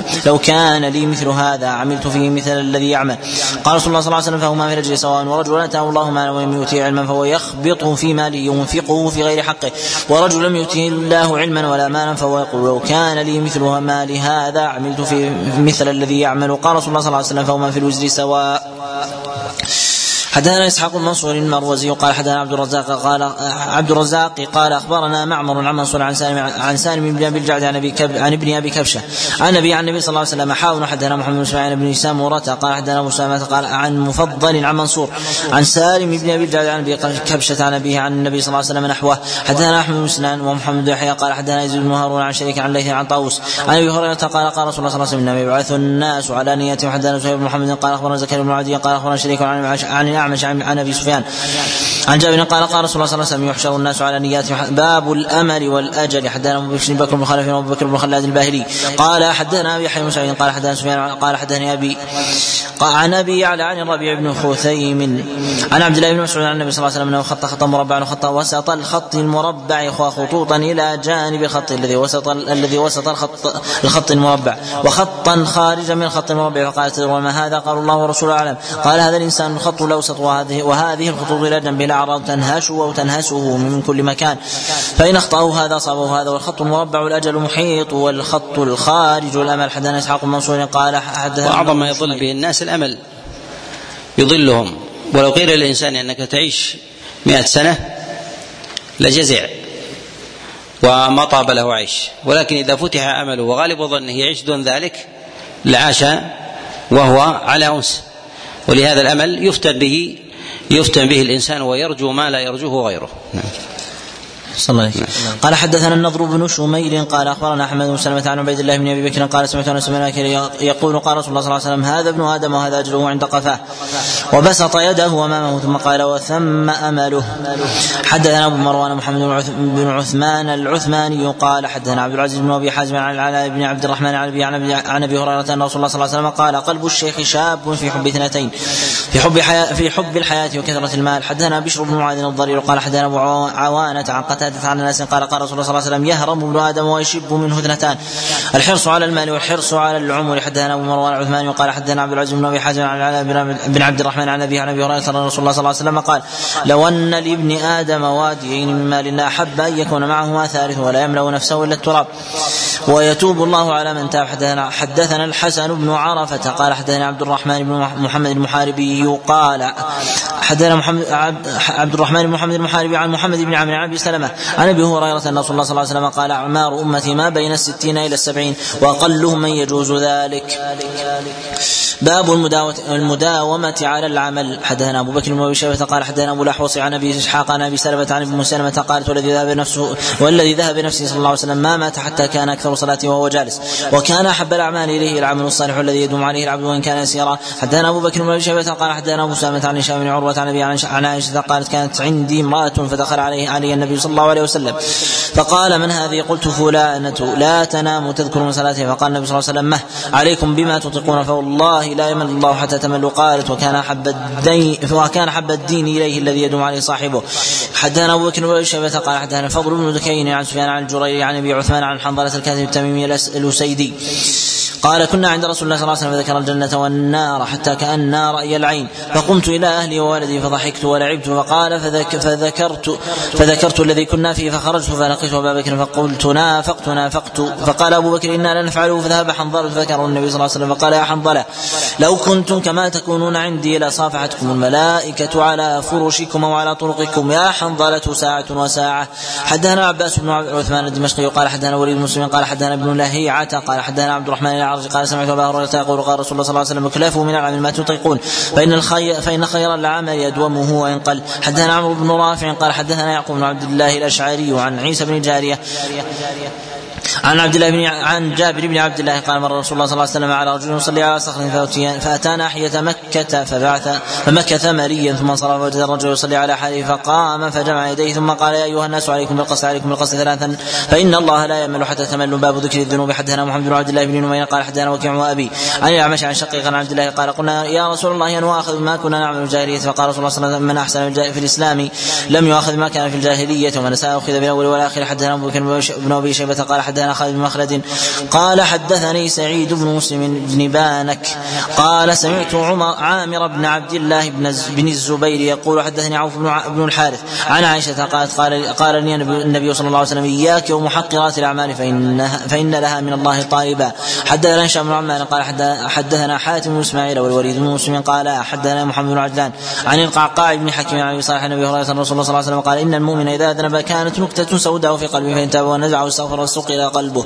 فإن زاد زادت فذلك الران الذي ذكر الله في كتابه كلا بل ران على قلوبهم ما كانوا يكسبون. حدثنا عيسى بن يونس الرملي قال حدثنا عقبة بن علقمة بن حد بن حديج المعافري المعافري عن أرطاة بن المنذر. عن أبي عامر الهاني عن ثوب عن ثوبان عن النبي صلى الله عليه وسلم أنه قال لا أعلمن قوما لا أعلمن أقواما من أمتي يأتون يوم القيامة بحسناتنا مثل الجبال تهامة بيضاء بيضاء فيجعلها الله عز وجل هباء منثورا قال ثوبان يا رسول الله اصفهم لنا جلهم لنا ألا نكون منهم ونحن لا نعلم. قال أما إنهم إخوانكم من جلدتكم؟ ويأخذون من الليل كما تأخذون ولكنهم أقوام إذا خلوا بمحارم الله انتهكوها.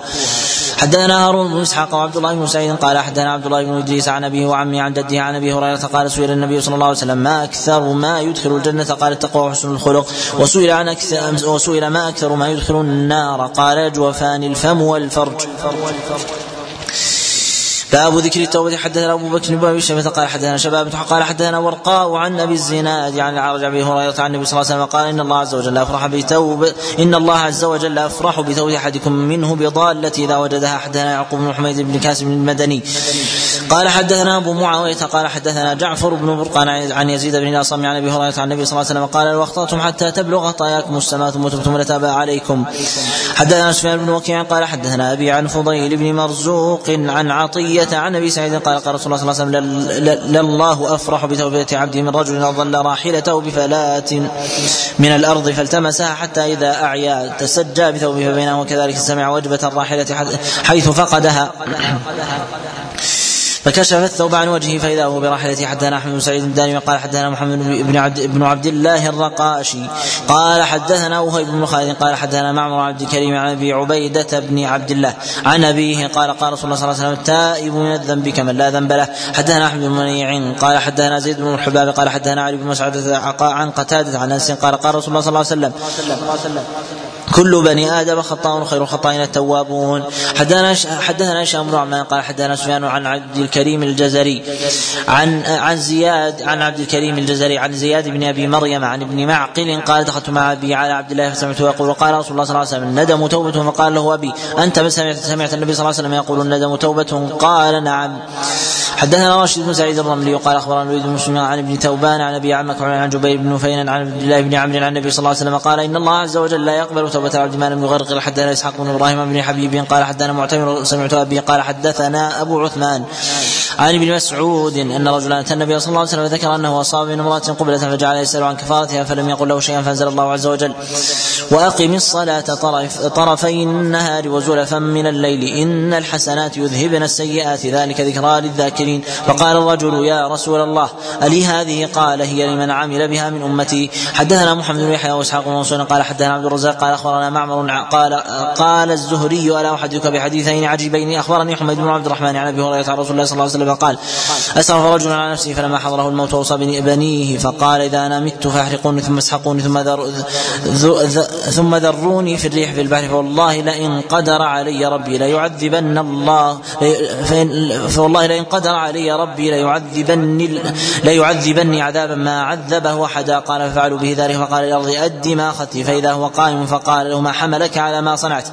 قال خشيتك ومخافتك يا رب فغفر له بذلك. قال الزهري وحدثني حميد بن عبد الرحمن. عن أبي هريرة عن رسول الله صلى الله عليه وسلم قال دخلت امرأة النار في هرة ربطتها فلا هي اطعمتها ولا هي أرسلتها تأكل من خشاش الأرض حتى ماتت. قال الزهري لئلا يتكل رجل ولا ييأس رجل. حدثنا عبد الله بن سعيد قال حدثنا عبد بن سليمان عن موسى بن المسيب الثقفي عن شهر بن حوشب عن عبد الرحمن بن غانم عن أبي ذر عن أبي ذر قال قال رجل قال قال رسول الله صلى الله عليه وسلم إن الله تبارك وتعالى يقول يا عبادي كلكم مذنب الا من عافيت فسالوني المغفرة فأغفر لكم. ومن علم منكم أني ذو قدرة على المغفرة فاستغفرني بقدرتي غفرت له. وكلكم ضال إلا من هديت فسالوني الهدى اهدكم وكلكم فقير فقير إلا من أغنيت فسلوني أرزقكم ولو أن حيكم وميتكم وأولكم وآخركم ورطبكم ويابسكم اجتمعوا فكانوا على قلب أتقى عبد من عبادي. لم يزد في ملكي جناح بعوض لم يزد في ملكي جناح بعوضة ولو اجتمعوا فكانوا على قلب أشقى عبد من عبادي. لم ينقص من ملكي جناح بعوضة ولو أن حيكم وميتكم وأولكم وآخركم ورطبكم ويابسكم اجتمعوا فسأل كل سائر منهم ما بلغ ما بلغت أمنيته ما نقص من ملكي إلا كما لو أن أحدكم مر بشف بشفة البحر فغمس فيها إبرة ثم نزعها ذلك بأني جواد ماجد عطائي كلام. إذا أردت شيئا فإنما أقول له كن فيكون. باب ذكر الموت والاستعداد له والاستعداد له. حدثنا محمود بن غيلان قال حدثنا الفضل موسى عن محمد بن عمرو بن عن, عن, أبي سلمة عن أبي هريرة قال قال رسول الله صلى الله عليه وسلم أكثروا ذكر هادم اللذات يعني الموت. حدثنا الزبير بن مكان قال حدثنا أنس بن عياض قال حدثنا نافع بن نافع بن عبد الله عن فروة بن قيس عن عطاء بن أبي رباح عن ابن عمر أنه قال كنت مع رسول الله صلى الله عليه وسلم فجاء رجل من الأنصار فسلم على النبي صلى الله عليه وسلم ثم قال يا رسول الله أي المؤمنين أفضل؟ قال أحسنهم خلقا. قال فأي المؤمنين اكيس قال أكثرهم ذكر أكثرهم للموت ذكرا وأحسنهم لما بعده استعدادا.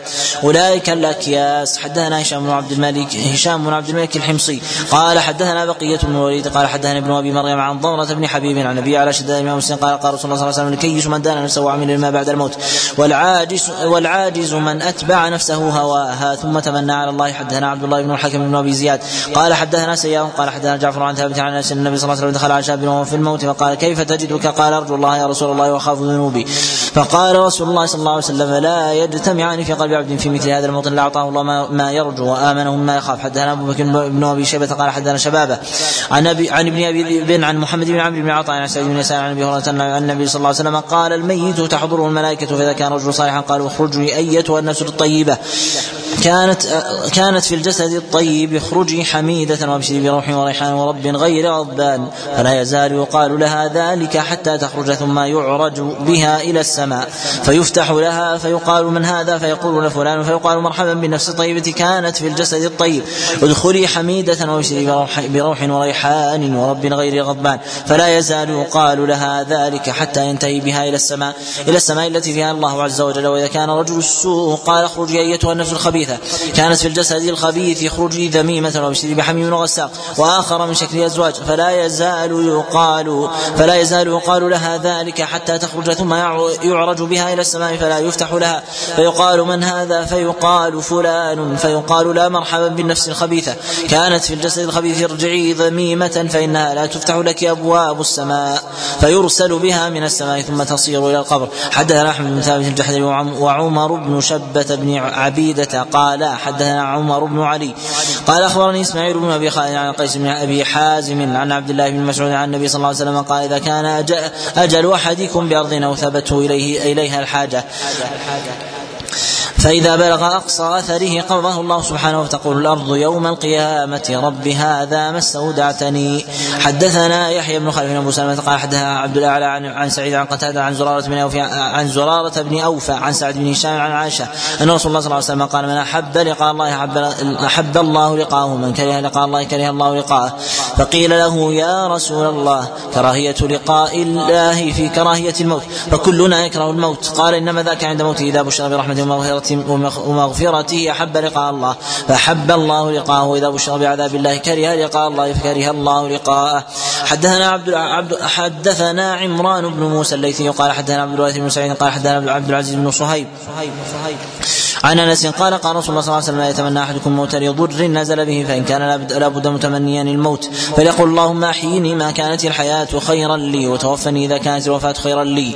باب ذكر القبر والبلاء حدثنا أبو بكر بن أبي شيبة قال حدثنا أبو معاوية عن عم شعب بن صالح عن أبي هريرة قال قال رسول الله صلى الله عليه وسلم ليس شيء من, من الإنسان إلا يبلى الا عظم واحد وهو عجب الذنب ومنه يركب الخلق يوم القيامة.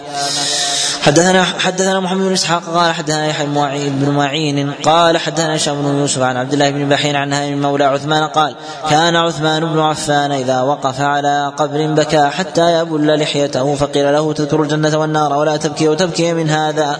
قال إن رسول الله صلى الله عليه وسلم قال إن القبر أول منازل الآخرة فإن نجا منه فما بعده أيسر منه وإن لم ينج منه فما بعده أشد منه. قال وقال رسول الله صلى الله عليه وسلم ما رأيت منظرا قط إلا والقبر أفظع منه.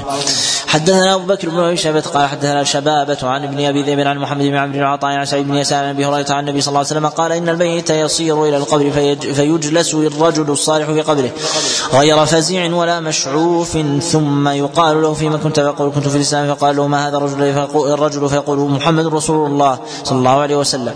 جاءنا بالبينات من عند الله فصدقناه فيقال له هل رأيت الله؟ فيقول ما ينبغي لأحد أن يرى الله فيفرج له فرجة قبل النار فينظر إليها يحطم بعضها بعضا فيقول انظر إلى ما وقاك الله.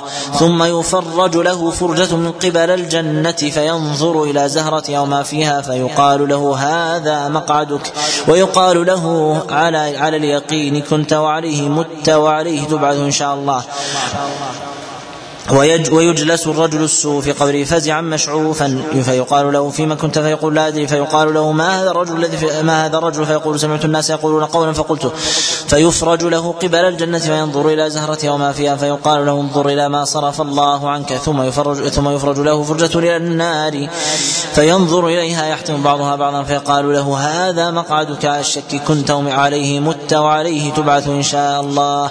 حدثنا محمد بن بشار قال حدثنا محمد جعفر قال حدثنا شعبة عن علقمة بن مرثد عن سعد بن عبيدة عن عن البراء بن عازب عن النبي صلى الله عليه وسلم قال يثبت الله الذين آمنوا بالقول الثابت. قال نزلت في عذاب القبر. يقال له من ربك? فيقول ربي الله. ونبي محمد. فذلك قوله يثبت الله الذين آمنوا بالقول الثابت في الحياة الدنيا وفي الآخرة. حدثنا أبو بكر بن شيبة. قال حدثنا عبد الله بن نمير. قال حدثنا عبيد الله بن عمر عن نافع عن ابن عمر النبي صلى الله عليه وسلم قال إذا مات أحدكم عرض على مقعده بالغداة والعشي. وإن كان من أهل الجنة فمن أهل الجنة وإن كان من أهل النار فمن أهل النار. يقال هذا مقعدك حتى تبعث يوم القيامة. حدثنا سويد بن سعيد قال أخبرنا مالك بن سعد بن شهاب عن عبد الرحمن بن كعب الأنصاري أنه أخبره أن أباه كان يحدث عن رسول الله صلى أن رسول الله صلى الله عليه وسلم قال إنما نسمة المؤمن طائر يعلق في شجر الجنة حتى يرجع إلى جسده يوم يبعث. حدثنا إسماعيل بن محصن أبو اللي قال أخبرنا أبو بكر بن عياش عن الأعمش عن ابي سفيان عن جابر عن النبي صلى الله عليه وسلم قال إذا دخل الميت القبر مثلت مثلت له الشمس مثلت له الشمس عند غروبها أو مثلت الشمس له عند غروبها فيجلس يمسح عينيه ويقول دعوني أصلي. باب ذكر البعث. حدثنا أبو بكر بن أبي شيبة قال حدثنا عباد بن العوام عن حجاج عن عطية عن أبي سعيد قال قال رسول الله صلى الله عليه وسلم إن صاحبي الصور بأيديهما أو في أيديهما قرنان يلاحظان النظر متى يؤمران. إن صاحبي الصور بأيديهما أو في أيديهما قرنان يلاحظان النظر متى يؤمران. حدثنا أبو بكر بن أبي شيبة قال حدثنا علي بن مسلم عن محمد بن عن أبي سلمة عن أبي هريرة قال قال رجل من اليهود بسوق المدينة والذي اصطفى موسى على البشر فرفع رجل من الأنصار يده فلطمه فقال فتقول هذا وفي رسول الله صلى الله عليه وسلم فذكر ذلك. رسول الله صلى الله عليه وسلم قال قال الله عز وجل ونفخ في الصور فصعق من في السماوات ومن في الأرض إلا من شاء الله ثم نفخ فيه أخرى فإذا هم قيام ينظرون. فأكون أول من رفع رأسه فإذا أنا بموسى آخذ بقامة من قوام العرش. فلا أدري رفع رأسه قبلي أو كان ممن استثنى الله عز وجل ومن قال أنا خير من يونس بن متى فقد كذب. حدثنا هشام بن عمار ومحمد بن الصباح قال حدثنا عبد العزيز بن أبي حازم قال حدثنا أبي عن عبيد الله بن مقسم. عن عبد الله بن عمر قال سمعت رسول الله صلى الله عليه وسلم وهو يقول على المنبر يقول يخرج جبر السماوات وارضه بيده وقبض يده فجعل يقبضها ويبسطها ثم يقول ولا الجبار ولا الملك واين الجبار ولا المتكبر ويتمايل رسول الله صلى الله عليه وسلم عن يمينه وعن شماله حتى نظرت إلى المنبر يتحرك من أسفل شيء منه حتى إني لا أقول وساقط هو برسول الله صلى الله عليه وسلم. حدثنا أبو بكر بن بن أبي شيبة قال حدثنا أبو خالد الأحمر عن حاتم بن أبي صغيرة عن, عن ابن أبي مليكة عن القاسم قال قالت عائشة قلت يا رسول الله كيف يحشر الناس يوم القيامة؟ قال عراة حفاة. قلت والناس قال والنساء قال والنساء قلت يا رسول الله فما يستحيا؟ قال يا عائشة الأمر أهم من أن ينظر بعضهم إلى بعض. حدثنا أبو بكر قال حدثنا وكيع عن علي بن علي بن رفاعة عن الحسن عن ابي موسى الاشعري قال قال رسول الله صلى الله عليه وسلم يعرض الناس يوم القيامة ثلاث عرضات فأما عرضتان في جدان ومعاذر وأما ثالثة فعند ذلك تطير الصحف الأيدي فأخذ بيمينه وأخذ بشماله. حدثنا أبو بكر بن ابي شيبة قال حدثنا عيسى بن موسى وأبو خالد الأحمر عن ابن عون عن نافع عن ابن عمر عن النبي صلى الله عليه وسلم يوم يقوم الناس لرب العالمين. قال يقوم أحدهم في رشحه إلى انصاف اذنيه حدثنا أبو بكر بن أبي شيبة قال حدثنا علي بن مسلم عن داود عن شعبي عن مسروق عن عائشة عن عائشة قالت سألت رسول الله صلى الله عليه وسلم عن قوله تعالى يوم تبدل الأرض غير الأرض والسماوات فأين يكون الناس يوم يومئذ قال على الصراط. حدثنا أبو بكر بن أبي شيبة قال حدثنا عبد الأعلى عن محمد بن إسحاق قال حدثني عبيد الله بن المغيرة عن سليمان بن عمرو بن عبد بن عبد العت العتواري أحد بني ليث قال وكان في حجز أبي سعيد قال سمعت يعني أبي سعيد يقول سمعت رسول الله صلى الله عليه وسلم يقول يوضع الصراط بين ظهراني جهنم على حسك كحسك السعدان ثم يستجيز الناس فناج مسلم مخدوج به, مخدوج به ثم ناج محتبس به ومنكوس فيها. حدثنا أبو بكر بن أبي شيبة قال حدثنا معاويه عن عمش عن سفيان عن جابر عن مبشر عن حفصة قالت قال النبي صلى الله عليه وسلم إني أرجو أن لا يدخل النار أحد إن شاء الله تعالى ممن شهد بدرا ممن شهد بدرا والحديبية قالت قلت يا رسول الله اليس قد قال الله وإن منكم إلا واردها كان على ربك حتما مقضيا. قال ألم تسمعيه يقول ثم ننجي الذين اتقوا ونذر الظالمين فيها جثيا. باب صفة أمة محمد صلى الله عليه وسلم. حدثنا أبو بكر قال حدثنا يحيى بن زكريا بن أبي زايدة عن أبي مالك الشافعي عن أبي حازم عن أبي هريرة قال قال رسول الله صلى الله عليه وسلم تردون علي غرا محجلين من الوضوء. سيما سيما أمتي ليست لأحد غيرها. حدثنا محمد بن بشار قال حدثنا محمد بن جعفر قال حدثنا شعبة عن أبي إسحاق عن عمرو بن ميمون عن عمرو بن ميمون عن عبد الله قال كنا مع رسول الله صلى الله عليه وسلم في قبة فقال ترضون أن تكونوا ربع أهل الجنة؟ قلنا بلى.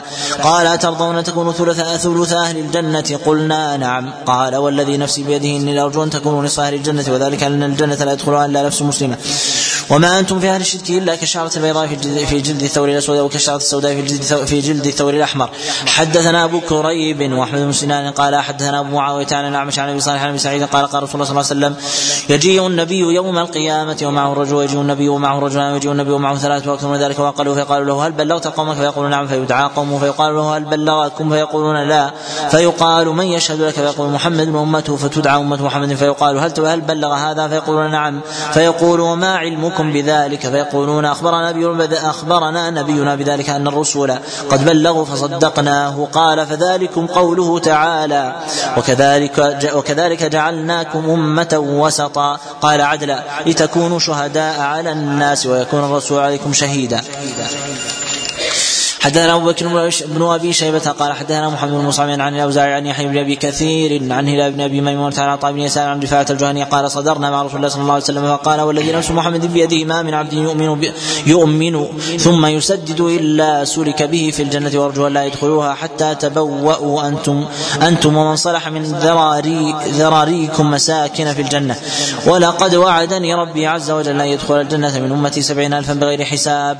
حدثنا هشام بن عمار قال حدثنا اسماعيل بن عياش قال حدثنا محمد بن زياد الألهاني قال سمعت أبا أمامة الباهلية يقول سمعت رسول الله صلى الله عليه وسلم يقول وعدني ربي سبحانه أن يدخل الجنة من أمتي سبعين الفا لا حساب عليهم ولا عذاب.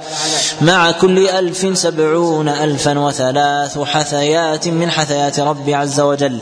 حدثنا عيسى بن محمد بن نحاس الرملي وأيوب بن محمد الرقي قال حدثنا ضمرة بن ربيعة عن ابن شوذب عن بهز بن حكيم عن عن جده قال قال رسول الله صلى الله عليه وسلم نكمل يوم القيامة سبعين أمة نحن آخرها وخيرها. حدثنا محمد بن خالد بن خداش قال حدثنا إسماعيل بن علية عن باز بن حكيم عن أبي عن قال سمعت رسول الله صلى الله عليه وسلم يقول إنكم وفيتم سبعين أمة أنتم خيرها وأكرمها على الله.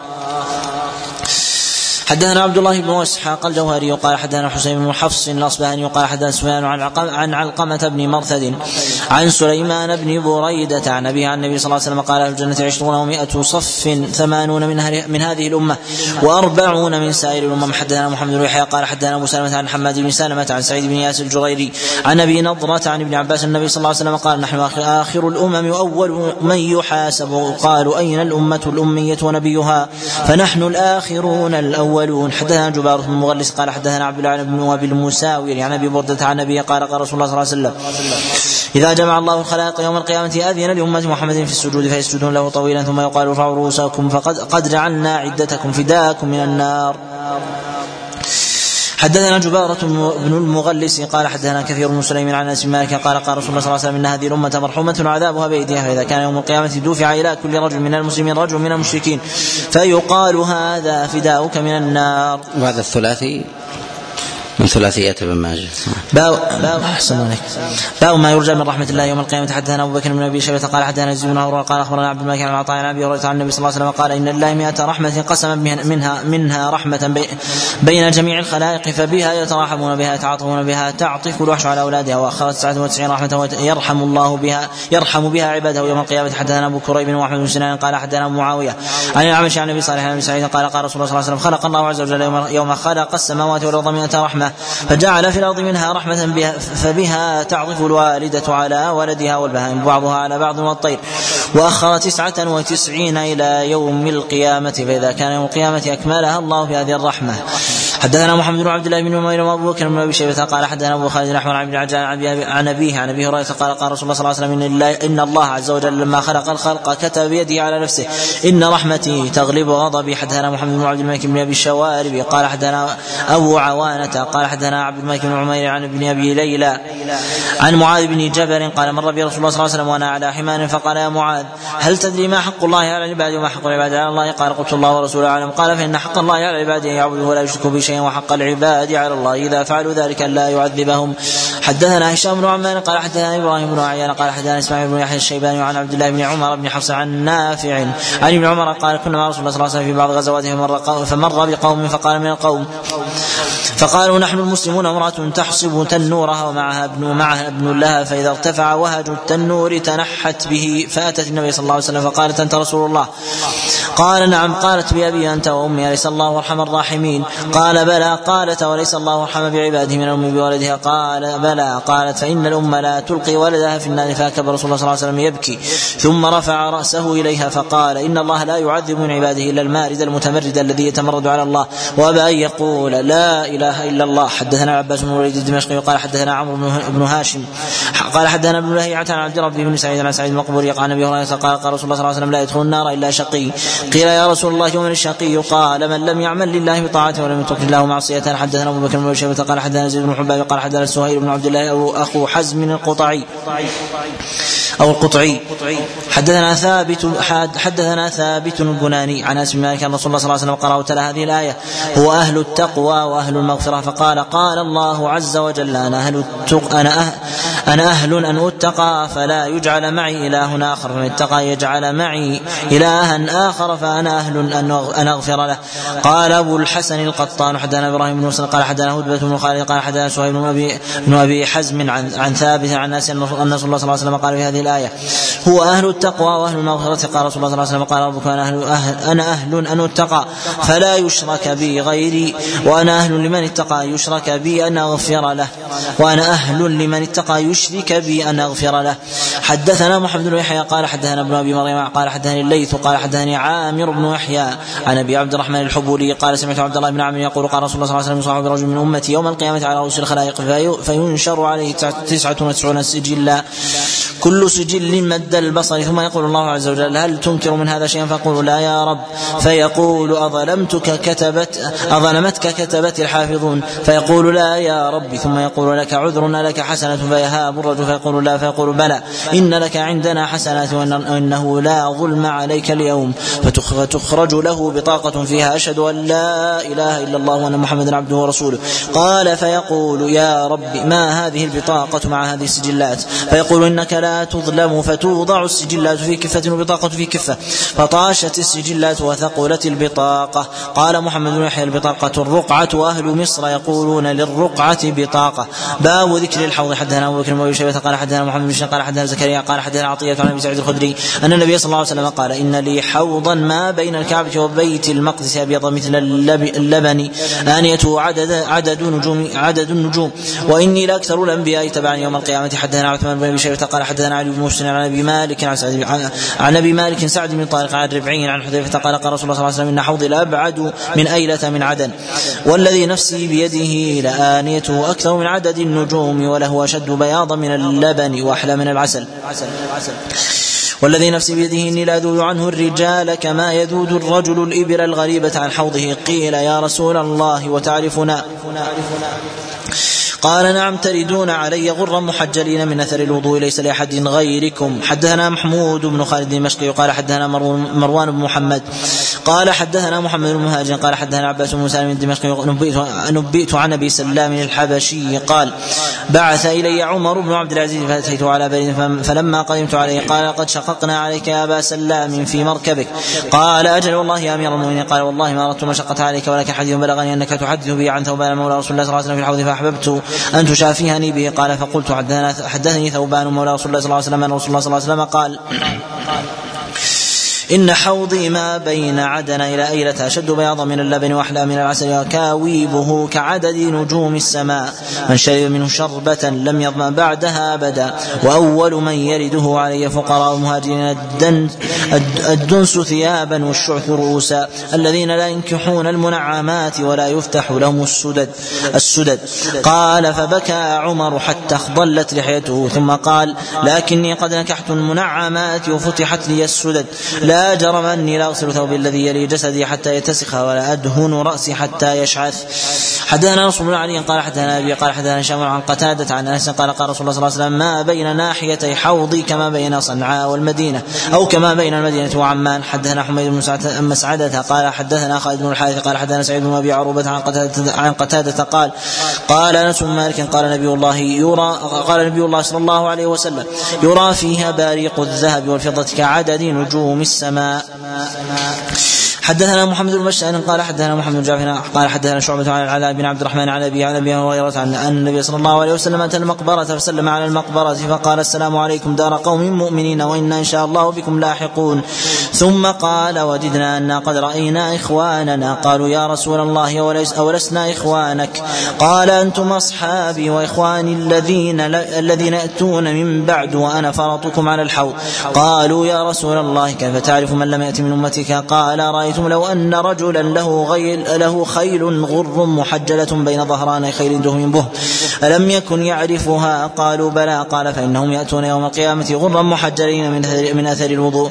قال أنا فرطكم على الحوض. ثم قال ليذادن رجال عن حوضي. كما يذاد البعير الضال. فأناديهم ألا هلموا؟ فيقال إنهم قد بدلوا بعدك. ولم يزالوا يرجعون على أعقابهم. فلا فاقول ألا سحقا سحقا. باب ذكر الشفاعة. حدثنا أبو بكر بن أبي شيبة قال حدثنا أبو معاوية عن الأعمش عن أبي صالح عن أبي هريرة قال قال رسول الله صلى الله عليه وسلم لكل نبي دعوه مستجابة فتعجل كل نبي دعوته. وإني اختبأت دعوتي شفاعة لأمتي فهي نائلة من مات منهم لا يشرك بالله شيئا. حدثنا مجاهد بن موسى وأبو إسحاق الهروي وإبراهيم بن عبد الله بن بن حاتم قال حدثنا هشيم. قال أخبرنا علي بن زيد بن جدعان عن عن أبي نضرة عن أبي سعيد قال قال رسول الله صلى الله عليه وسلم أنا سيد ولد آدم ولا فخر وأنا أول من تنشق الأرض عنه يوم القيامة ولا فخر وأنا أول شافع وأول مشفع ولا فخر ولواء الحمد بيدي يوم القيامة ولا فخر. حدثنا نصر بن علي وإسحاق بن إبراهيم بن حبيب قال حدثنا بشر حدثنا بشر بن المفضل حدثنا سعيد بن يزيد عن أبي نضرة.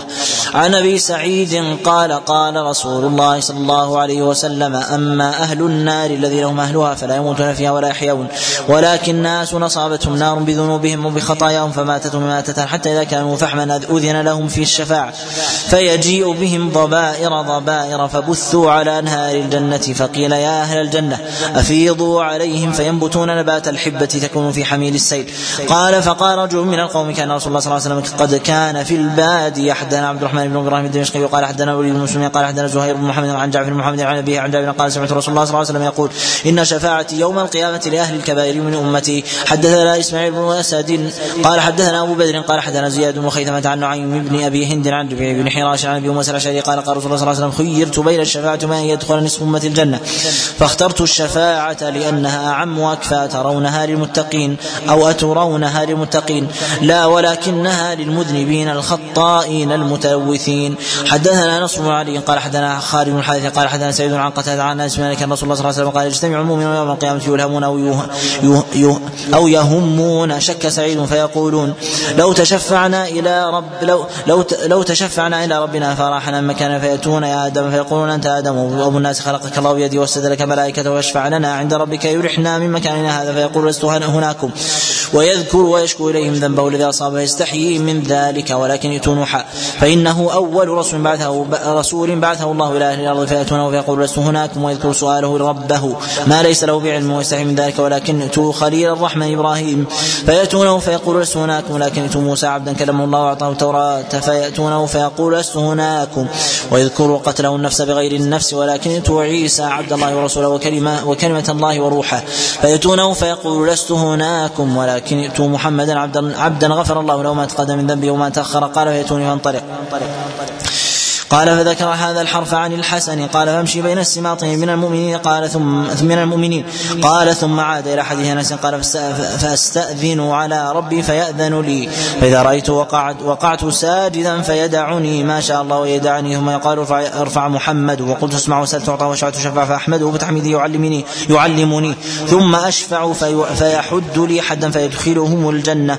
ثم أعود ثانية. فإذا رأيت وقعت ساجدا فيد فيد فيدعني. ما شاء الله ويدعني ثم يقال لي ارفع ارفع محمد وقلت اسمع وسل تعطى واشفع تشفع فاحمده بتحميد يعلمنيه ثم أشفع فيحد لي حدا فيدخلهم الجنة. ثم أعود الثالثه فإذا رأيت ربي وقعت ساجدا فيدعني ما شاء الله ويدعني ثم ثم يقال ارفع محمد. قلت اسمع وسل تعطى واشفع تشفع فارفع رأسي فاحمده بتحميد يعلمني ثم أشفع فيحد لي حدا فيدخلهم الجنة. ثم أعود الرابعة فأقول يا رب ما بقي إلا من حبسه القرآن. قال يقول قتادة على إثر هذا الحديث. وحدثنا أنس بن مالك رسول الله أعظم من حبسه القرآن من أخذ القرآن والوحي لغير الله. وهو أول من تسعر بهم النار ولا يخرج من النار أبدا باعتبار أنه أشرك مع الله عز وجل بأعظم شيء خرج من الله وهو كلامه سبحانه سبحانه وتعالى. نعم. الله عليك قال يقول قتادة على إثر هذا الحديث وحدثنا أنس بن مالك أن رسول الله صلى الله عليه وسلم قال يخرج من النار من قال لا إله إلا الله وكان في قلبه مثقال شعير مثقال شعيرة من خير ويخرج من النار من قال لا إله إلا الله وكان في قلبه مثقال برة من خير ويخرج من النار من قال لا إله إلا الله وكان في قلبه مثقال ذرة من خير. حدثنا سعيد بن مروان قال حدثنا أحمد بن قال حدثنا عنبسة بن عبد الرحمن عن علاق بن أبي مسلم عن أبان بن عثمان عن عثمان بن عفان قال قال رسول الله صلى الله عليه وسلم يشفع يوم القيامة ثلاثة الانبياء ثم العلماء ثم الشهداء. حدثنا إسماعيل بن عبد الله الرقي قال حدثنا عبيد الله بن عمرو قال حدثنا عن عبد الله قال حدثنا عبيد الله بن عمرو عن عبد الله بن محمد بن عقيل عن الطفيل بن أبي بن كعب عن أبيه أن رسول الله صلى الله عليه وسلم قال إذا كان يوم القيامة كنت امام النبيين وخطيبهم وصاحب شفاعتهم غير فخر. حدثنا محمد بن بشار قال حدثنا يحيى بن سعيد قال حدثنا حسن بن ذكوان بن مذكوان عن أبي رجاء العطاردي عن عمران بن الحصين عن النبي صلى الله عليه وسلم قال يخرجن قوم من النار بشفاعتي يسمونهم الجهنميين. حدثنا أبو بكر بن شيبه قال حدثنا عفان قال حدثنا وهيب عن قال حدثنا خالد عن عبد الله بن شقيق عن عبد الله بن أبي الجدعاء أنه سمع النبي صلى الله عليه وسلم يقول ليدخلن الجنة بشفاعة رجل من أمتي أكثر من بني تميم. قالوا يا رسول الله سواك. قال سواك. الرواية قلت أنت سمعته من رسول الله صلى الله عليه وسلم؟ قال أنا سمعته. حدثنا هشام بن عمار قال حدثنا صدقة بن خالد قال حدثنا ابن جابر قال سمعت سليمان بن عامر يقول سمعت عوف بن مالك بن مالك الشعي يقول قال رسول الله صلى الله عليه وسلم أتدرون ما خيرني ربي ربي الليلة؟ قلنا الله ورسوله أعلم. قال فإنه خيرني بين أن يدخل, أن يدخل نصف أمتي الجنة وبين الشفاعة فاخترت الشفاعة. قلنا يا رسول الله ادعو الله يجعلنا من أهلها. قال هي لكل مسلم. باب صفة النار. أعاذنا الله منها. حدثنا حدثنا محمد بن عبد الله بن نمير قال حدثنا أبي ويعلى. عن إسماعيل بن أبي خالد عن نفيع بن عن نفيع أبي داود عن أنس بن مالك قال قال رسول الله صلى الله عليه وسلم إن ناركم هذه جزء من سبعين جزءا من نار جهنم ولولا أنها أطفئت بالماء بالماء مرتين ما انتفعتم بها وإنها لتدعو الله عز وجل أن لا يعيدها فيها. حدثنا أبو بكر بن أبي شيبة قال حدثنا عبد الله بن إدريس عن عن الأعمش عن صالح أبي هريرة قال قال رسول الله صلى الله عليه وسلم اشتكت النار إلى ربها فقالت يا ربي أكل بعضي بعضا فجعل لها نفسين نفس في الشتاء ونفس في الصيف فشدة ما تجدون من البرد من, من زمهريرها وشدة ما تجدون من الحر من سمومها. حدثنا العباس بن محمد الدوري قال حدثنا يحيى بن أبي بكير قال حدثنا شريك عن عاصم عن أبي صالح عن أبي هريرة عن النبي صلى الله عليه وسلم قال أوقدت النار ألف سنة فابيضت ثم اوقدت ألف سنة فاحمرت. ثم وقدت ألف سنة فاسودت فهي سوداء كالليل المظلم حدثنا خليل بن قال حدثنا محمد بن سلمة الحراني عن محمد بن إسحاق عن محمد بن إسحاق عن حميد الطويل عن أنس بن مالك قال قال رسول الله صلى الله عليه وسلم يوم القيامة بأنعم أهل الدنيا من الكفار. فيقال اغمسوه في النار غمسة. فيغمس فيها ثم يخرج ثم يقال أي فلان هل أصابك نعيم قط؟ فيقول لا ما أصابني نعيم قط. ويؤتى بأشد المؤمنين ضرا وبلاء. فيقال اغمسوه غمسة في الجنة. فيغمس فيها غمسة فيقال له أي فلان؟ هل أصابك ضر قط وبلاء؟ فيقول ما أصابني قط ضر ولا, ولا بلاء. حدثنا أبو بكر بن شيبة قال حدثنا بكر بن, بكر بن عبد الرحمن قال حدثنا عيسى بن المختار عن محمد بن أبي ليلى عن عطية العوفي عن أبي سعيد الخدري عن النبي صلى الله عليه وسلم أنه قال إن الكافر لا يعظم حتى إن ضرسه حتى إن ضرسه لأعظم من أحد. وفضيلة جسده على ضرسه كفضيلة جسد أحدكم على ضرسه. حدثنا أبو بكر بن أبي شيبة قال حدثنا عبد الرحيم بن سليمان عن داود بن أبي هند قال حدثنا عبد الله بن قيس قال كنت عند أبي بردة ذات ليلة فدخل علينا الحارث فدخل علينا الحارث بن أقيس أقيش. فحدثنا الحارث ليلة إذن رسول الله صلى الله عليه وسلم قال إن من أمتي من يدخل الجنة بشفاعة أكثر من مضر وإن من أمتي من يعظم من يعظم للنار حتى يكون أحد زواياها. حدثنا محمد بن عبد الله بن قال حدثنا محمد بن عبيد عن الاعمش عن يزيد الرقاشي. عن أنس بن مالك قال قال رسول الله صلى الله عليه وسلم يرسل البكاء على أهل النار فيبكون حتى تنقطع الدموع ثم يبكون الدم حتى يصير حتى يصير في وجوههم كهيئة الأخدود. لو أرسلت فيه السفن لجرت. حدثنا محمد بن قال حدثنا ابن أبي عدي عن شعبة عن سليمان عن مجاهد عن ابن عباس قال قال رسول الله صلى الله عليه وسلم يا أيها الذين آمنوا اتقوا الله حق تقاته ولا تموتن إلا وأنتم مسلمون. ولو أن قطرة من الزقوم قطرت في الأرض لأفسدت على أهل الدنيا معيشتهم. فكيف بمن ليس له طعام غيره؟ حدثنا محمد بن عبادة الواسطي. قال حدثنا يعقوب بن محمد الزهري. قال حدثنا إبراهيم بن سعيد عن الزهري عن عطاء بن يزيد عن أبي هريرة عن النبي صلى الله عليه وسلم قال تأكل النار ابن آدم فلا أث إلا أثر السجود. حرم الله على النار أن تأكل أثر السجود.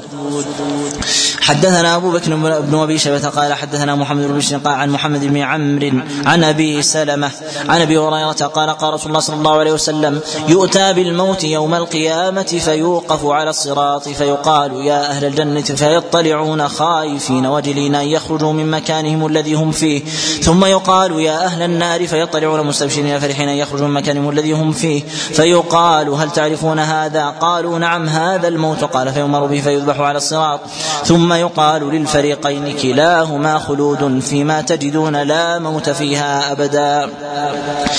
باب صفة الجنة. جعلنا الله من أهلها. حدثنا وأبو بكر أبو بكر بن أبي شيبة قال حدثنا أبو معاوية عن الأعمش عن أبي صالح عن أبي هريرة قال قال رسول الله صلى الله عليه وسلم يقول الله عز وجل أعددت لعبادي الصالحين ما لا عين رأت ولا أذن سمعت ولا خطر على قلب بشر.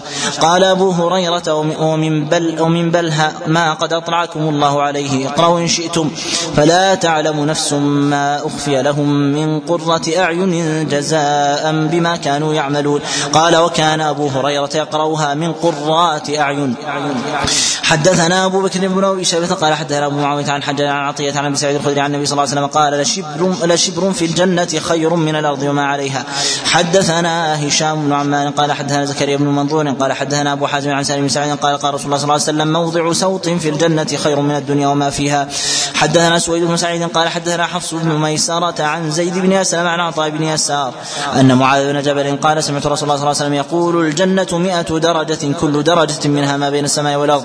وإن أعلاها الفردوس وإن أوسطها الفردوس وإن العرش على الفردوس منها تفجر أنهار الجنة منها تفجر أنهار الجنة. فإذا سألتم الله فسألوه الفردوس.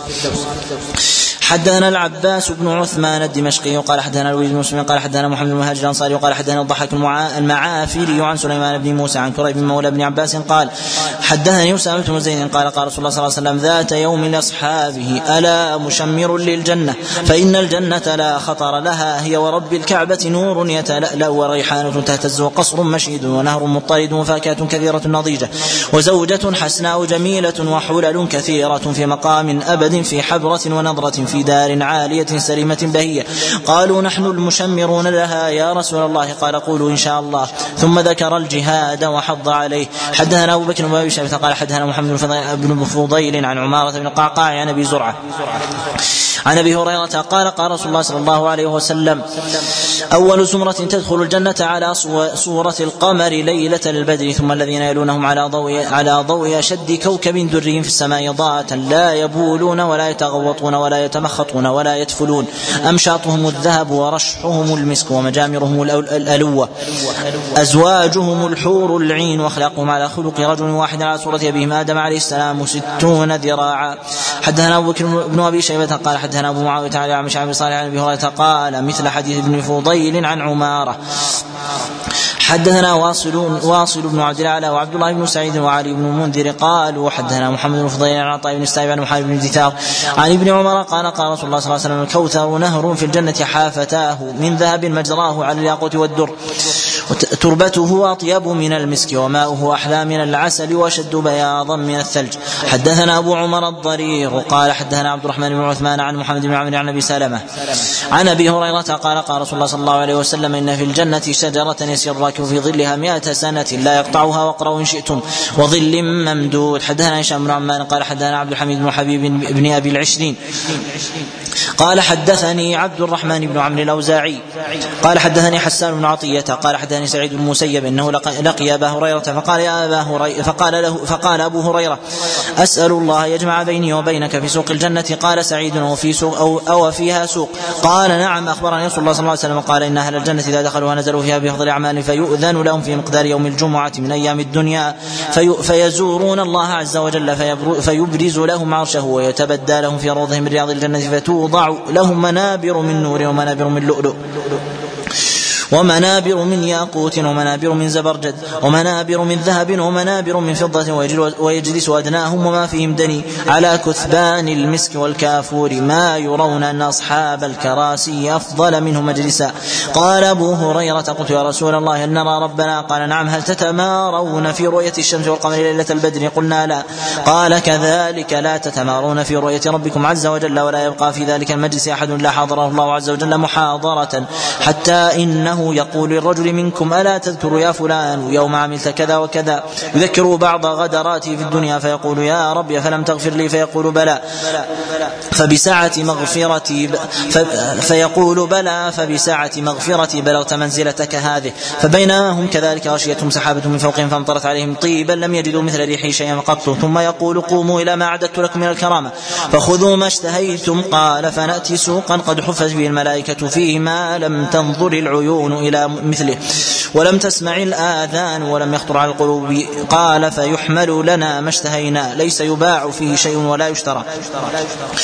وفي ذلك السوق يلقى أهل يلقى أهل الجنة بعضهم بعضا فيقبل الرجل ذو المنزلة المرتفعة فيلقى من هو دونه وما فيهم دني فيروعه ما يرى عليه من اللباس فما ينقضي آخر حديثه حتى يتمثل عليه أحسن منه وذلك أنه لا ينبغي لأحد أن يحزن فيها. قال ثم ننصرف إلى منازلنا فتتلقانا أزواجنا فيقولن مرحبا وأهلا لقد جئنا لقد جئت وإن بك من الجمال والطيب أفضل مما فارقتنا عليه. فنقول إنا جالسنا اليوم ربنا الجبار عز وجل ويحقنا أن أن ننقلب بمثل من قلبنا. حدثنا هشام بن خالد الأزرق وأبو مروان الدمشقي قال حدثنا خالد بن يزيد بن أبي مالك عن ابيه عن خالد بن عن, عن خالد بن معدان عن أبي أمامة قال قال رسول الله صلى الله عليه وسلم ما من أحد يدخله يدخله الله الجنة إلا زوجه الله عز وجل ثنتين وسبعين زوجة ثنتين من الحور العين وسبعين من ميراث من أهل النار ما منهن واحدة إلا ولها قبل شيء وله ذكر لا ينثني. قال هشام بن خالد من ميراثه من أهل النار يعني رجالا دخلوا النار فورث أهل الجنة نساء كما ورثت امرأة فرعون. حدثنا محمد بن بشار قال حدثنا معاذ بن هشام قال حدثنا ابي عن عامر الأحول عن أبي الصديق الناجي عن أبي سعيد الخدري قال قال رسول الله صلى الله عليه وسلم المؤمن إذا اشتهى الولد في الجنة كان حمله ووضعه وسنه في ساعة واحدة كما يشتهي. حدثنا عثمان بن أبي شيبة قال حدثنا جرير عن منصور عن إبراهيم بن عبيد عن عن إبراهيم عن عبيدة عن عبد الله بن مسعود قال قال رسول الله صلى الله عليه وسلم إني لأعلم آخر أهل النار خروجا منها وآخر أهل الجنة دخولا إلى الجنة. رجل يخرج من النار حبوا فيقال له اذهب فادخل الجنة فيأتيها فيخيل إليه أنها ملأى فيرجع فيقول يا رب وجدتها ملأى فيقول الله اذهب فادخل الجنة. فيأتيها فيخيل إليه انها ملأى فيرجع فيقول يا رب وجدتها ملأى فيقول الله سبحانه اذهب فادخل الجنة. فيأتيها فيخيل اليه أنها ملأى فيرجع فيقول يا رب وجدتها ملأى فيقول الله اذهب فادخل الجنة. فإن لك مثل الدنيا وعشرة أمثالها أو إن لك مثل عشرة أمثال الدنيا. فيقول أتسخر بي أو تضحك بي وأنت الملك؟ قال فلقد رأيت رسول الله صلى الله عليه وسلم ضحك حتى بدت نواجذه فكان يقال هذا ادنى أهل الجنه منزلا. حدثنا الناد بن السري قال حدثنا أبو الأحوص عن أبي إسحاق عن بريد بن أبي مريم عن أنس بن مالك قال قال رسول الله صلى الله عليه وسلم من سأل الله الجنة ثلاث مرات قالت الجنة اللهم أدخله الجنة ومن استجار من النار ثلاث مرات قالت النار واللهم اللهم أجره من النار. حدثنا أبو بكر بن أبي شيبة وأحمد بن سنان قال حدثنا أبو معاوية عن الأعمش عن أبي صالح عن أبي هريرة قال قال رسول الله صلى الله عليه وسلم ما منكم من أحد إلا له منزلان. منزل في الجنة ومنزل في النار. فإذا مات فدخل النار ورث أهل الجنة منزله. فذلك قوله عز وجل أولئك هم الوارثون. تم الكتاب. نحمد الله سبحانه وتعالى على توفيقه ومنته وأسأله جل وعلا أن يعطينا بركة هذا الكتاب وبركة سنة النبي عليه الصلاة والسلام. ورحمته ونضارته وفضله وكرمه ومغفرته وأسأله جل وعلا أن من كما من علينا في هذه المجالس باحتباس أيام وليالي وساعات أن يكون ذلك فرجا لنا في الوقوف بين يديه وشفيعا لنا عنده بشفاعة رسوله صلى الله عليه وسلم. وأسأله سبحانه وتعالى أن يجعلنا من الواردين إلى حوض رسوله صلى الله عليه وسلم. وأسأله سبحانه وتعالى أن يجعل احتباسنا لأوقاتنا وساعاتنا واجتماعنا في مثل هذه المجالس بركة عنده ويسرا يوم العرض عليه وتخفيفا في الحساب وإسراعا في العرض والمرور على الصراط. ومن الواردين على حوض رسول الله صلى الله عليه وسلم. وأسأله سبحانه وتعالى أن يكمل لنا النعمة وأن يتم لنا الخير وأن يحسن إلينا وأن يحسن إلينا بفضله وكرمه. وأسأله سبحانه وتعالى أن ينفعنا بما سمعنا وأن يعلمنا ما جهلنا وأن يبارك لنا فيما علمنا سبحانه وتعالى. وأسأله جل وعلا أن يرزقنا الإخلاص وأن يعيننا على العمل وأن يعيذنا من سيئات أنفسنا. وأسأله سبحانه وتعالى أن يبارك لنا فيما نستقبل من أعمالنا وأوقاتنا وكذلك أيضا من ذرياتنا وأزواجنا. وأسأله سبحانه وتعالى أن يهدينا الصراط المستقيم أن يسددنا سداد السهم وأن يهدينا هداية الطريق وأن يجعلنا على منهج رسول الله صلى الله عليه وسلم ثابتين غير ناكصين مستقيمين غير حائدين ولا منحرفين وأن يلحقنا برسول الله صلى الله عليه وسلم وأن يهب لنا نضاره القلوب ونضاره الأجسام وأن يخلفنا في أهلينا وذرياتنا وسمعنا وأبصارنا وقواتنا وأموالنا خيرا إنه ولي ذلك والقادر عليه. إن هذه المجالس المباركة التي جلسناها تباعا في أيام متقاربة إنه من فضل الله سبحانه وتعالى أن يتلو الإنسان متدبرا متاملا كذلك أيضا مستفهما لما جاء عن رسول الله صلى الله عليه وسلم. إن النبي صلى الله عليه وسلم قد بعثه الله جل وعلا وبقي في مكة أكثر من عقد وبقي في المدينة عقدا عليه الصلاة والسلام. كلامه منثور في بين أصحابه عليهم رضوان الله. منه ما هو فعل ومنه ما هو قول ومنه ما هو تقرير ومنه ما هو سير. وهذه قد من الله عز وجل علينا أن جمعت في مصنفات ودواوين نقوم باستعراض سيرة رسول الله صلى الله عليه وسلم والنظر فيها وتأملها. وهذه من نعم الله سبحانه وتعالى علينا أن بارك لنا في هذا هذه الأوقات. فأتم علينا هذه النعمة أن قمنا باستعراض وحي الله سبحانه وتعالى على رسوله صلى الله عليه وسلم. ونسأله جل وعلا كما يسر لنا ذلك وسهله وختمه أن ييسر لنا اللحاق برسول الله صلى الله عليه وسلم. وأن يكون ذلك بلاغا وزادا عنده سبحانه وتعالى. وأسأل الله جل وعلا أن يغفر لنا الزلل والخطل والسهو والغلط. إنه ولي ذلك والقادر عليه. وقد مر علينا في بيان منهج المصنف رحمه الله في كتابه السنن واتضح لنا طريقة المصنف عليه رحمة الله في سرد الأحاديث وكذلك ذكر الطرق وكذلك أيضا الفوائد التي يملكها الإنسان وترسخ لديه من معرفة الشيوخ ومعرفة طرائق المصنف في تراجمه وكذلك أيضا ترتيبه لأبوابه وكذلك أيضا طريقة سياقه للمتابعات والشواهد وكذلك صنعة المصنف الفقهية وكذلك أيضا روايات. هذا الكتاب وكذلك أيضا وفره المسائل الفقهية التي أورد المصنف لها أدلة من كلام الله أو من كلام رسول الله صلى الله عليه وسلم.